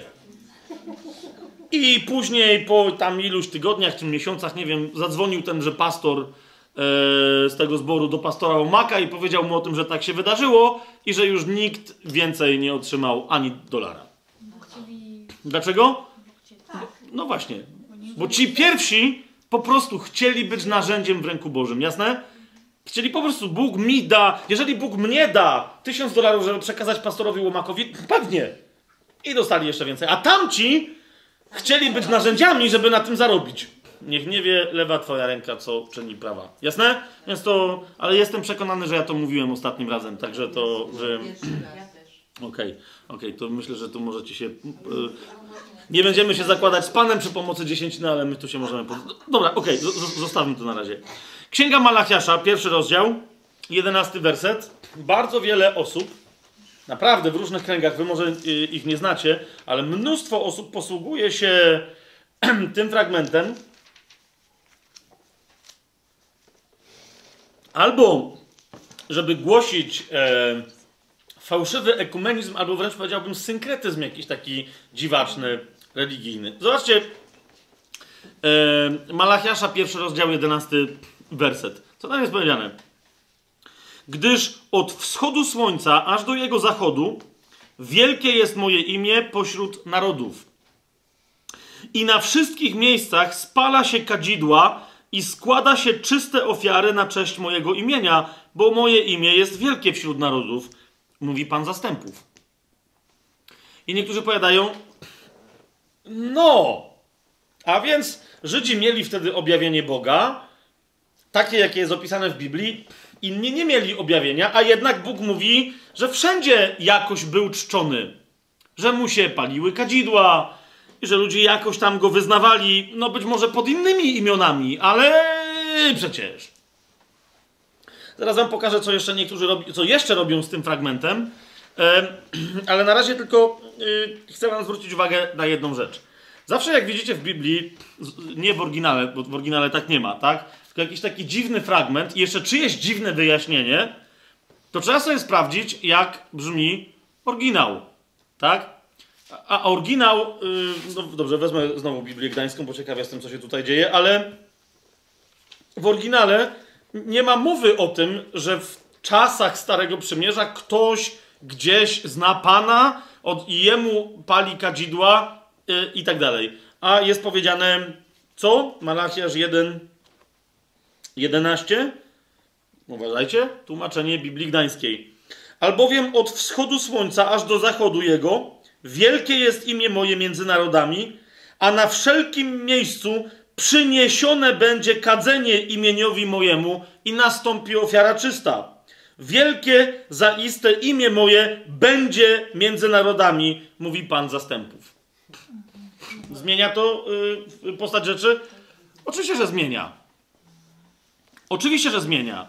E, ale niektórzy na przykład właśnie to tłumaczenie sobie wybierają, robią, robią w tym jakieś takie dziwne tłumaczenie. Tutaj ktoś, no Biblia Warszawska, na, na razie komentarz wstrzymam, tak? Z tym, ale no, no właśnie, tak? I, I na podstawie tylko jakiego, jakiegoś, jakiegoś bredzącego w danym miejscu tłumaczenia, bo wiecie, nawet najlepsze tłumaczenie gdzieś może zabredzić, niechcący, tak? No to, to nagle i, i niektórzy zaczynają mówić, nie, nie, e, ekumenia, e, w ogóle dialog, między, nie! Jest w ogóle, wiecie, takie, taka koncepcja, ostatnio ktoś to mi y, opowiadał, że jak rozpoznać sektę. Wiecie, jak rozpoznać sektę?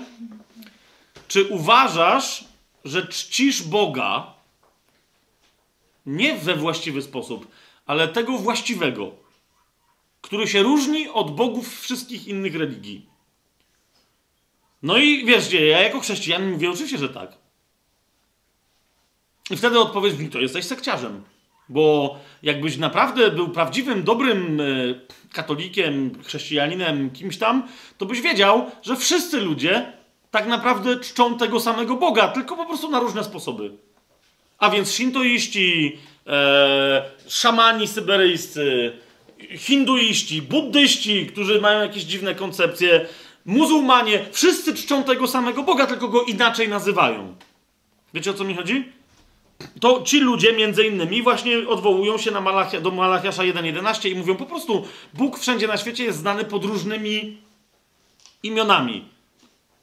Teraz z całym szacunkiem, jeszcze raz, yy, yy, do ludzi wszystkich, którzy się znajdują w kościele rzymskokatolickim, ale jednak e, Kościół rzymskokatolicki, który przez wieki miał takie ekstremum, że tylko on zna prawdziwego Boga, już to, to, to twierdzenie też pomijam, tak? Ale w pewnym momencie doszło do nieprawdopodobnej kontrowersji po Soborze Watykańskim II, po tych wszystkich e, koncepcjach Soboru Watykańskiego II, także nawet na łonie samego Kościoła rzymskokatolickiego wiele osób, jak zobaczyło, co jest grane, to się rzuciło i powiedzieli: O, co jest grane?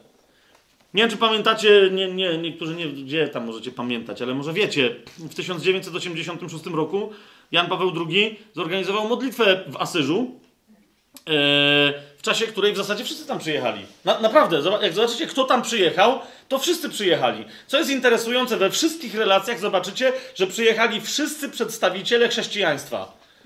No ja tam się wglądałem i wczytywałem i zobaczyłem, że były różne odmiany katolicyzmu rzymskiego, bardziej lub mniej.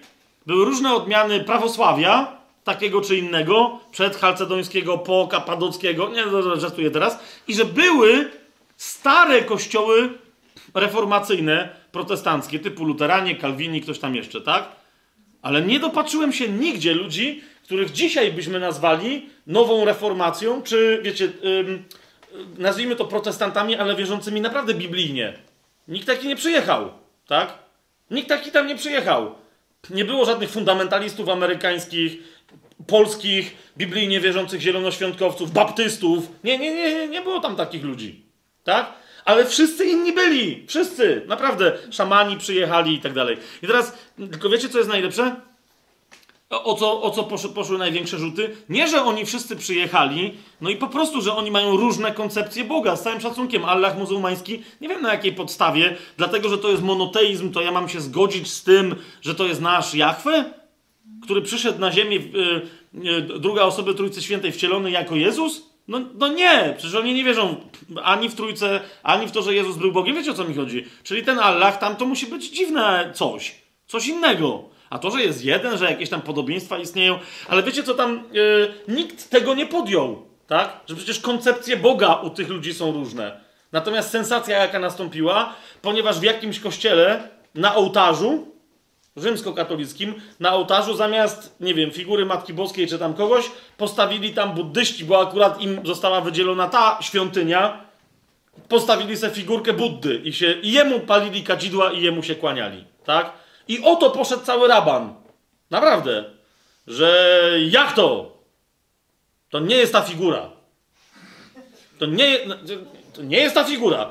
I teraz właśnie, no widzicie, ktoś powie, że ja się teraz nabijam. Yy, no tak, no nabijam się.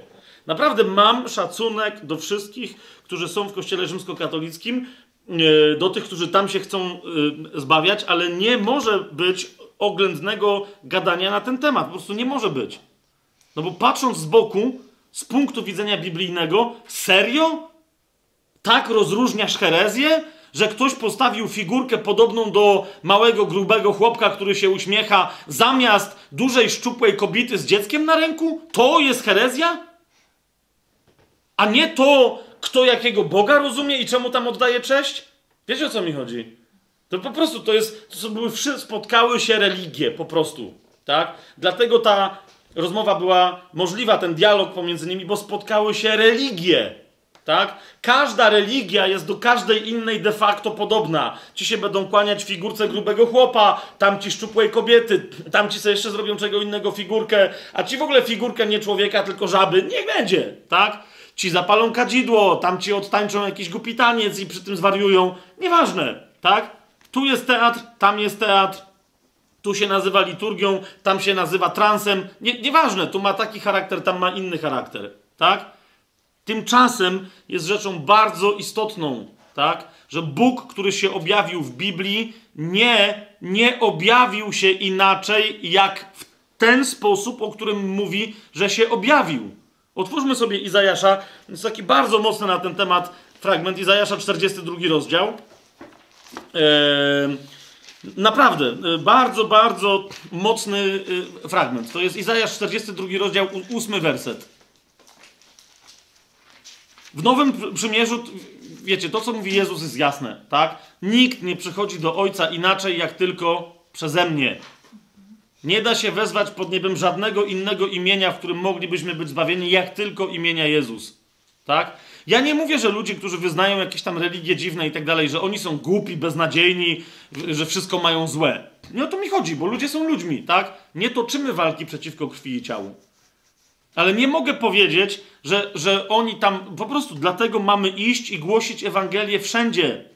Tak? Wszystkim. Spójrzcie, Izajasz 42 rozdział, 8 werset. W Biblii Warszawskiej mamy stwierdzenie: Ja Pan, a takie jest moje imię, nie oddam mojej czci nikomu, ani mojej chwały bałwanom.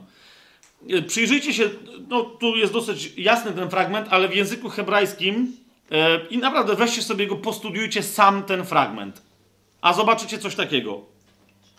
Ja jestem Jahwe. Tak się zaczyna ten fragment. Ja jestem Jahwe. I takie jest moje imię. Jahwe. Tak?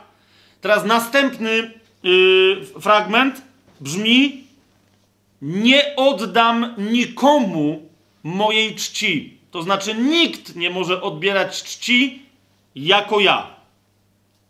Jasne to jest?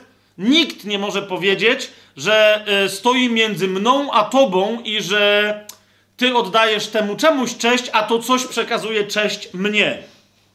Tak? Nikt, żadna istota nie może się pojawić i powiedzieć, że jak jej oddasz cześć, to ona tak naprawdę oddaje cześć mnie. Czy jest to jasne? Jeżeli ktoś na przykład, no właśnie, w kościele rzymskokatolickim jest ta koncepcja, tak, że jest cześć boska i jest cześć jakaś tam i nieboska, którą można oddawać aniołom, świętym, Ma Maryi, wiecie o co mi chodzi, tak? Nie, nie ma takiej koncepcji. I Pan się pod tym względem nie zmienił. Ja jestem Jahwe. Tak mam na imię. Nie oddam nikomu mojej czci. I teraz następny. Ani moja cześć nie przejdzie przez bałwany. Tak powinno to być przetłumaczone, tak? A zatem nikt nie może jakiejś istocie oddawać czci jakiejkolwiek, ponieważ cześć należy się tylko mnie, ani nikt nie będzie oddawać żadnym wizerunkom czci, jakoby w ten sposób miał oddawać mnie cześć, ponieważ cześć oddaje się mnie, który mam na imię Jahwe, takiemu, jaki jestem, a ja się nie zabieram w żadnym obrazie, w żadnej figurze, w żadnej innej postaci. Ja jestem ja. Czy to jest jasne? I naprawdę przestudiujcie sobie y, te, sam ten wersecik. On naprawdę tak mocno. On jest trudny dosyć do przetłumaczenia. Trudny dosyć do przetłumaczenia na, na język y, polski z hebrajskiego. Niemniej, jak, jak, jak go przestudiuje, przestudiujecie, to, y, to tam zobaczycie, co się stało. Bo tam jest Asher, mi oddam czci Asher. Asher. No, no tak, ale już nie będziemy teraz wchodzić w aszery i tam w inne historie. Idzie mi tylko o to, że. No. Ym, Okej. Okej, więc jak mamy w tej kwestii jasność, to jeszcze chcę Wam pokazać inną rzecz. I tu znowu. ym, ktoś tam mi ostatnio y, zwrócił uwagę, że.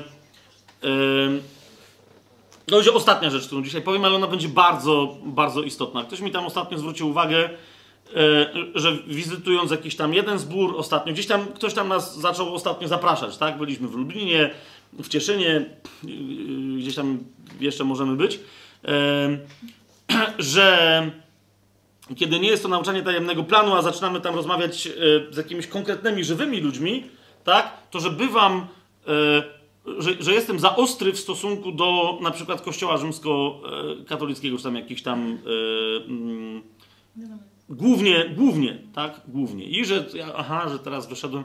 Słuchajcie, jeszcze raz. Yy, bronię tego, że można być w różnych denominacjach chrześcijańskich, także w kościele rzymskokatolickim czy w kościele prawosławnym i być zbawionym. Tak? Ale nie będę nigdy twierdził, ponieważ sam tam byłem.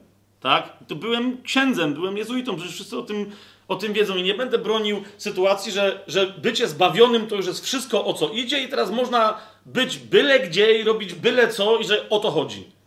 Bo zostając dalej w sytuacjach, w których się wykonuje fałszywe rzeczy, zamiast przynosić owoce dobrego, Bożego życia, wiecie o co mi chodzi? Po prostu zaczynasz się plątać w jakieś historie, które ci właśnie wzbraniają przynosić prawdziwe mm, owoce, tak? A zatem nie, nigdy żadnych ludzi y, z żadnego kościoła nigdy nie, nie atakuje, ale jeżeli gdzieś pojawia się fałszywa, okradająca chrześcijan praktyka, kult, obrzęd jakiś dziwny, czy rzekoma tradycja, na przykład tak jak dzisiaj mówiliśmy o dziesięcinie, tak? Wiem, że będzie parę kościołów, adwentyści, no zapewne się na mnie obrażą, nie wiem kto tam jeszcze. Naprawdę, zobaczcie, bardziej się mogą obrazić jak katolicy o Matkę Boską, którą tam y, tu i ówdzie żeśmy już dotknęli, tak? Przy pomocy Słowa Bożego. To tu też będzie wielka obraza.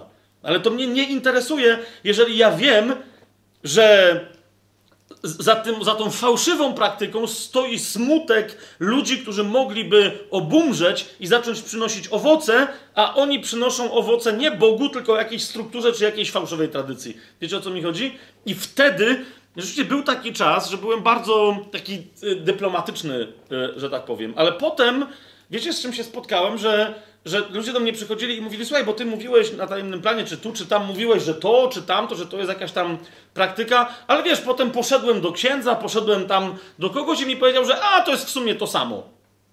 Na przykład y, mówi, no wiesz, że starsi to jest, to nie ma struktury w kościele, ale w kościele katolickim księża to są prezbiterzy, czyli to są starsi. Tak? A, a Matka Boska, a Matka Boska nic sobie nie zabiera, ona po prostu, wiesz, ona przecież całą sobą oddaje chwałę Bogu, więc jak ty ją chwalisz, to ona...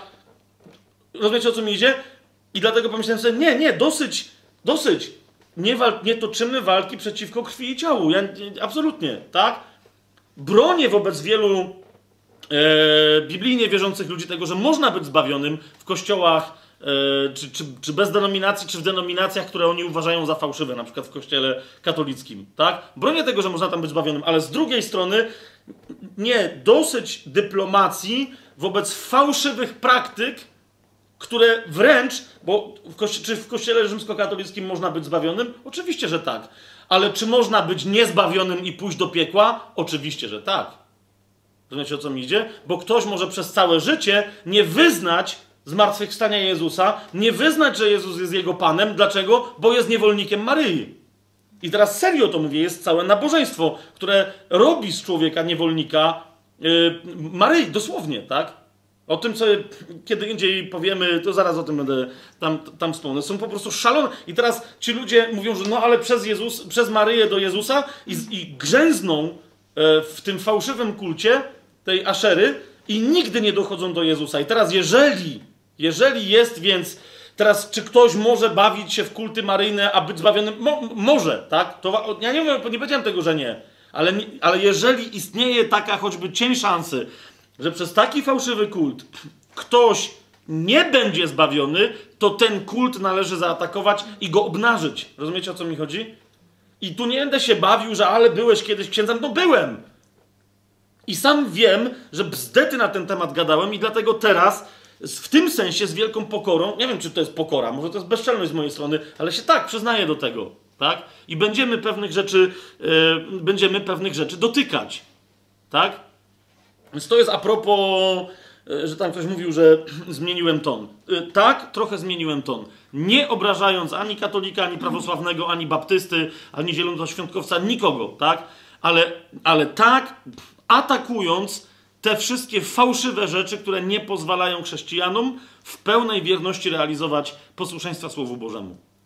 Czy ja się nie mylę? Oczywiście, że się mogę mylić. I dlatego właśnie tego oczekuję, żeby potem ktoś przyszedł i mi po prostu machnął w czapkę i powiedział, stary, ale tu jednak nauczasz czegoś innego.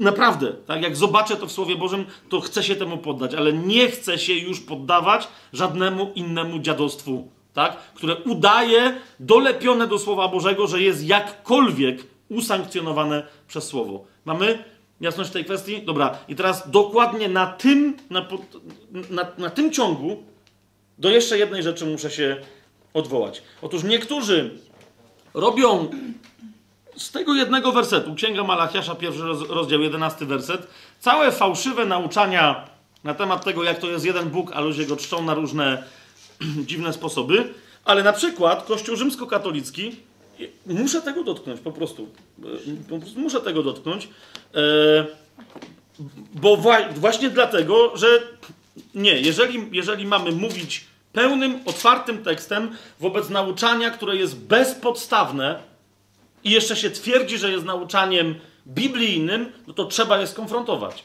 Tak? Czytam wam, to jest Biblia Tysiąclecia, wydanie y, y, 3,5. Jak je y, nazywam, czyli wydanie trzecie poprawione. Możecie sobie to sami sprawdzić. Wstęp do księgi Malachiasza. Na samym końcu tego y, wstępu jest y, napisane: Sobór Trydencki ze swojej strony podkreślił znaczenie tekstu Malachiasz 1.11. Jak? A mianowicie, że jest to przepowiednia o mszy świętej. I teraz jeszcze załóżmy, że to jest czas przyszły, tak? Chodzi o to, że na wszystkich miejscach będzie się spalać kadzidła i składać czyste ofiary. Tak?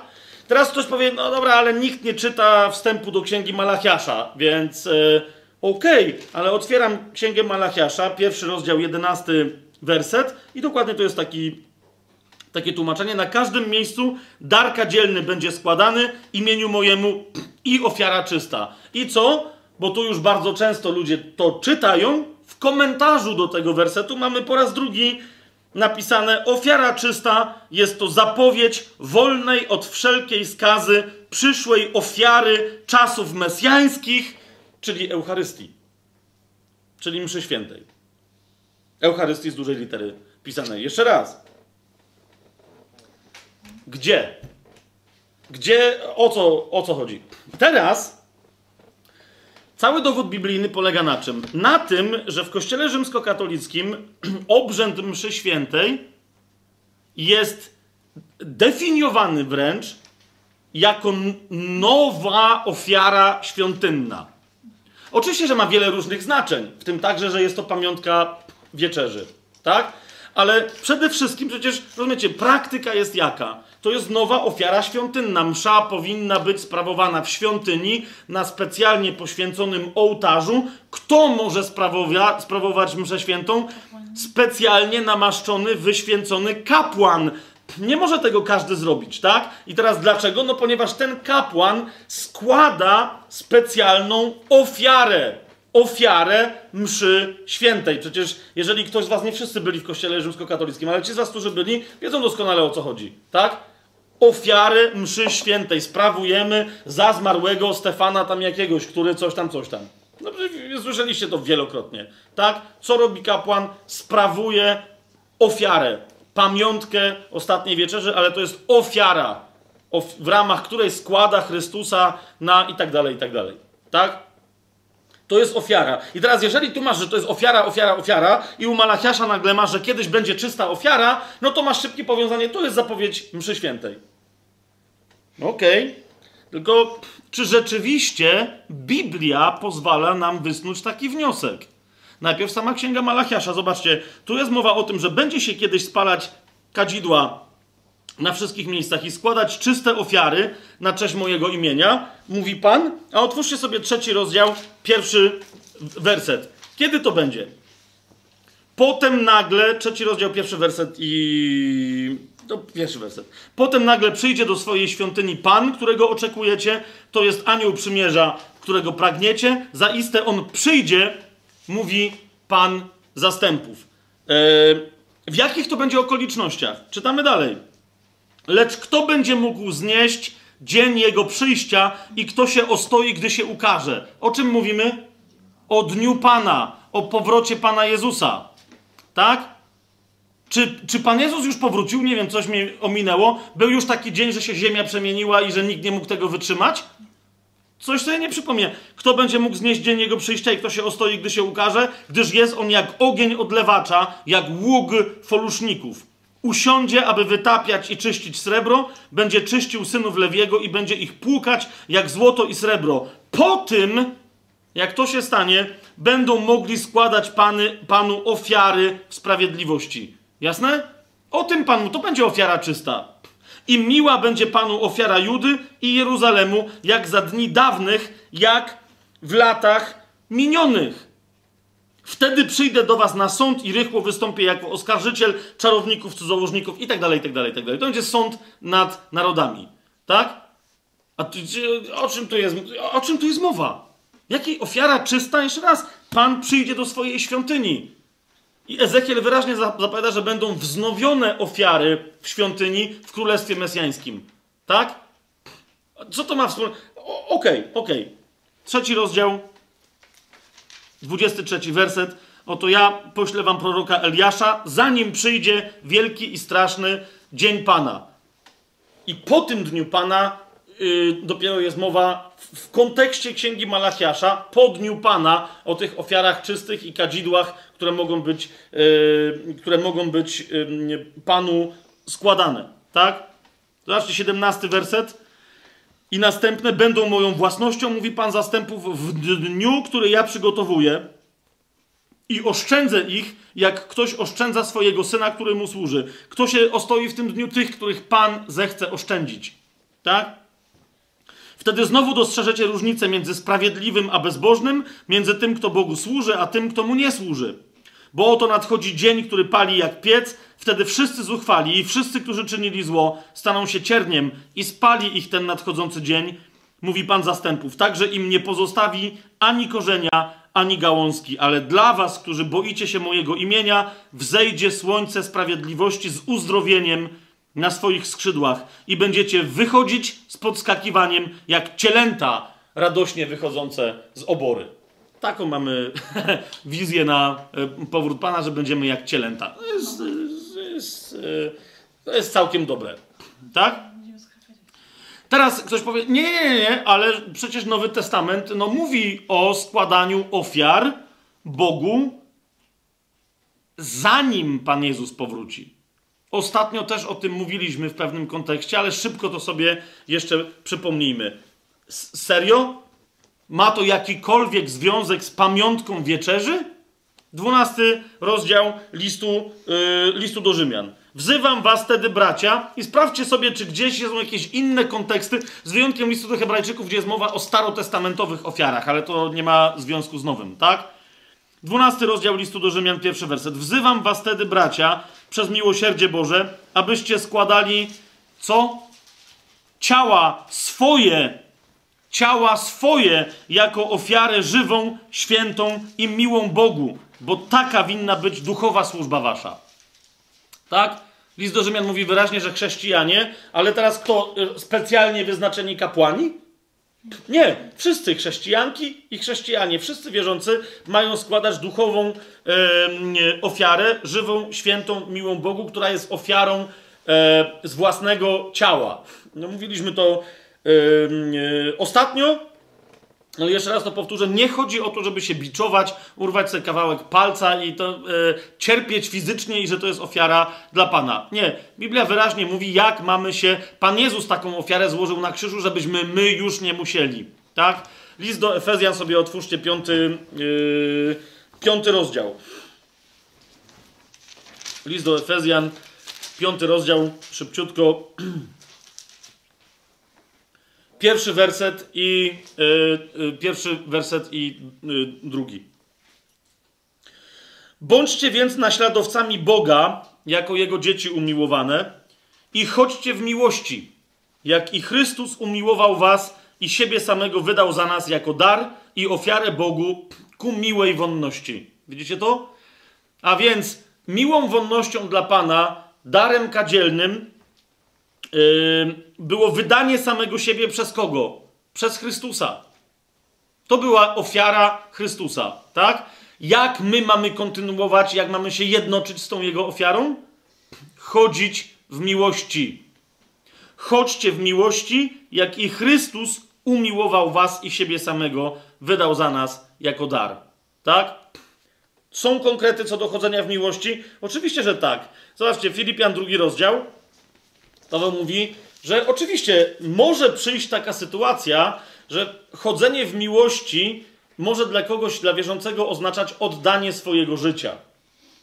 Ekstremalna sytuacja może oznaczać oddanie swojego życia. Drugi rozdział, 17 werset Paweł mówi, ale gdyby nawet krew moja miała być dolana do ofiary i obrzędu ofiarnego waszej wiary, raduję się i cieszę razem z wami wszystkimi. Z tego i wy się radujcie i cieszcie razem ze mną. Mówi, nawet jakbym miał za, za to, że głoszę Ewangelię i że wam ją głosiłem, jakbym miał dać ostateczne świadectwo, że mnie zabiją, mówi, to niech będzie. Bo to też jest ofiara z ciała. Ale powoli, tak? Przypominam wam ten sam list do Filipian, czwarty rozdział, osiemnasty werset. Mówi, że ale póki Pan cię nie wzywa do oddania życia, a na razie cię y, nie wzywa, to pamiętaj, że przekazywanie datków pieniężnych, tak? Dla innych chrześcijan cierpiących, którzy są zagrożeni śmiercią, na przykład, tak? czy tak jak dzisiaj o tym, o tym mówiliśmy, jest ofiarą mile widzianą, w której Bóg ma upodobanie. Czwarty rozdział, osiemnasty werset listu do Filipian. Jasne to jest? A więc ofiara yy, pieniężna. List do Hebrajczyków sobie otwórzmy. Yy, który oczywiście mówi na temat tam ofiary, ale, ale chciałbym jedną rzecz yy, zdecydowanie przypomnieć. Dziewiąty rozdział sobie otwórzcie. 23 werset i następny. My parokrotnie już podczas tajemnego planu żeśmy je cytowali, ale to trzeba cały czas przypominać w tym kraju i w tym kontekście. Dziewiąty rozdział listu do Hebrajczyków 23 do 28. Czy Chrystus może być w ogóle składany w ofierze? Czy ktokolwiek może go składać w ofierze i czy może się to odbywać? List do Hebrajczyków mówi: Jest więc rzeczą konieczną, aby odbicia rzeczy niebieskich były oczyszczone tymi sposobami, same zaś rzeczy niebieskie lepszymi ofiarami, aniżeli te, które pochodziły, tam jest kontekst z prawa mojżeszowego. Albowiem Chrystus nie wszedł do świątyni zbudowanej rękami, która jest odbiciem prawdziwej, ale do samego nieba, aby się wstawiać teraz za nami przed obliczem Boga. I nie dlatego, żeby wielekroć ofiarować samego siebie. Czy wy to widzicie? Nie po to Chrystus poszedł do nieba, aby wielekroć ofiarować samego siebie, podobnie jak arcykapłan wchodzi do świątyni co roku z cudzą krwią. Gdyż w takim razie musiałby cierpieć wiele razy od początku świata. A czy tak było? Nie, Paweł odpowiada zaraz dalej w tym samym wersecie, ale obecnie objawił się on jeden raz u schyłku wieków dla zgładzenia grzechu przez ofiarowanie samego siebie. Kto może ofiarować Chrystusa? On sam siebie może ofiarować. I tak też zrobił. A jak postanowione jest ludziom raz umrzeć, raz umrzeć, a potem sąd, taki Chrystus, raz ofiarowany, aby zgładzić grzechy wielu, drugi raz ukaże się nie z powodu grzechu, ale ku zbawieniu tym, którzy go oczekują. Będzie umierać wielokrotnie? Nie. Może go ktoś ofiarowywać jako ofiarę? Nie, ponieważ sam siebie raz ofiarował. Koniec. Dziesiąty rozdział, przeskoczmy sobie do jedenastego wersetu i parę ich poczytajmy. Każdy kapłan sprawuje codziennie swoją służbę i składa wiele razy te same ofiary. Tak było w Starym Przymierzu. I widzicie, to co robi yy, z tak zwanymi kapłanami Kościół rzymskokatolicki dzisiaj, to jest po prostu stwierdzenie, my dzisiaj mamy nowe kapłaństwo. My jesteśmy nowym Izraelem, to samo Kościół prawosławny, tak? My jesteśmy nowym Izraelem. Oni mieli Mojżesza, a my mamy magisterium Kościoła. Oni mieli kapłanów w jednej świątyni działających, a my co robimy? My mamy kapłanów, którzy składają ofiarę mszy świętej. Tak? Każdy kapłan sprawuje codziennie swoją służbę i składa wiele razy te same ofiary, uwaga, które nie mogą w ogóle zgładzić grzechów. Tak? Jak ktoś musi powtarzać ofiarę, to znaczy, że składa ofiarę niegładzącą grzechy. Tak? Okej, ktoś powiedzą, y, trzeba iść do spowiedzi, żeby zgładzić grzechy, ale no, dobrze, czytamy dalej. Ale gdy On, Chrystus, złożył raz na zawsze jedną ofiarę za grzechy, usiadł po prawicy Bożej. Oczekując teraz, aż nieprzyjaciele jego położeni będą jako podnóżek stóp jego, albowiem jedną ofiarą uczynił raz na zawsze doskonałymi tych, którzy już są uświęceni. Ja, jasne? Tyle. Cała koncepcja w kościele rzymskokatolickim. Ktoś mówi, że nie, nie, ja dostępuję łaski. Nie, jak łazisz do spowiedzi, bo musisz do niej pójść, bo nie możesz brać udziału w ofierze mszy świętej, to jest niezgodne z tymi fragmentami, które teraz czytamy. Bo to znaczy, że w kółko musisz się spowiadać, żeby w kółko ktoś twoje aktualnie dopiero co popełnione grzechy zmazywał i wtedy możesz przystąpić znowu do ofiary krzyżowej Chrystusa. Ktoś mówi, nie, nie, ona jest tylko uobecniana. Jak może być uobecniane coś, co się dokonało raz, kiedy teraz Chrystus siedzi już po prawicy Ojca w niebie? Tak? Trzynasty rozdział sobie y, otwórzmy, bo to więcej nie będziemy na temat...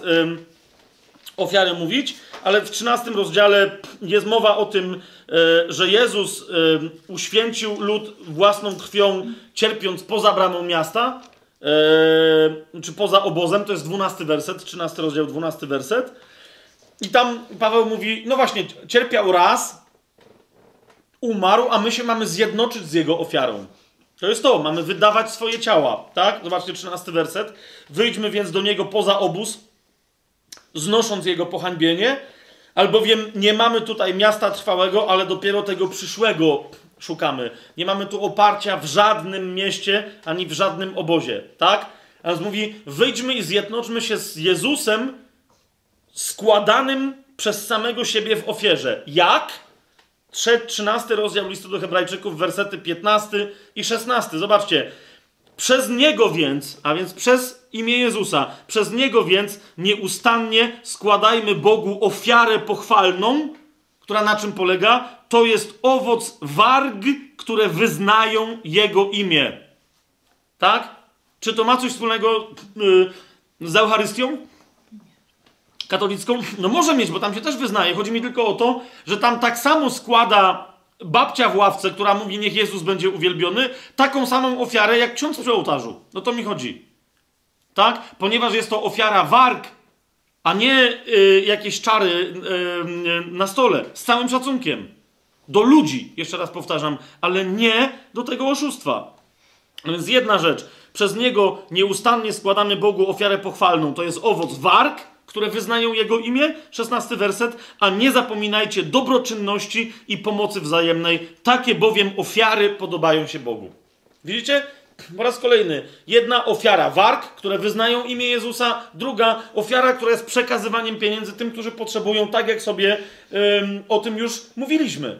Tak? Czy są specjalni ludzie wyznaczeni do tego, żeby y, te ofiary składać? Pierwszy list Piotra, Piotra, żeby już nie było, że to Paweł, tak? Że on tam żydostwa jakiegoś naucza. To jest Piotr. No jesteś Piotr, opoka i na tej opoce zbuduje mój kościół. I bramy piekielnego nie przemogą. Jaki to jest kościół? Pierwszy list świętego Piotra. Yy, drugi rozdział. Sobie otwórzcie. Piąty werset. Zobaczcie, co tam jest powiedziane.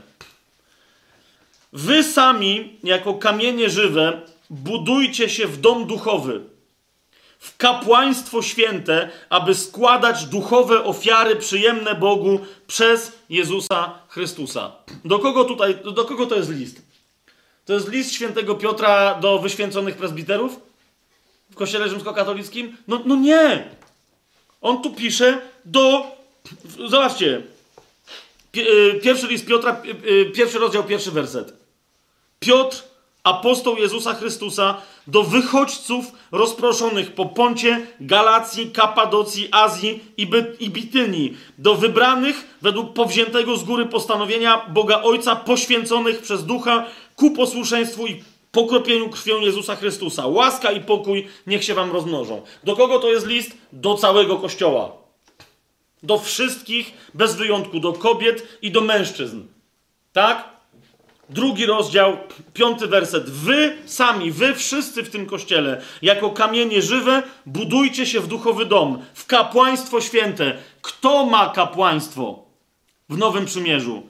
Każdy, kto się zanurzył w śmierć i zmartwychwstanie Chrystusa, kto przez nie przeszedł. Tak? Każdy, kto wyznał go jako swojego Pana, schował swoje życie w śmierci Chrystusa przez chrzest. Kto go wyznaje swoim Panem, chce służyć mu i wyznaje jego imię całym sercem, całym ciałem, całym umysłem. Jasność? Dziewiąty werset. Jeszcze w tym drugim rozdziale e, świętego Piotra. Wy jesteście rodem wybranym, królewskim kapłaństwem, narodem świętym, ludem nabytym, abyście rozgłaszali cnoty tego, który was powołał z ciemności do cudownej swojej światłości. Jeszcze jedna rzecz. Oprócz tego, że wyznajemy wargami imię Pana, wzywamy Go i oddajemy Mu chwałę, jak o tym mówi 13 rozdział e, listu do Hebrajczyków, 9 mm, werset tego drugiego rozdziału pierwszego listu świętego Piotra mówi nam o czym, że mamy dawać świadectwo, mamy rozgłaszać cnoty tego, który nas powołał z ciemności do swojej e, cudownej światłości. To jest naród wybrany, do którego Ty należysz, jeżeli w Niego wierzysz. To jest królewskie kapłaństwo. Nie ma na świecie nikogo, kto może powiedzieć, że jest lepszym kapłanem od ciebie, bo przeszedł przez jakieś dziwaczne obrzędy. I ja przeszedłem przez takie obrzędy. O tym jeszcze kiedy indziej będzie, e, będzie mowa. Tak? I, i, I całym druzgocącym, a jednocześnie wyzwalającym odkryciem było, że cała ta służba po prostu nie czyniła mnie nikim lepszym, nikim bardziej specjalnym. Nie... Jedno z pierwszych pytań, jakie dostawałem, to, to było, jak już y, y, poszedłem z zakonu, a potem się jeszcze okazało, że w ogóle odchodzę od kościoła katolickiego. Jednym z pierwszych pytań było, czy nie żal ci sprawowania sakramentów? To było pierwsze. Czy nie żal ci? I autentycznie z całą, ale taką wiecie, wolnością, wyswobodzeniem w sercu mówiłem, no nie. No nie. Bo to tam nic cudownego nie. Co ja miałem, czego mam żałować? Że byłem jakimś specjalnym gościem?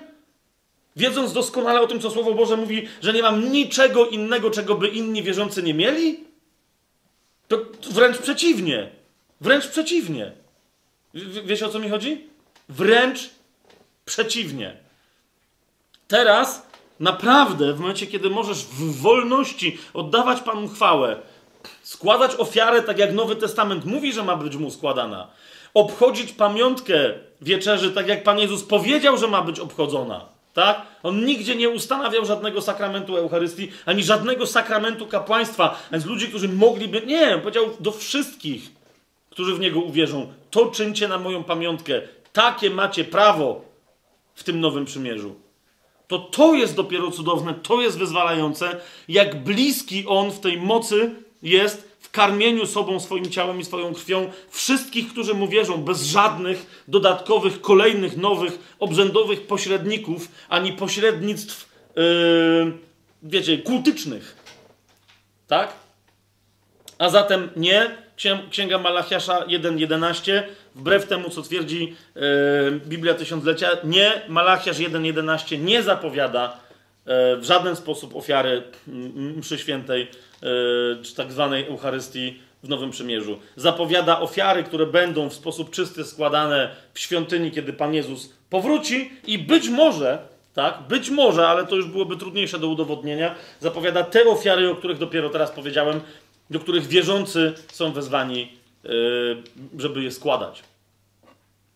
I tym mocnym akcentem zakończymy wprowadzenie do ksiąg Starego Przymierza. W nas... I kończymy też ten sezon. W następnym sezonie wchodzimy już do tak oczekiwanego, chociaż widzicie sami, że jest Nowy Testament w Starym Przymierzu. Wszędzie. Ale jednak następne mm, nasze spotkanie będzie już poświęcone e, Nowemu Testamentowi Ewangeliom, a zwłaszcza Ewangelii Mateusza. Dzięki. E, jeszcze krótkie ogłoszenie dla tych, którzy regularnie tajemny plan śledzą, ponieważ skończyliśmy nie, trzeci sezon i skończyliśmy nie, Stare Przymierze, to teraz zrobimy sobie trochę przerwy. Po części, żeby zrobić trochę przerwy. E, Po części, żeby troszkę przemodelować, e, bo jedna osoba nie, z ekipy tajemnego planu e, odchodzi z różnych tam powodów, żeby, się, żeby zorganizować pracę, a też po części, żeby mieć na tyle e, materiału nagranego, e, żebyśmy mogli swobodnie, nie tak jak teraz, nagrywać we wtorek, wrzucać w piątek z jakimiś opóźnieniami, ale żebyśmy o czasie co piątek mogli e, te regularne odcinki wprowadzające do ksiąg znowu nowego przymierza, żebyśmy mogli wrzucać. Teraz, kochani, dla tych, którzy bardzo na te daty liczą, mam takie wiadomości. Yy, przerwa, która nie będzie taką zupełnie bezczynną przerwą, ale o tym za chwilę, potrwa do 25 kwietnia. To jest wtorek, yy, na, nie zaraz po Wielkanocy, tylko jeszcze tydzień po Wielkanocy, tak? Od 25 kwietnia będziemy mieli spotkania na żywo tajemnego yy, planu w Krakowie, chociaż być może, że ktoś nas gdzieś zaprosi, to zrobimy jakąś sesję wyjazdową. I cały czas się modlimy, chcemy, żeby te spotkania były całkowicie otwarte. One teraz są y, u nas y, w domu, póki jeszcze go mamy, y, są dość otwarte, ale nie aż tak bardzo, bo tu za dużo ludzi nie, nie, nie wchodzi. Chcemy, żeby od 25 kwietnia to były naprawdę bardzo, bardzo, jak niegdyś bywały, otwarte spotkania, na które każdy, kto będzie chciał, może przyjść. Mamy nadzieję, że będzie strona do tego czasu wreszcie, że ona y, odpali, więc tam będą wszystkie informacje. Oprócz tego na fanpage'u tajemnego planu y, na Facebooku będą takie informacje. Tak, jak zaczniemy te spotkania na żywo, gdzie kolejne spotkanie, y, gdzie, kiedy, o której godzinie będzie się odbywać. Teraz będziemy więc od 25 kwietnia nagrywać spotkania, na te, te, te, które się będą odbywać na żywo, ale na online, że się tak wyrażę, kolejny sezon, czyli czwarty sezon tajemnego planu, a yy, siłą rzeczy pierwszy związany czy poświęcony Nowemu Testamentowi. Pierwszy odcinek pojawi się dopiero w piątek 2 czerwca w piątek 2 Ponieważ teraz do 25 kwietnia, mówię, będziemy mieli parę innych rzeczy do zrobienia. Od 25 kwietnia przez cały maj będziemy nagrywać parę, co tydzień parę tych odcinków i one będą publikowane od 2 czerwca. A zatem, jak ktoś chce się z nami spotkać wcześniej, to zapraszamy na żywo, szukajcie informacji. Yy, Kolejne regularne wprowadzenia i te konferencje biblijne będą się y, pojawiać na kanale Tajemnego Planu od 2 czerwca. Czy to oznacza, że na kanale do 2 czerwca nic się nie będzie działo? Otóż, kochani, będzie się działo. Ponieważ w tej przerwie nie będzie tak, że zupełnie tylko będziemy jakieś remanenty e, prowadzić, ale między innymi, jak to już kiedyś e, obiecaliśmy, e, nagramy osobny materiał poświęcony e, biblijnemu spojrzeniu. E, po pierwsze, osobny materiał na temat prawdziwości Słowa Bożego, na temat prawdziwości Biblii. Całej historii, na podstawie czego możemy z całą pewnością e, twierdzić, że Biblia jest natchniona i że jest prawdziwa, że to jest prawdziwy materiał, dowody historyczne, mm, e, wiele innych. Więc, więc to będzie jedna rzecz, którą chcemy na, nagrać e, i opublikować jeszcze zanim e, się pojawi czwarty sezon. Dalej. Chcemy nagrać materiał poświęcony ciągłości historii kościoła biblijnie wierzącego. Yy, Wiele kościołów prawosławnych, rzymskokatolicki i tak twierdzą, że posiadają jakąś ciągłość od Pana Jezusa aż do dzisiaj. Wiele osób na tej podstawie trzyma się tych społeczności, mówiąc, no bo przecież tu jest ciągłość. Otóż tam nie ma ciągłości i, i to, to chcę y, pokazać, że to jasno wynika z dokumentów tychże kościołów, z nauczania na przykład papieży, tak, którzy mówią, że no nie, nie ma tam ciągłości, a chcemy pokazać, że istnieje ciągłość na konkretnych faktach, że istnieje ciągłość Kościoła biblijnie wierzącego od Pana Jezusa Em, aż do dzisiaj, że jeżeli ktoś takiego dowodu potrzebuje, to powinien się temu przyjrzeć. I po trzecie, chcemy też nakręcić konkretny materiał, biblijne spojrzenie i rzucenie światła Słowa Bożego na całość kultu maryjnego w kościele rzymskokatolickim, czy także w kościele prawosławnym. Jak się ma dla tych wszystkich, którzy pomimo tego, co już mówiliśmy w czasie tajemnego planu, bo to było specjalne, ja to obiecałem, że coś tam zrobimy, ale mamy specjalne zamówienie. Jak się wreszcie ma do Pisma Świętego, żeby dokładnie to zgłębić, tak? Kult Maryi, przecież Maryja prowadzi do Jezusa, przez Maryję do Jezusa i tak dalej, i tak dalej. Kult ym, obrazów, ym, figur i tak dalej, które, który jakiś tam sakramentaliów tak zwanych przy okazji także też będzie ogarnięty. Nie, nie ma y, kanał Tajemny Plan stać się e, wiecie, miejscem jakichś tam innych rozważań, e, więc nie będziemy się wdawać w jakieś debaty międzykościelne czy tam jakieś teologiczne. Na- Natomiast, ponieważ tu mamy bardzo konkretne zapotrzebowanie i mnóstwo ludzi o to pyta, e, to znowu przyjrzymy się tym tematom, o których mówiłem, z punktu widzenia biblijnego, a więc co Biblia e, e, mówi, tak? Jak sama, jak, jak, jaki ona sama na siebie ma dowód, e, że jest natchniona przez Boga, jak, czy w Biblii w ogóle jakiś kult maryjny się pojawia. Gdy chodzi o, o tą historię z ciągłością e, Kościoła, to jest mniej temat... Jakby samej Biblii, ale, ale też jest z nią związany, bo chodzi o pokazanie tych wszystkich ludzi, którzy zawsze chcieli wierzyć tak, jak Biblia podaje, a nie jakieś ludzkie tradycje. Słowem, do tego 2 czerwca, kiedy wrócimy z regularnymi wykładami tajemnego planu, yy, nie będziemy mieli posłuchy i pustki na kanale, tylko nie wiem z jakiego rodzaju częstotliwością, ale właśnie te tematy, o których teraz powiedziałem, będą się pojawiać. Być może jeszcze yy, parę innych niespodzianek. Zatem, y, jak to macie w zwyczaju sprawdzać w piątek, czy coś nowego się pojawiło, to sprawdzajcie, ponieważ będziemy chcieli, żeby się jakieś chociaż drobiazgi, jakieś chociaż drobiazgi co piątek pojawiały. Nie wiem, czy częściej, ale powinniśmy taką ciągłość y, nowych materiałów w piątek zachować. I oczywiście nade wszystko. y, na, nade wszystko prosimy Was o zjednoczenie w modlitwie tych wszystkich, którzy korzystają e, z, mm, z tych naszych spotkań, e, z tych naszych konferencji. Prosimy Was o jedność w modlitwie, żeby dla innych, którzy tu przychodzą z ciekawości, z różnych innych powodów, żeby te materiały e, stały się przełomowe. Ci, którzy studiują, super, ale dołóżcie jeszcze swoją modlitwę, przynajmniej tyle, e, żeby moc Boża poprzez te materiały docierała do innych i żeby tych, którzy potrzebują zmiany serca, nawrócenia, powrotu do Pana i do Jego słowa i tylko i wyłącznie do Jego słowa, to, to żeby właśnie e, takie dzieło przez tajemny plan się realizowało. Tym wszystkim, którzy tak już robią, wielkie dzięki. Modlimy się dalej.